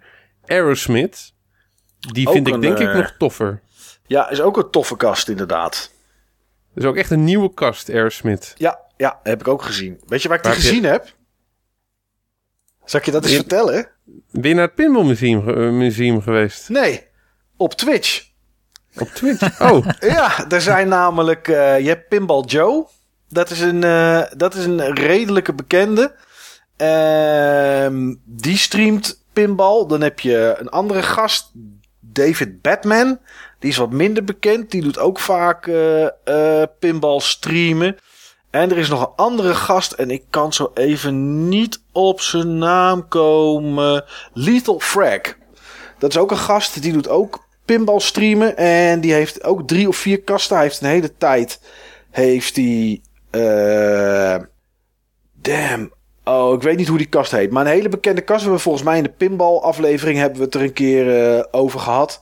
Heeft hij gestreamd? Want die kast had hij dan. Hij heeft een kast of de Adams Family. Nee, het is iets met, met monsters en zo. Eh, eh, Escape from of Attack from. eh, wat is Attack het? from Mars. Ja, volgens mij die. Volgens mij heeft hij die een hele tijd eh, gestreamd. En hij had toen ook, ehm, toen die uitkwam, de, ehm, de pinballkast van Ghostbusters 2. Of van de nieuwe Ghostbusters of zo. Ja, geen Ghostbusters, Ghostbusters. 2. Ja, met die, met die vrouwen, zeg maar. Die film die uitgekomen is vorig jaar. Dus, ehm en dat vind ik Oh, ook super tof om te kijken. pinballkast is gewoon met eh, de, de, de klassieke Ghostbusters. Oh, oké, oké. Hij, had, eh, hij had een nieuwe. En die was, eh, ja, die was best wel tof. En Star Trek heeft hij een tijd gespeeld. En dan heeft hij eh, drie camera's of zo. Hij heeft er eentje op zijn gezicht, uiteraard. Want dat maakt het soms wat leuker. Niet altijd. Eh er hangt er eentje hangt er boven het speelveld. En eentje is Ik er ben dan ik benieuwd gericht. waar die derde hangt. Die hangt, die hangt op het scorebord of op, de, of op de display, zodat je de animaties kan zien die daar gebeuren, de punten en dat soort dingen. En, en zo kan je dan naar pinball kijken. Dus Dat eh, is tof. ja. Ehm, ja, je had nog meer op je lijstje staan, Steve. Ja, wat ik ook leuk vind, dat is Fact Hunt met Guru Larry. Heb ik nog nooit van gehoord. Die heeft werkelijk waar de meest bizarre feitjes die je kan, ehm, ehm, ja, die je kan vinden. Toen ik, toevallig heb ik nu mijn YouTube aanstaan en eh, de, mijn nummer one recommendation is een nieuwe video van Guru Larry. Oké. Eh, Fact Hunt. Eh, five shocking marketing stunts that backfired. En even kijken wat andere, om gewoon eventjes wat titeltjes te geven. Top 5 offensive cheat codes. Three major gaming scandals that were buried. Four games cancelled for stupid reasons. Eh, dat soort dingen. ja. Maar trust me, als je, als, je dit, als je dit soort dingen gaat bekijken, de kans is 90% dat je er niks van wist. Oké. Waar hij het allemaal vandaan plukt, dat, ehm, dat, dat weet ik niet. Maar het is een Engelsman. Ja. Hij heeft, ook, hij heeft het ook vaak over Spectrum eh, games en dat soort dingen. Ja, het is echt heel tof. Maar hoe lang duren die video's, Steve? Want ik, ik volg bijvoorbeeld... Nee, niet meer. Heb ik een tijdje gedaan. Volgens mij heb ik het abonnement nog wel. Maar ik kijk er nooit naar. De Gaming Historian. Ik weet niet of je hem kent. Toevallig had hij vandaag een video over... Wel eens van gehoord. De, eh, Ik zal vast wel eens een keer iets van gezien hebben. Ja, nou, hij had vandaag een video over Super Mario RPG, zeg maar. Die voor de SNES uitgekomen is. Tenminste, niet hier, maar. ehm en daar vertelt hij dan over het ontstaan. En dat het slecht ging met Final Fantasy. En dat Square dat. Eh, eh, hipper wilde maken in het Westen. Dus met Nintendo samen ging werken. En dat daarom Mystic Quest ook kan- kwam. Dat was een soort makkelijkere Final Fantasy. In de hoop Ja. dat mensen langzaam op konden stappen. Ja. En, en nou, die video die duurt 15 minuten. Maar na 2,5 minuut zet ik het gewoon af. Het, het- ik heb dat, maar dat heb ik sowieso met video's op het internet. Iets op Dumpert wat een minuut duurt, duurt me eigenlijk al te lang. Dus ik heb dat denk ik ook een beetje met... eh, met Jezus, wat is er allemaal met je attention span gebeurd, joh, in de loop der jaren? ja, ik ben heel snel, ben ik, eh, nou verveeld wil het niet zeggen, maar denk ik, ja oké, nu weet ik het wel. Afgehaakt. Ja, ja, ik haak, ja, dat is, afgehaakt is een mooie term. Maar dat heb ik heel snel. Als ik ergens naar ga zitten kijken. eh, TV-series kijk ik nog heel veel hoor. Die duren 45 minuten, soms een uur. Dat kan ik prima kijken. Maar dit soort dingen, dan, eh, ja, weet ik niet. Dan denk ik, nou, ik ga wel wat anders doen. Dus ja, en terwijl ik wel naar, naar, naar 8, 9 uur naar Hearthstone kan kijken. eh dat doe ik wel vast wel wat tussendoor. Acht Maar- of negen uur. Ja, tijdens zo'n groot toernooi, zeg maar, van Blizzard. Ja, ik, het- ik vind het wel heel bijzonder, hoor. Ja. Geen, waar, geen waardeoordelen of zo, maar Nee. dat vind ik echt heel bijzonder. Dan kijk ik die matches en dan tussen de matches door, dan is er wat gepraat over de matches of doen ze interviews. Dan doe ik even iets anders op internet en dan gaat die match weer beginnen en dan ga ik kijken. Eh awesome Games Done Quick kan ik het ook mee. Eh, de Evo straks, dat fighting toernooi, kan ik ook gewoon twee uur naar Super Smash gaan zitten kijken. Terwijl ik echt helemaal niks aan die game vind. Maar ik kan er wel naar kijken op dat moment. Dus eh ja, ik weet het ook niet. Maar goed, eh, de volgende, Steve. ik weet niet waar we waren eigenlijk. Oh, bij die gast. Ik Fact moet even één feitje met jullie delen. Oké. Hoe is Doom ontstaan? Hoe is Doom ontstaan? Ja, ik heb het boek Masters of Doom gelezen, maar ik weet het niet meer. Als het er al überhaupt in stond. Ja, dat weet ik ook niet. Ja, ik mag hopen dat het eh, in een boek eh, wat specifiek over die franchise gaat, dat erin heeft gestaan. Ja, ik weet het niet. Ik, ik kan van Doom, alles verzinnen, Ja, maar... Doom was een concept wat, eh, wat eh, die gasten hadden gemaakt om een licentie binnen te halen van Aliens. Oh, oké. Dus was- Doom was... bedoeld als een Aliens game Ah, Interessant. Ja, oké. in plaats van demonen. Echt gewoon de film Aliens. Kijk, als dit soort feitjes, vijf van deze feitjes binnen een minuut zitten, Steve... dan zou ik het een topkanaal vinden. Maar waarschijnlijk doet deze video 15 minuten. Ja, zoiets. En dan gaat hij er gewoon iets uitvoeriger op in. En dan geeft hij nog meer van dat soort eh, eh, ja, Ja. feiten. En bouwt hij er ook naartoe. Ja. Sommige mensen proberen namelijk iets te zeggen. Daarom maken ze podcasts van vier uur. Ja, nee, dat begrijp ik. En ik vind het ook benoemenswaardig dat mensen zo lang naar ons kunnen luisteren, zeg maar. Eh, terwijl ik het zelf ook kan, want ik luister eh, podcasts, luister ik dan wel soms twee uur, maar dat is altijd meestal in de auto. Daar heb ik toch niks anders te doen. Maar dat is, eh, ja, Je, je kan ook gewoon een YouTube-filmpje aanzetten in de auto, hè? dat klopt. Alleen wat dan gaat gebeuren is dat ik ga zitten kijken. En dat is net even, Oh, iets, laten, te, we dat maar, laten we dat maar niet doen. dat is even iets te listig. Ja. Ja. Maar goed, dit, dit, zo'n kanaal als dit zou ik dus interessant kunnen vinden. Mits die video's dan niet 15 minuten duren, zeg maar. Maar goed, dat is, ja, dat is mijn tekortkoming Dat dan. moet iedereen voor zichzelf beslissen. Dat is sowieso waar. Ja, en voor de rest ehm, ja, heb ik ook altijd zeg maar mijn ehm, kanaal wat ik volg van mijn game of choice van dat moment. Ja. Ehm, mijn Destiny kanalen. Oké. Daar had ik echt een eh, heel rijtje van. De meeste daarvan volg ik op dit moment niet meer, omdat ik zeg maar ook niet meer echt met Disney bezig Nee. ben. Maar eh, ja, een bekende eh, zowel streamer als eh, YouTube Destiny gast. Is, My Name is Bive. En My Name is Bive, die maakt echt hele goede Destiny content. Ehm, die probeert ook zeg maar alle lore die er is ehm, met behulp van, ehm, van zijn Patreon kanaal uit te beelden tot filmpjes. Die huurt zeg maar ehm, ja, allemaal artists in die dan muzie- eh, zowel muziek als eh, tekeningen maken die hij, die hij dan animeert eh, of laat animeren om zeg maar eigenlijk in te gaan op allemaal Destiny lore. Die, die kerel die maakt gewoon het verhaal van Destiny wat Destiny zelf niet heeft. Ja. Ja, Dat maakt- alleen maar zeg maar in al die in allemaal dagboek entries eh, staat.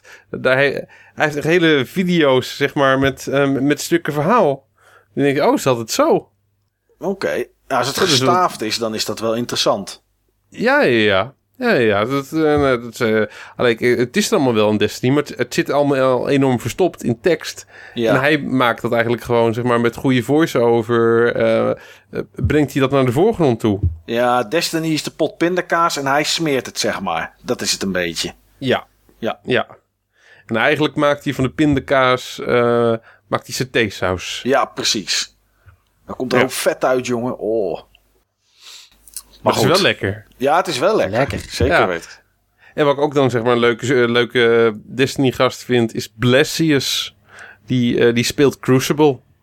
PvP. Ah, Oké. Daar zit ja. ik dan wel eens te kijken en hij brengt dat gewoon echt heel erg leuk.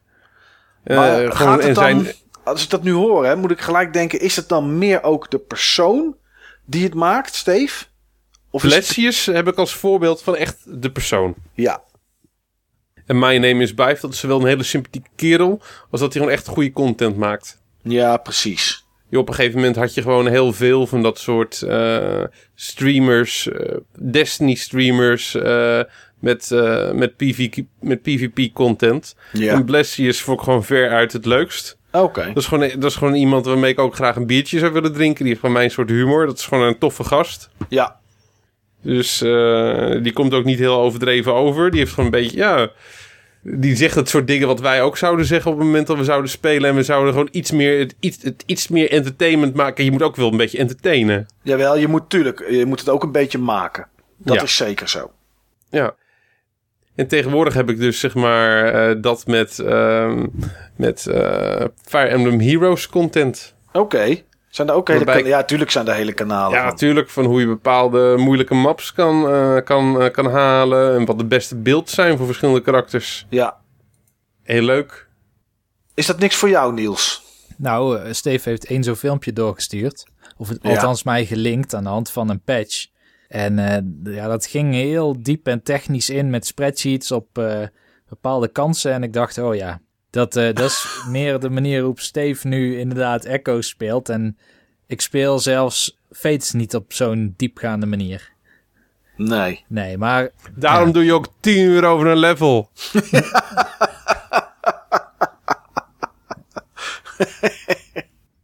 Ja. Wat Dat wel kan. grappig is, wat Steve net noemde van die persoon die dan de lore zeg maar toegankelijk maakt voor mensen Ja. die zich daarin willen verdiepen. Dat kwam ik dus laatst ook bij, eh, bij eh, Fire Emblem, Emblem tegen, want je hebt een Tof is dat, hè? YouTuber en die heet Mangs. En ehm, ja, Fire Emblem heeft heel veel karakters, maar al die karakters hebben een best wel uitgebreid achtergrondverhaal. En dat achtergrondverhaal zit grotendeels versnipperd in alle conversaties die je met alle andere karakters kan hebben als je alle supports ook zou levelen. En het is wel tof dat je dan in ieder geval een karakter beter leert kennen zonder dat je inderdaad, wat zal het, 100 uur voor één karakter hebt hoeven spelen. Ja. Ja, dat is tof. Als al die sport eh, conversations dan eh, naar voren trekken. Ja, samenvoegen als één groot Ja. verhaal. Ja, ja dat, is, dat is tof. Als mensen gewoon die effort eh, maken. Ja, Nee, de enige video's waar ik wel eens eh, een lore van heb bekeken is bijvoorbeeld eh, eh, Dark Souls. Ja, weet je, daar zit zoveel, daar zit zoveel lore in wat ik toch niet aan elkaar geknoopt krijg eh, met mijn, eh, met mijn korte aandachtspannen, zeg maar.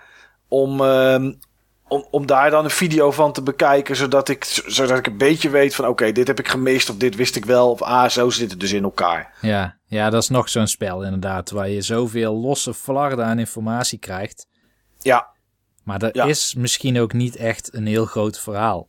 Althans, die Miyazaki die heeft een keer gezegd dat hij geïnspireerd was door H.P. Lovecraft. Maar hij kon geen Engels, dus hij snapte maar hele kleine stukjes.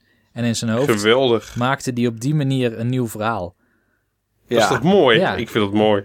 Nou ja, kijk, in principe in de basis gaat het bij Dark Souls natuurlijk over... vlam is uit, vlam gaat weer aan, daarom komen de wezens. Maar als vlammen uitgaan, ja, dan, uh, dan leeft er niks meer op de wereld. Dus ja, laat je de vlam aan of laat je hem uit. En als je aan het einde van deel 1 kiest om de vlam uit te maken... Ah, dan is er in deel 2 op, op een of andere magische manier... is de vlam toch weer opnieuw aangewakkerd. Ja.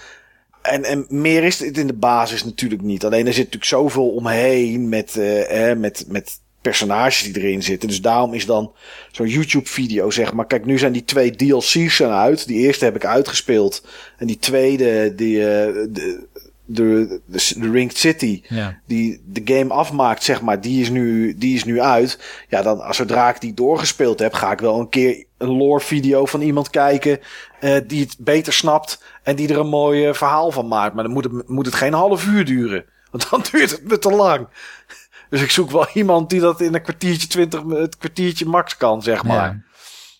Dus, uh, maar eentje om, die, die ik nogal volg, maar nou, misschien één keer in de drie maanden eens kijken als ik toevallig even niks te doen heb, is Metal Jesus Rocks. Ja, die uh, had ik ook nog op mijn lijstje. Ja. En uh, vind ik ook niet alles van leuk. Soms doet hij uh, uh, ja, tien video's of tien games die, die je echt moet hebben voor de Wii. Of een Hidden Gems voor de PlayStation 1. Of wat dan ook.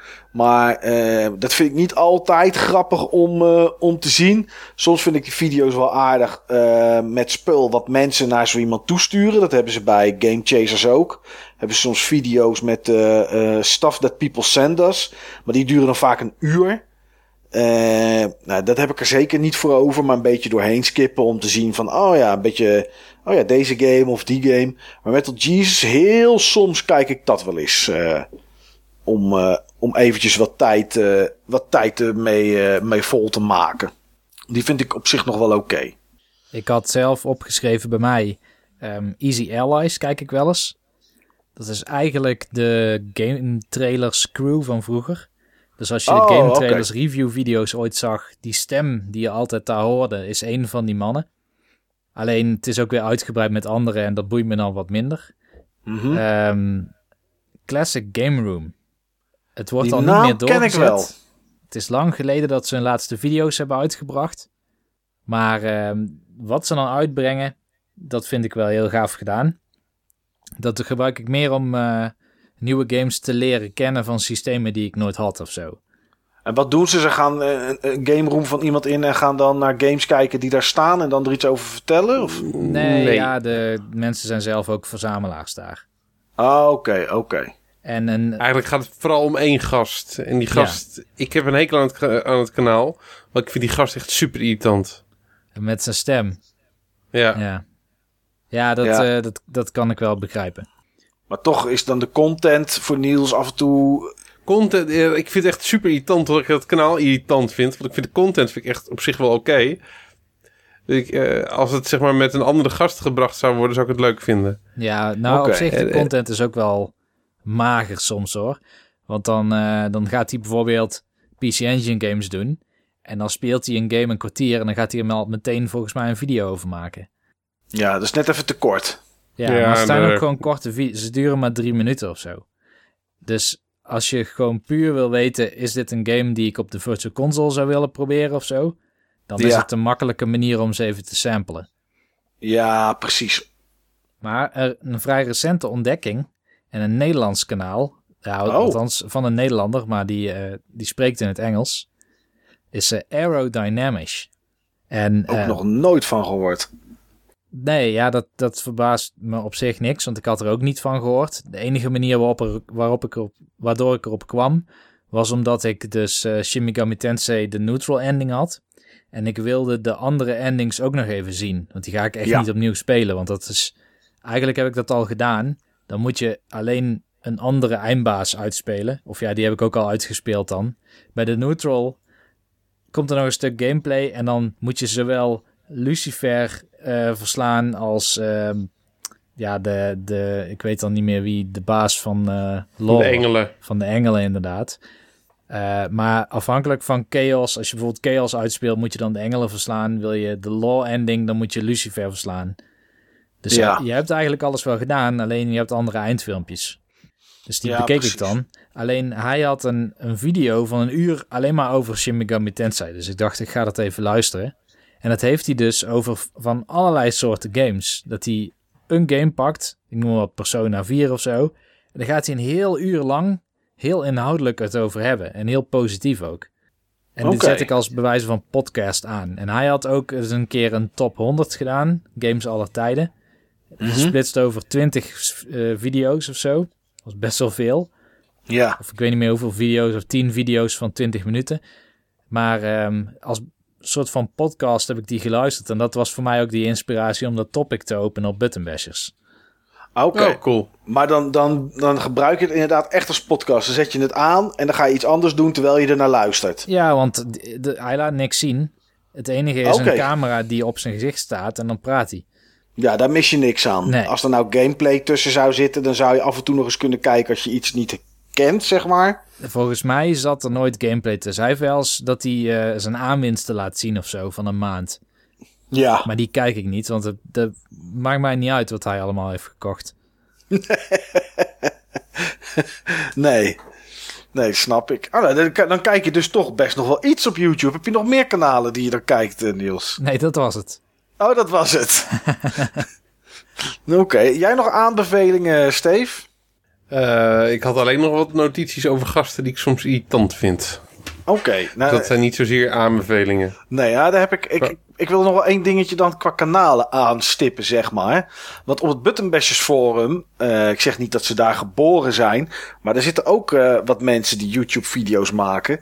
Um, en die wil ik toch in ieder geval even genoemd hebben. De, de Fistbump Brothers, die deden het al eerder, maar die plaatsen hun video's als ze nieuw hebben altijd bij ons op het forum. Ja, er zitten uh, soms wel leuke items tussen ook. Oké. Ik ben blij dat er iemand is die dat wel leuk vindt. Um, dan is er deze gasten. Dat is iets nieuws van dezelfde. Ja, niet helemaal. Volgens mij zitten er één of twee andere bij. En de Burgerbroeders. Ja, en Extra Lars. Oh ja, Extra Lars. Maar die, die doet volgens mij niet zoveel meer. Uh... Nee, dat is volgens mij afgeremd, ja. Ja. Die was iets met. Uh, ik dacht dat hij. Pokémon. Ja, en reviews aan het doen was. En toen kon je volgens mij... Let's Plays, Let's Plays en reviews ja, volgens mij. Ja, ja. ja, ja klopt. Burgerbroeders, um, ja, volgens mij luistert er ook worst ook naar de podcast. Ja, ik uh, ga het ook gewoon eerlijk zeggen hoor. Die, uh, die, die kijk ik niet meer. nou, Burgerbroeders, ik vind... Ik vind die stemmen van die twee wel uh, leuk, zeg maar. Ik vind het wel een leuk duo qua personen. Ja. Maar Um, en het is, heeft niks met rookworst te maken, maar gewoon met mijn YouTube en attention span aan zich. Hmm. Uh, een video van 20 minuten kijk ik er twee van. Laatst gingen ze vijf PC Engine games spelen die ze, die ze nog nooit hadden gespeeld. En dan ben ik eigenlijk alleen benieuwd naar welke games het zijn. En toen dacht ik, hey, deze heb ik bij Steve gespeeld. Uh, van een van die games. En dan skip ik er doorheen en dan kijk ik echt maar twee minuten. En uh, zoals ik zei, heeft dat niks met rookworst te maken en met die, met die andere gast. Maar uh, ja, dat is puur omdat gewoon dat format me niet trekt. Nee, ja, kijk, ik vind zijn oude video's vond ik leuk. Met name die, uh, die uh, Super Mario Maker video. Ja. Die vond ik heel erg gaaf gedaan. En dan, dan zie je hem ook het level leren en daar commentaar op geven. Ja. Maar volgens mij hebben ze toen ook nog Asterix en Obelix gereviewd. Dat zou kunnen. De, in de recentere video's, zoals inderdaad die, die PC Engine game, dan hebben ze min of meer de audio gewoon opgenomen. Terwijl ze die game dan aan het spelen zijn. Dus er wordt niet veel gezegd, maar vooral veel grappiger. Maar eigenlijk wat ik zei dat het mij zo irriteerde aan uh, die Twitch-video's. Ja. Daar hebben ze dan nou zeg maar een YouTube-kanaal van gemaakt.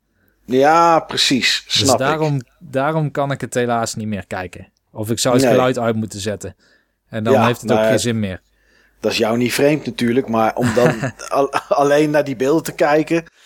Ja, nou ja, dat heb ik. Wat ik zei met heel veel met te populair doen, is wat ik heb met Fistbump Brothers. Dat vind ik, eh, dat, dat, ik vind dat te populair doen vaak. Ja, maar het- ja, oké, ik, ik begrijp wel wat je bedoelt. Maar eh, Ja. ik, ik pak de humor op zich wel. En het ligt er wel zo dik bovenop. Dat doet het ook. Ik, ik snap dat mensen het leuk vinden. Ik vind het zelf ook niet zo. nee, ik, Maar eh, prima hoor, als mensen dat, eh, dat, willen maken en die voor. stijl willen hanteren, prima. overal is publiek voor en dat, en dat mag ook. Ik bedoel, ik snap ook dat mensen niet naar Twitch kunnen kijken, zeg maar. Eh, Ja. Snap ik ook. En eh, omdat we toch richting het einde gaan, wil ik dan nog wel even één. Ja, dat is zeg maar een soort. Is het guilty pleasure? Nou, ik weet niet. Eén, één Twitch-kanaal waarvan Niels er wel iemand zit die continu uitlegt waarom die het doet en wat hij doet, Ja, eh, is Thijs.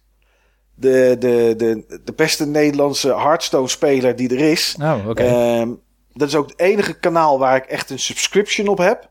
Want je kan, je, wel, je kan een kanaal wel volgen op Twitch. Net zoals je een abonnement kan nemen op YouTube. Maar je kan er ook betalen, zeg maar. En je krijgt er niks meer voor. Ja, een paar emotes die, eh, eh, die, die van dat kanaal zijn. Dus eigenlijk voor de rest niks bijzonders. Maar eh Thijs doe ik wel. Dat doe ik nu al bijna een jaar, denk ik volgens mij. Mhm. Het kost 4,99 per maand.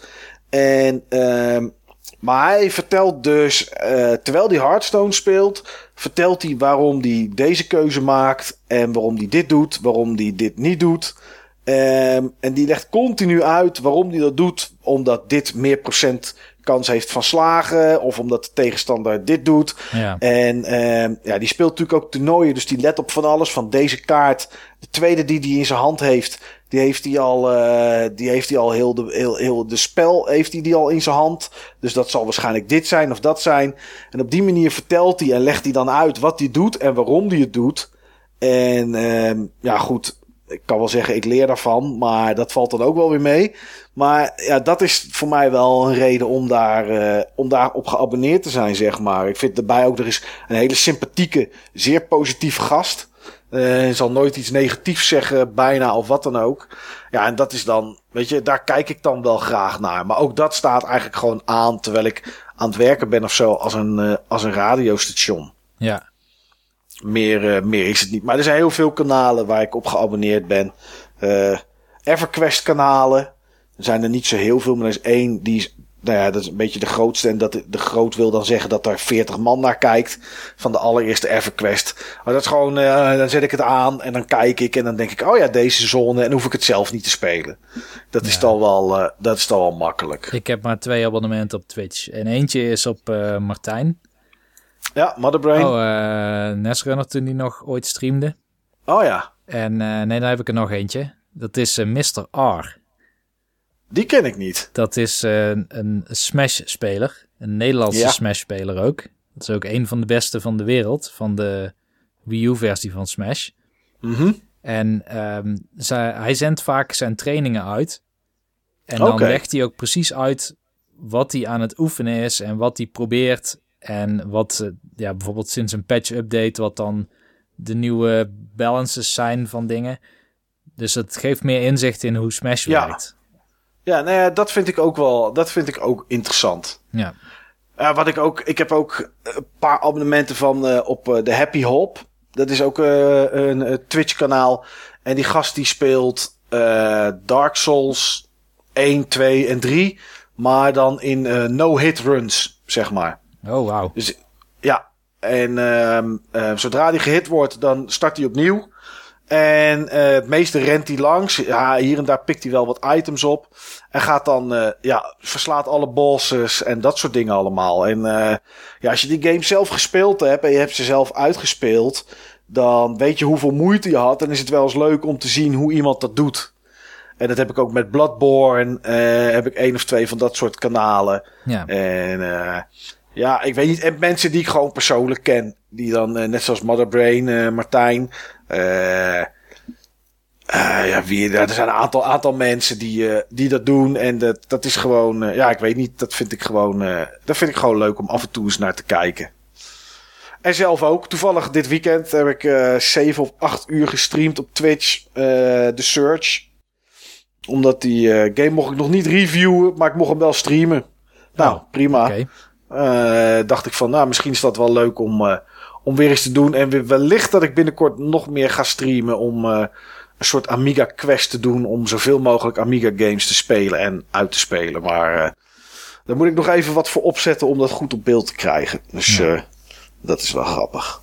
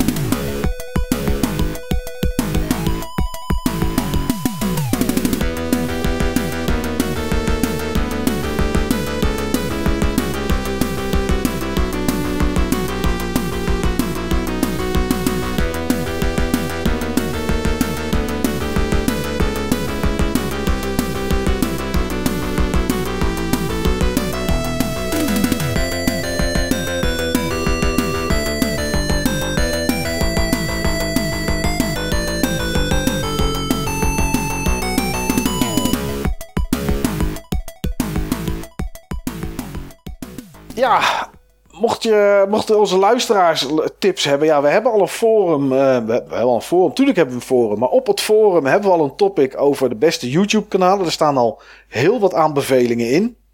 Ehm, best wel heel erg veel. Wellicht als je, als je nu zit te luisteren en denkt... ik zou wel wat meer kanalen willen hebben die eh, interessante content hebben. Nou, kijk eens in dat topic. Ehm, Twitch, ja goed, dat is eh, vrij makkelijk. Twitch.tv. En eh, je kan zoeken op een game. eh, en je krijgt er eh, kanalen bij die het uitzenden. Er is altijd wel iemand ergens die iets aan het spelen is. ehm, van, van die game die je zoekt. Dus dat is, dat is ook wel interessant. Of mocht je zelf nog leuke aanbevelingen hebben, ja, moet het maar laten weten, Niels. Misschien zit er nog iets voor je bij. Ja. Ja. nou, Misschien. misschien. is het, misschien is het heel knap als iemand iets vindt wat echt iets voor je is. Dan, eh, dan, zou, dat wel, eh, dan zou dat wel interessant zijn. Ja. Nou, ik wil in ieder geval iedereen bedanken voor het luisteren van deze toch wel lange aflevering. Ondanks dat het vooral kwam door, eh, ja, doordat we eventjes wat, eh, wat weken ertussen hadden. Dus eh, Koningsdag hadden veel games gespeeld. En eh, ja, dan eh, wordt het eh, vaak een iets langere, iets langere aflevering. Ik hoop dat we niet te populair hebben gedaan. Dat dat mensen afschrikt. Eh, en dat we interessante informatie hebben gegeven. En dat iedereen eh, bij aflevering 75... eh, 75 is de volgende, Ja. Niels. Jeetje, dat is wel een beetje een jubileumnummertje. Nee, 100. Oh, oké. Ja, 75 is, eh, is zeker een mooi nummer. Maar Ja. ja. we hebben eigenlijk geen plannen. Nee, nee, het wordt gewoon een normale... eh, nou ja, als het normaal te noemen is. Het wordt gewoon een normale uitzending. Ja, maar wel een Ja. mooie. De- je hebt veel games, hè? Want je schuift nu twee games door. Ja, ik schuif de Search schuif ik door. En Little Nightmares schuif ik door. Eh Hearthstone heeft een nieuwe uitbreiding gekregen, waardoor het echt heel interessant is. Ehm, ja, en tot die tijd komen er vast nog wel nieuwe games uit. Dus ehm, ja, dat gaan, we, dat gaan we de volgende keer doen. Goed, iedereen heel erg bedankt voor het luisteren. En eh, ja, zoek ons op www.button-bashers.nl. Daar, eh, daar zijn wij eh, op te vinden. Of gewoon www.buttonbashers.nl. Dat kan ook. Dan kom je ook op het forum uit. En eh, nou ja, ik kan alleen maar zeggen tot de volgende keer.